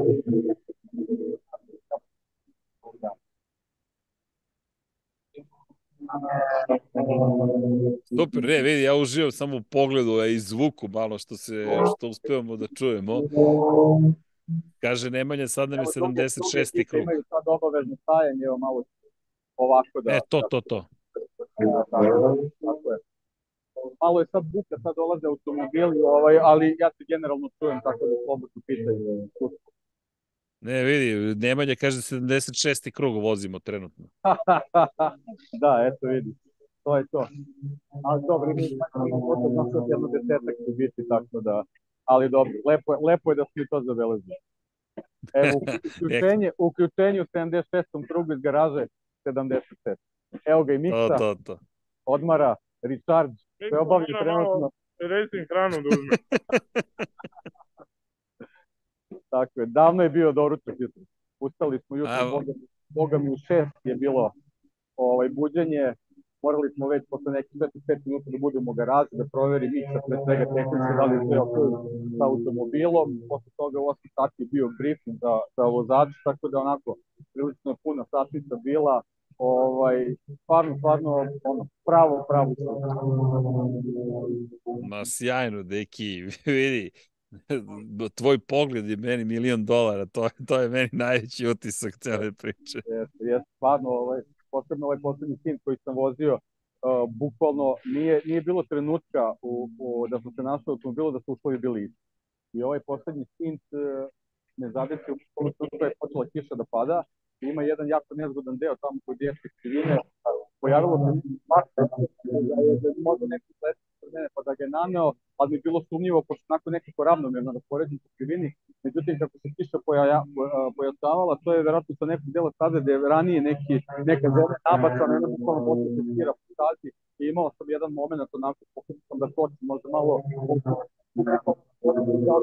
bila staza i a, krenula je odmah kazna zadnji deo se javio, pa se bilo onako borba sa automobilom, ali tak je onako a, ide u, u levo i, i nekako ima nagib kao oval, tako da a, u, u trenutku može da, da iskoriguješ, ne nosi se odmah napolje, tako da uspeo sam pristupam iz te situacije, onda posle toga nastavak stinta bukvalno bilo prilagođavanje vremenskim uslovima koji su bili sve gori i gori. Uh, neka pada neka kiša koja je kao izmaglica, upališ brisače, oni 3-4 puta naprave, naprave svoju rotaciju i deluje kao da se uh, guma zaglavi koliko ti deluje su, suva šofe sajbna, međutim bukvalno kako uvesti brisače, posle dve sekunde se ništa ne vidi. Stvarno ne, neka, neka čudna kiša je onako baš kad se treba prilagoditi situaciju. Dobro, to smo baš pričali koliko će ti biti izazov što si izašao sada po, po stazi koja se suši, počinje kiša. Kao, evo ti još jedan dodatak u celu priču. Evo ono upravo sam pri- pričao, ovaj, nisu svi ovaj, faza ustavljanja se teku po, plan, po planu, uvek se desi nešto nepredviđeno, evo, bukvalno 20 minuta pre kraja ekipa sa startnim brojem 716 problemi sa zadnjim delom, evo vidite, upravo to što sam rekao, važno je da se svi stigli do cilja, ima mnogo nepredviđenih situacije, tako da To je vodeća ekipa. Tako je, tako je. Ti vidiš, svakom može to da se desi tako jednostavno, glava dole, trpi se tempo, prilagođava se situaciju u stazi i jednostavno isto kao karijera ne zastavi, to je najvažnije. Evo vidi, čekamo koliko još minuta ostalo, stani da vidim. Ostalo je još ka- 19 minuta i 50 sekundi. 19 minuta i 50 sekundi, dobro. Ne znam da li vidite sat, ali, ali vidite, ovaj, vrlo jasno se nalazi na sasvim pravcu, ali vidite, tako da svi postava mogu jasno da vide koliko ima Evo, dosta, dosta automobila je ranjeno i, i ovaj, obavljaju je vanredne, vanredna neka zustavlja. Nije još to izgubljeno. To, to, to, to, to, to, to, ti što lepo si rekao, endurance trkanje, samo polako, pa ćemo da vidimo. Čekaj, koga mi jurimo? Mi smo u klasi na poziciji broj 5. Iskreno pravo da ti kažem, ja nemam pojma. Znači, ja samo vozim, slušam šta mi govore, pratim našu lap 76 tablu, to je oznaka. Kad vidiš tablu, ulaziš u bok sledeći krug. To je Evo ga, naš drugar. Još jedna Srbije. Ekipa maraton, Maratonci tim, tako je. Startni broj 7 Tošić junior i senior. Tošić junior, senior. Drugi u klasi Eto, drugi u klasi, tako je.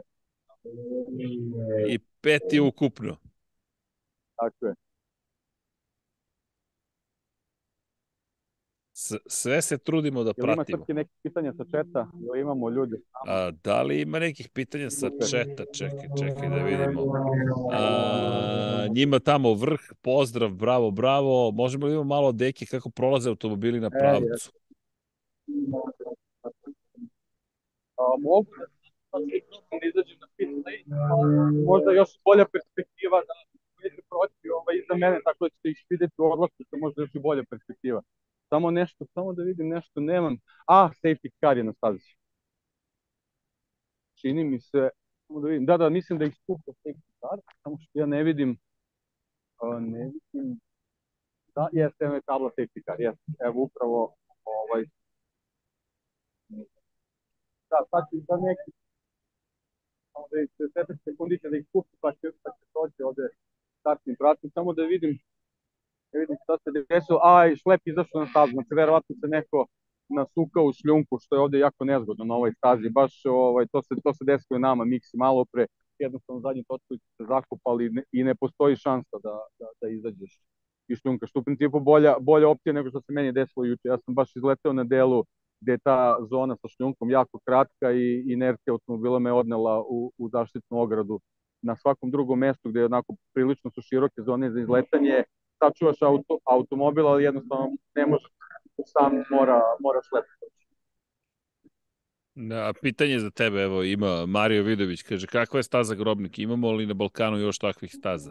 A, staza je sjajna, staza delo je da je jednostavna, zato što u principu e, pričali smo i sa Martinom dok je bio kod nas u podcastu i generalni vozači govore, tu ima neke, neka dva, tri mesta da stvarno zahtevaju onako da si da si tehnički prilično potkovan, da si, da si ovaj, onako, što bi rekli, išlifovan vozač, tu se prave te razlike ali uh, u principu staza u brzim automobilima mislim da je sjajno, zaista. Eto, to je to je neko neko mišljenje, apsolutno uh, ne sumnjam da je bilo sjajno kad se ovde kad su se ovde pre svega vozila naša kraljevska klasa koju moram da spomenem. A, evo ga.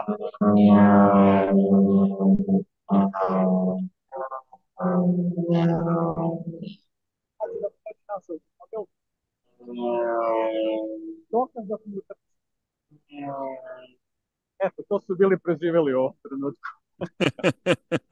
Sad su skupljeni na gomelu i sad kreće trkanje. Evo i šlep se povlači sa staze, tako da verujem da će sledeći krug, da se trka pusti. Trenutno ima 15 minuta, 15 minuta 60 sekundi do, do kraja, tako da u stvari dok oni obiđu krug, znači imat ćemo još nekih 13 minuta do, do kraja trke, ako se ponovo nešto ne dovolji. Dobro, jel, jel imaš, jel, jel možemo da vidimo restart iz tvoje perspektive? Šta ti kažeš? To ti kažem, neki, ja dobili smo live. Ovako do, dobit ćete ih ovaj, na dolasku, pa ću pokušati brzo da okrenem da ih vidite u odlasku, ovaj, kako se hvataju zavetrina ako uspem nešto da uredim. Ali Super, ima, ima ovaj, sad će oni verovatno da, da sačekaju, pošto imaš nekoliko automobila iz, iz na pit lane-u su, pošto su završavali ovaj, svoje, svoje zamene, ali možda će ih pustiti eh, nezavisno od njih. Sad ćemo da vidimo kako će direkcija trke da odluči. Evo jedan automobil im se polako priključuje i ovde su na pit lane još dva, tri automobila. Njih možda neće čekati pošto su svi motore sačuli, kao što čuješ tišinu oko mene. Da, da, da, se, da. ne čuje se ni trkot ptica, nema, nema nikoga trenutno. Evo, možete da čujete tišinu, da. Jedan, jedan je upravo izašao i ima još dva, tri automobila. Mislim da su ovo redovne zamene, tako da je njima ovo sigurnosno vozilo do, dobro došlo u ovom trenutku. Vidjet ćemo poredak kad, kad, kad, krene, kad krene ponovo trka. Evo, dobijamo i osveženje. Moramo malo ovaj šećera da unesemo. Da, da ne šuškam baš nikog, to nije kulturno. Da, da, da. Pitanjci, baš neki, otvorili, kakav je plan, kakav je plan po završetku trke? Ništa, po završetku trke nije gotovo, jednostavno ovaj, oni koji su ovaj, na pobedničkom postoju, naravno idu, idu po, po zaslužena priznanja, ali svi automobili odlaze u Park Ferme ovaj, na, na, na sudijske provere i posle toga se vraćaju u garaže i sredi pakovanje garaže, to neće baš ovaj, kratko da traje, tako da ima tu još dosta posla, nije trka gotova sa prolazom Mislim trkački vikend, trkački vikend gotova, ali trkački vikend će da traje još nekih sat, dva posle trke minimum. evo upravo prilaze u Zagrebačkoj krivini. Ovaj, ja verujem da će, da će da ih puste uh, da će sledeći krug da se, da se krene ponovo sa trkom. Nekoliko automobila ovde i dalje na popravci i dva su na nekoj redovnoj zameni vozača, tako da evo vidim safety car izlazi iz Zagrebački, sad bi trebalo da se pojavi u pit lane-u, tako da evo sled služba dovlači automobil koji se pukao. Evo, to, to ovako izgleda.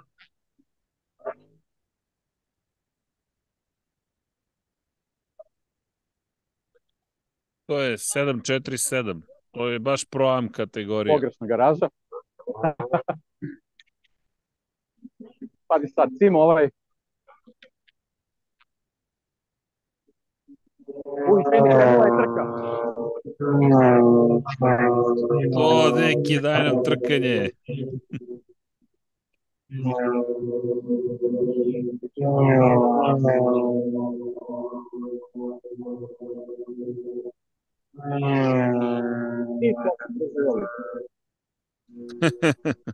Koliko još minuta do kraja?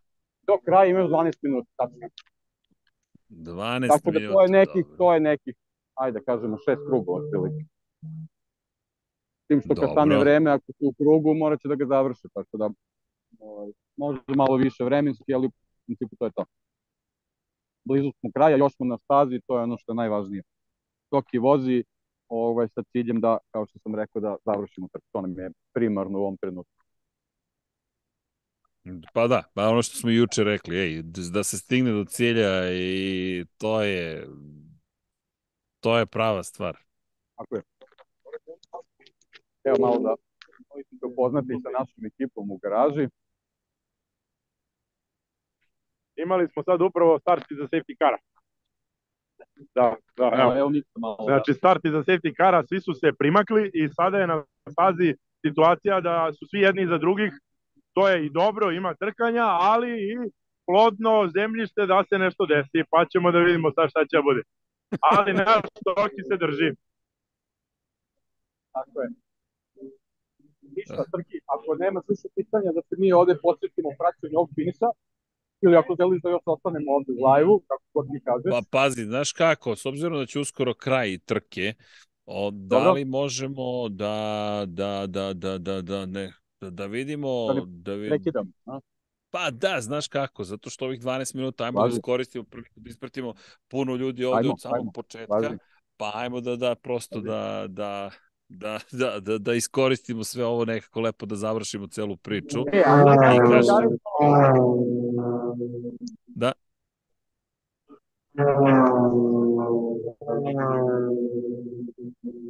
O, čekaj, drugari da pozdravimo. Ćao ljudi!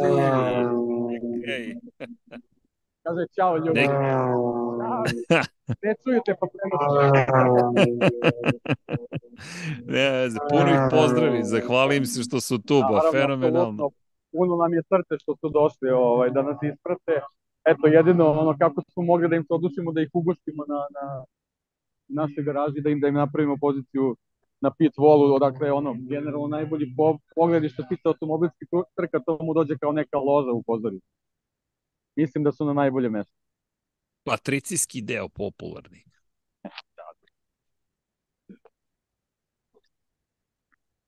Jel ima još drugara na četku? Ima, ima, ima dosta ljudi je tu, pozdrav, skoro 200 ljudi Sjajno. je sa Pozdrav nama od, od, od samog početka i tako. Šta, šta, šta, šta, šta, šta da ti kažem, zabava traje, sve smo prošli. Od eh, prava, knjiga, MotoGP-a, Formule 1, eh, čilenske geografije, do toga, do, do uključenja, do otkazivanja tehničkih događa smo stigli, ne znam šta sve nismo.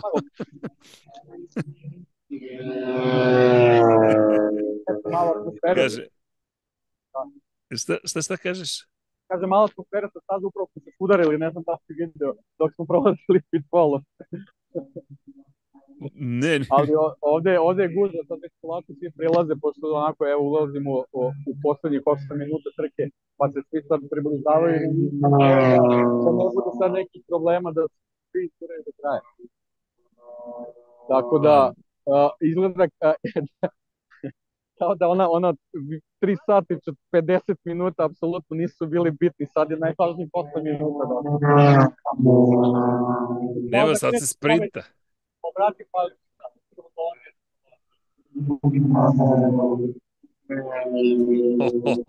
Gužva. Ali sad su na braniku svi. To ti je kao onom brzinskom biciklizmu, znaš kad voze u dvorani, na onim, na onim ovalnim parketima, tako, nešto jedno puta treba i onda kreće sprint u poslednjih 100 metara na 1000 metara. Ovo je prilike nešto tako. Da, inače, trenutno smo četvrti u klasi, 747 malo pre, a to ono što smo videli kada su imali da. izletanje sa staze, su nam prepustili poziciju broj 4. Tako je. To je bila naša startna pozicija u klasi, tako da da ništa ne pričam, ali to je to bi bilo sasvim sasvim zadovoljavajuće mesto. Jedna pozicija iznad kao ne znam, neću ništa da kažem, ali nema ni nema ništa da kažeš. sam generalno sa čitavom pričom, tako da sve sve ide po, u, u, po svom toku kako treba da bude i predviđene situacije i nešto je nama išlo na ruku, nešto nije, ali generalno to su trke i, i sve u redu. Da, inače, e, kaže, a, evo Anja kaže, bravo momci za svi pobednice Anja Marčetić, hvala. Mario Vidović, isplati se biti Patreon. Tako je, isplati se patreon.com kroz Infinity Lighthouse. Hvala svim da Patreonima i YouTuberima, četiri tako sata je. na, na stazi punim gasom. kaže Nikola Božović, svi mi pokrovitelji osjećamo bočni vetar u krivinama. da, da, Tako da. je. A Igor tako kaže, uzeše nam BA, nam je uzeo najbrži krug. Uzeše nam Mangupi najbrži tako krug. Je, nema veze. nema veze, nema veze. Bili smo zapisani i, i ovaj, nastavljamo borbu, tako da... Evo i kaže, drago. kaže, gledam prenos na mobilnom i SEO simulator, malo trka za vikend na Seto Corsa, Dragan Šogorov, naravno. I Ružica Stefanović, svaka čast i za trku i za prenos. Bravo. Možda možemo da vidimo sa, sa Mixom, to mi, to mi ovaj, pada na pamet, svako ko na Dobro. Seto Corsa možda nema profil grobnika, da, da sredimo, da, da, da dobiju tu stazu, da, da nekako probaju da vide ovaj, gde su sa vremenima. Ajde da vidjet ćemo to, ajde, ajde to nek bude predlog za sledeći podcast da porazgovaramo o tome, da vidimo nekako link i važno koji šta treba da se uradi, pa eto, čisto da ljudi možda na taj način osete da vide gde smo sad bili i kako, kako izgledaju, izgledaju ta neka ključna mesta ovde. Ajde, ajde, naravno, kako da ne. Znaš, da, da napravimo što veći ugođaj svima i da, da, da, da približimo celu stazu. Inače, Alen mi, Alen piše dosta onome što smo pričali, a kaže, nemoj da zaboriš po stazi, na stazi koji su u istom krugu bili Agostini i Keke Rosberg. I to naravno, apsolutno. I, i Gardner, i Svans, i Reini, i, i Spencer, i da ne nabrajam što se tiče motociklističkih asova, ali generalno ovaj, pošto je ova automobilska priča, ne treba da se zaboravi da je Keke Rosberg ovde vozio taj jedan promotivni krug u McLarenu, pored njega na Yamahi, Giacomo Agostini, verovatno nezaboran doživlje za sve koji su bili na trci. Ma da, ne, sve da zamislim. Zna. Samo, samo, samo, samo pomisli neko, na prvi, ne znam, od svetskih šampiona, Jenson Button sad dođe do vozi, a pored njega Valentino Rossi. Čisto fore radi malo da promoviš u stazu. A, super. Tako je. Inače, Evo, ne znam da se vidi sad iza mene. Ušli smo u poslednjih pet minuta to, deki. E, ima ovde pitanja, kaže Mario, koliko kila ima trkačka odeća, oprema kada se obuče, delo, kaciga i šta već? Pa nemam pojma, ali nije, nije pretarano teško taj. Nemam, ovaj, mislim, saznaćemo ovaj, tačne neke, neke mere, tačne neke kilaže, ali nije, ne prestaje nikakav problem. Meni je komplikacija bila ovaj obući, praktično skinuti to kad to skopsa rifle jako je nezgodno prebaciti kombinezon, baciti ga s ramena, ovaj, posebno ako, ako je neki onako manji, manji kroj, da ovaj, generalno i udobno i zaista mi nije nikakav problem bio da, da, da provodim vreme u kombinezonu, čak što više nisam ga ni skinuo, samo da vidim, evo. I u patikama sam i u kombinezonu. Ovaj, jedno, jednostavno želim da tako završim da bar nisam To, to, to, to, to, to, to. tri i po minuta još do kraja, znači otprilike neke dva kruga još i, i završavamo 4 sata grobnika za ovu godinu. E, jedno pitanje, koliko konjskih snaga Vita Vojko ima Twingo?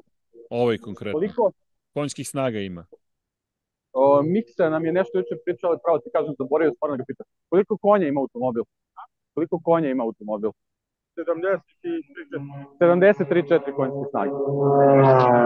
To je praktično serijski motor, serijski motor u njemu i, i nekoliko konjskih snaga je dodato praktično samo u drugom izduvnom granu. Jer u principu kompletan automobil, uh, projekat, čitav ovaj zastava na serijskom automobilu da bi bio što jeftiniji za, za trkanje. On je praktično ogoljen, ima trkačko sedište, roll bar, trkačke pedale i ovaj, izduvnu granu. Generalno to su neke, neke najkrupnije promene.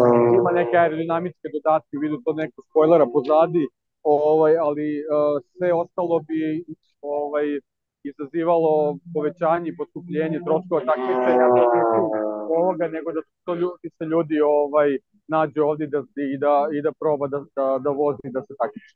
Evo još jedan problem.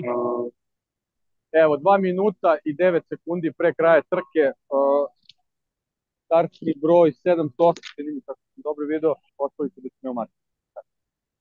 Znači, trka bukvalno uh, mora do, do, do poslednjih sekunde da se vozi, da sve bude kako treba i bukvalno u poslednjem krugu može da izgubi poziciju. E, ali to je to, to je vidi, to je poslednja dva minuta koliko ja mogu da vidim. Evo, ulazimo još 45 sekundi i ulazimo u poslednji minut, tako je. Tu smo. ništa deki, da završimo trku.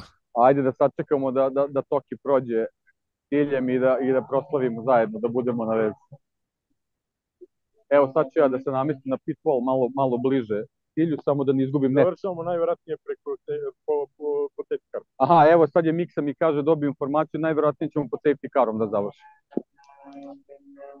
E, jedno pitanje, e, kaže, e, da li brzine idu u H ili su na volanu? Ili je sekvencijalno? ne, ne, ne, ne, ne, ne, menjan, menjač je klasičan brzini duha i, i klasičan je serijski menjač. Ručica je serijska, samo je ogoljena, bukvalno se vidi samo štap i to je to. Evo, ono što je Miksa najavio, safety car skuplja automobile u poredak i pod safety carom ćemo da završimo trku. Dobro, to je to. Još dva minuta praktično, dva i po samo se prođe. Sve sekundi je do kraja, tako da bukvalno sledeći krug prođu, to je to. Ušli smo u poslednji krug praktično trke. A, pa Evo, dobro. na, na satu ima 30 sekundi, 33 sekunde i to je to. Samo da prođe se onda. Evo je baš blizu prolazi. Evo, tu dobite utisak brzine. Ha, Da, sačekat ćemo da obiđe ovaj krug eto zajedno da, da proslavimo naš završetak četvora to, to, to, to, to. živosti na grobništu. Garaža Četvrti smo. 75. Da, da, bravo ljudi, svaka čast. E, vidi, četvrti smo u, u klasi, pita Gojko koji smo. Kaže Boris, kaže, pita Boris, kaže. Evo, evo vidiš, to, to, to, to. evo ti Miksina Završili smo! To je to. evo da pokažem sat, ne znam da li se vidi. Četiri sata je upravo, upravo isteklo. Čekamo samo da prođu, da dobiju zastavu i to je to. Ma, fenomenalno. I još ovo što si uspio da se uključiš, znaš koliko je ulepšalo sve, sve stvari. Mnogo, mnogo lepo osjećaj videti još stvarno, četiri. o, stvarno moram Miksi da odam priznanje, znači čovek koji je kompletan organizator svega, vozač kampera, mehaničar, vozač Twinga, IT tehničar, ja ne znam šta sve ovde danas nije radio, ne danas, juče, prekjuče, sve šta treba, sve škripi, zna se ko je prvi Miksa je tu, naravno, svi smo bili tu da pomognemo, možda neko i da odmogne ponekad, ali dobro, to je valjda isto trkanje, ali eto, nadam se ovaj, da, da svi idu sa nekim lepim utiscima odavde eto, mislim, generalno što mene tiče, ovo je stvarno fenomenalna zabava, nadam se da, da, da su i ostali to tako shvatili. Vidim, mi, mi- ja se zabavljam ovde od, od 4.45. Vidim, vidim da si spreman da nastaviš da spavaš. čim se ovo završi. Ne, ne, ne, ne, ja sad vozim za, idem ja sad, mene čeka dva sata vožnja, ali nema veze, idem nazad na more. Ali, dobro. kaže, Almir, vozim iz Mostara za Sarajevo i slušam podcast, pozdrav svima. To Almire, kaže Josip, bravo, momci, čestitke, pozdrav iz Stokholma, pozdrav Josipe za Stokholm. Pozdrav svima. kaže Mitar Spa, Spadijer, kaže, znači safety car do kraja za razliku od Abu Dhabija 2021. da, ovde pa malo onako, sad, sad su već prilično nezgodni uslovi, dosta izletanja bilo i verujem da je direkcija zbog toga odlučila da, da nema razloga više se rizikuje, manje više plasman je poznat to, to, to, to. i, i generalno je okej okay da, da se ovako završi trka u nekoj ovaj, da kažemo, mirnijoj atmosferi. Da, inače, kaže, pit, kaže pitanje, ka, konstatacija, zamisli da treba još 20 časova da se vozi. E, upravo to sam hteo da kažem. Zamislite 24 časovnu trku, koliko smo vremena, evo, svi zajedno i, i na ovom Zoomu i mi ovde na stazi i generalno u live-u, a to je samo jedna šestina pravih endurance trka. Evo, evo ga, da ih propratimo stižu.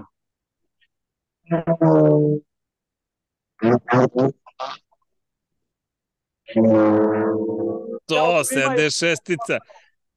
A, čao svima, Toki je prošao odmah pored. Ej, ljudi, ovo je...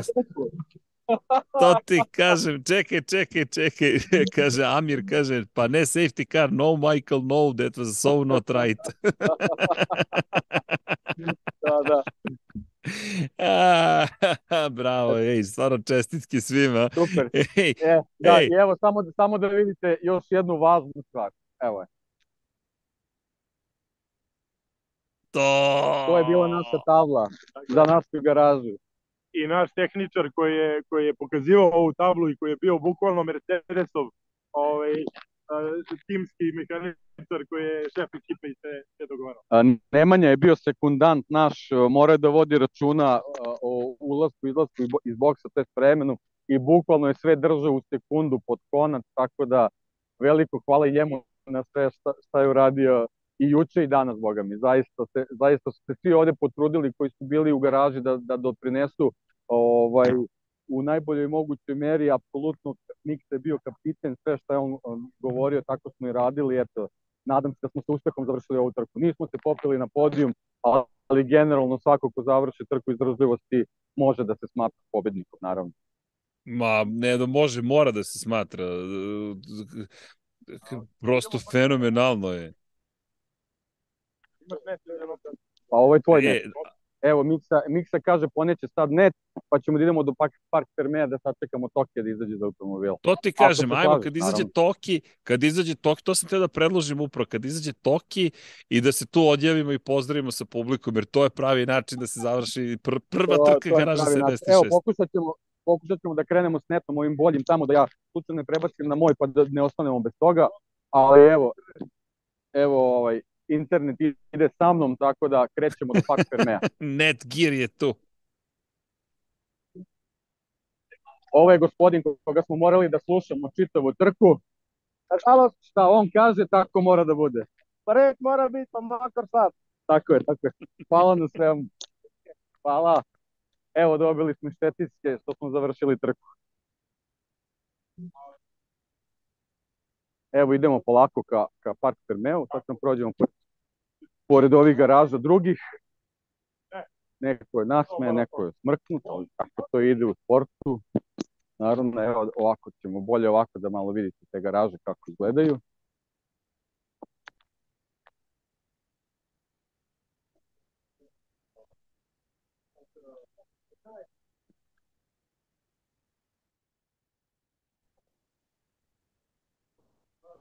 E, prosto smo garaže, ovako kao Park Fermeu, sad moramo čekamo da obiđu krug, pošto ovaj, baš su usporeni te starom, ovaj, a iskačem ni video sad su prošli, a evo ulaze, ulaze upravo u pit lane, tako tu doći i do Park Fermea. Evo tu su i drugari. Evo, jedan pozdrav za Lak 76, ako može, u live-u smo trenutno.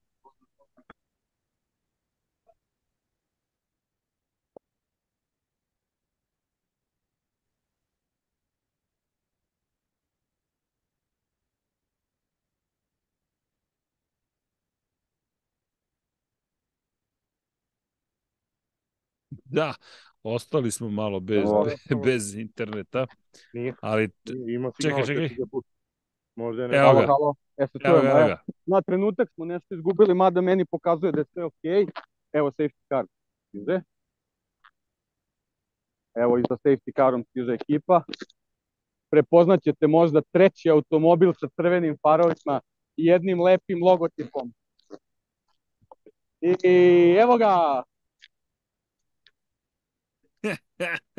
to! svima.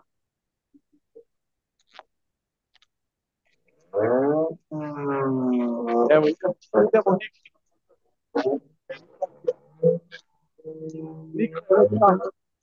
Ja malo kasnije. Nadam se da me čuješ ti ako, ako, ako smo malo opet zaribali.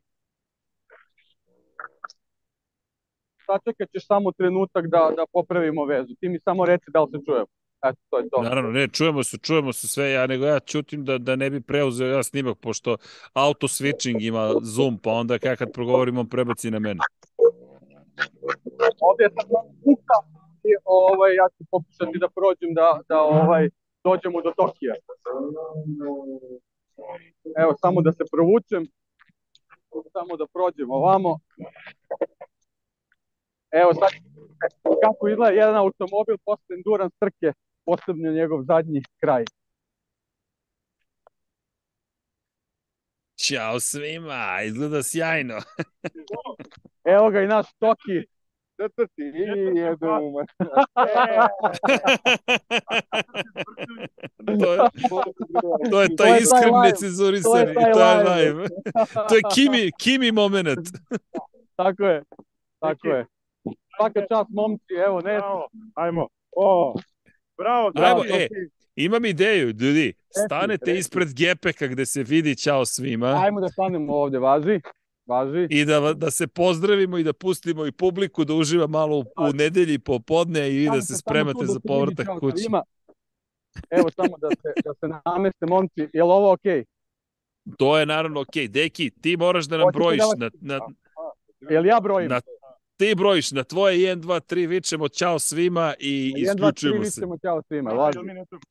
1, 2, 3. Ćao svima. Ćao svima!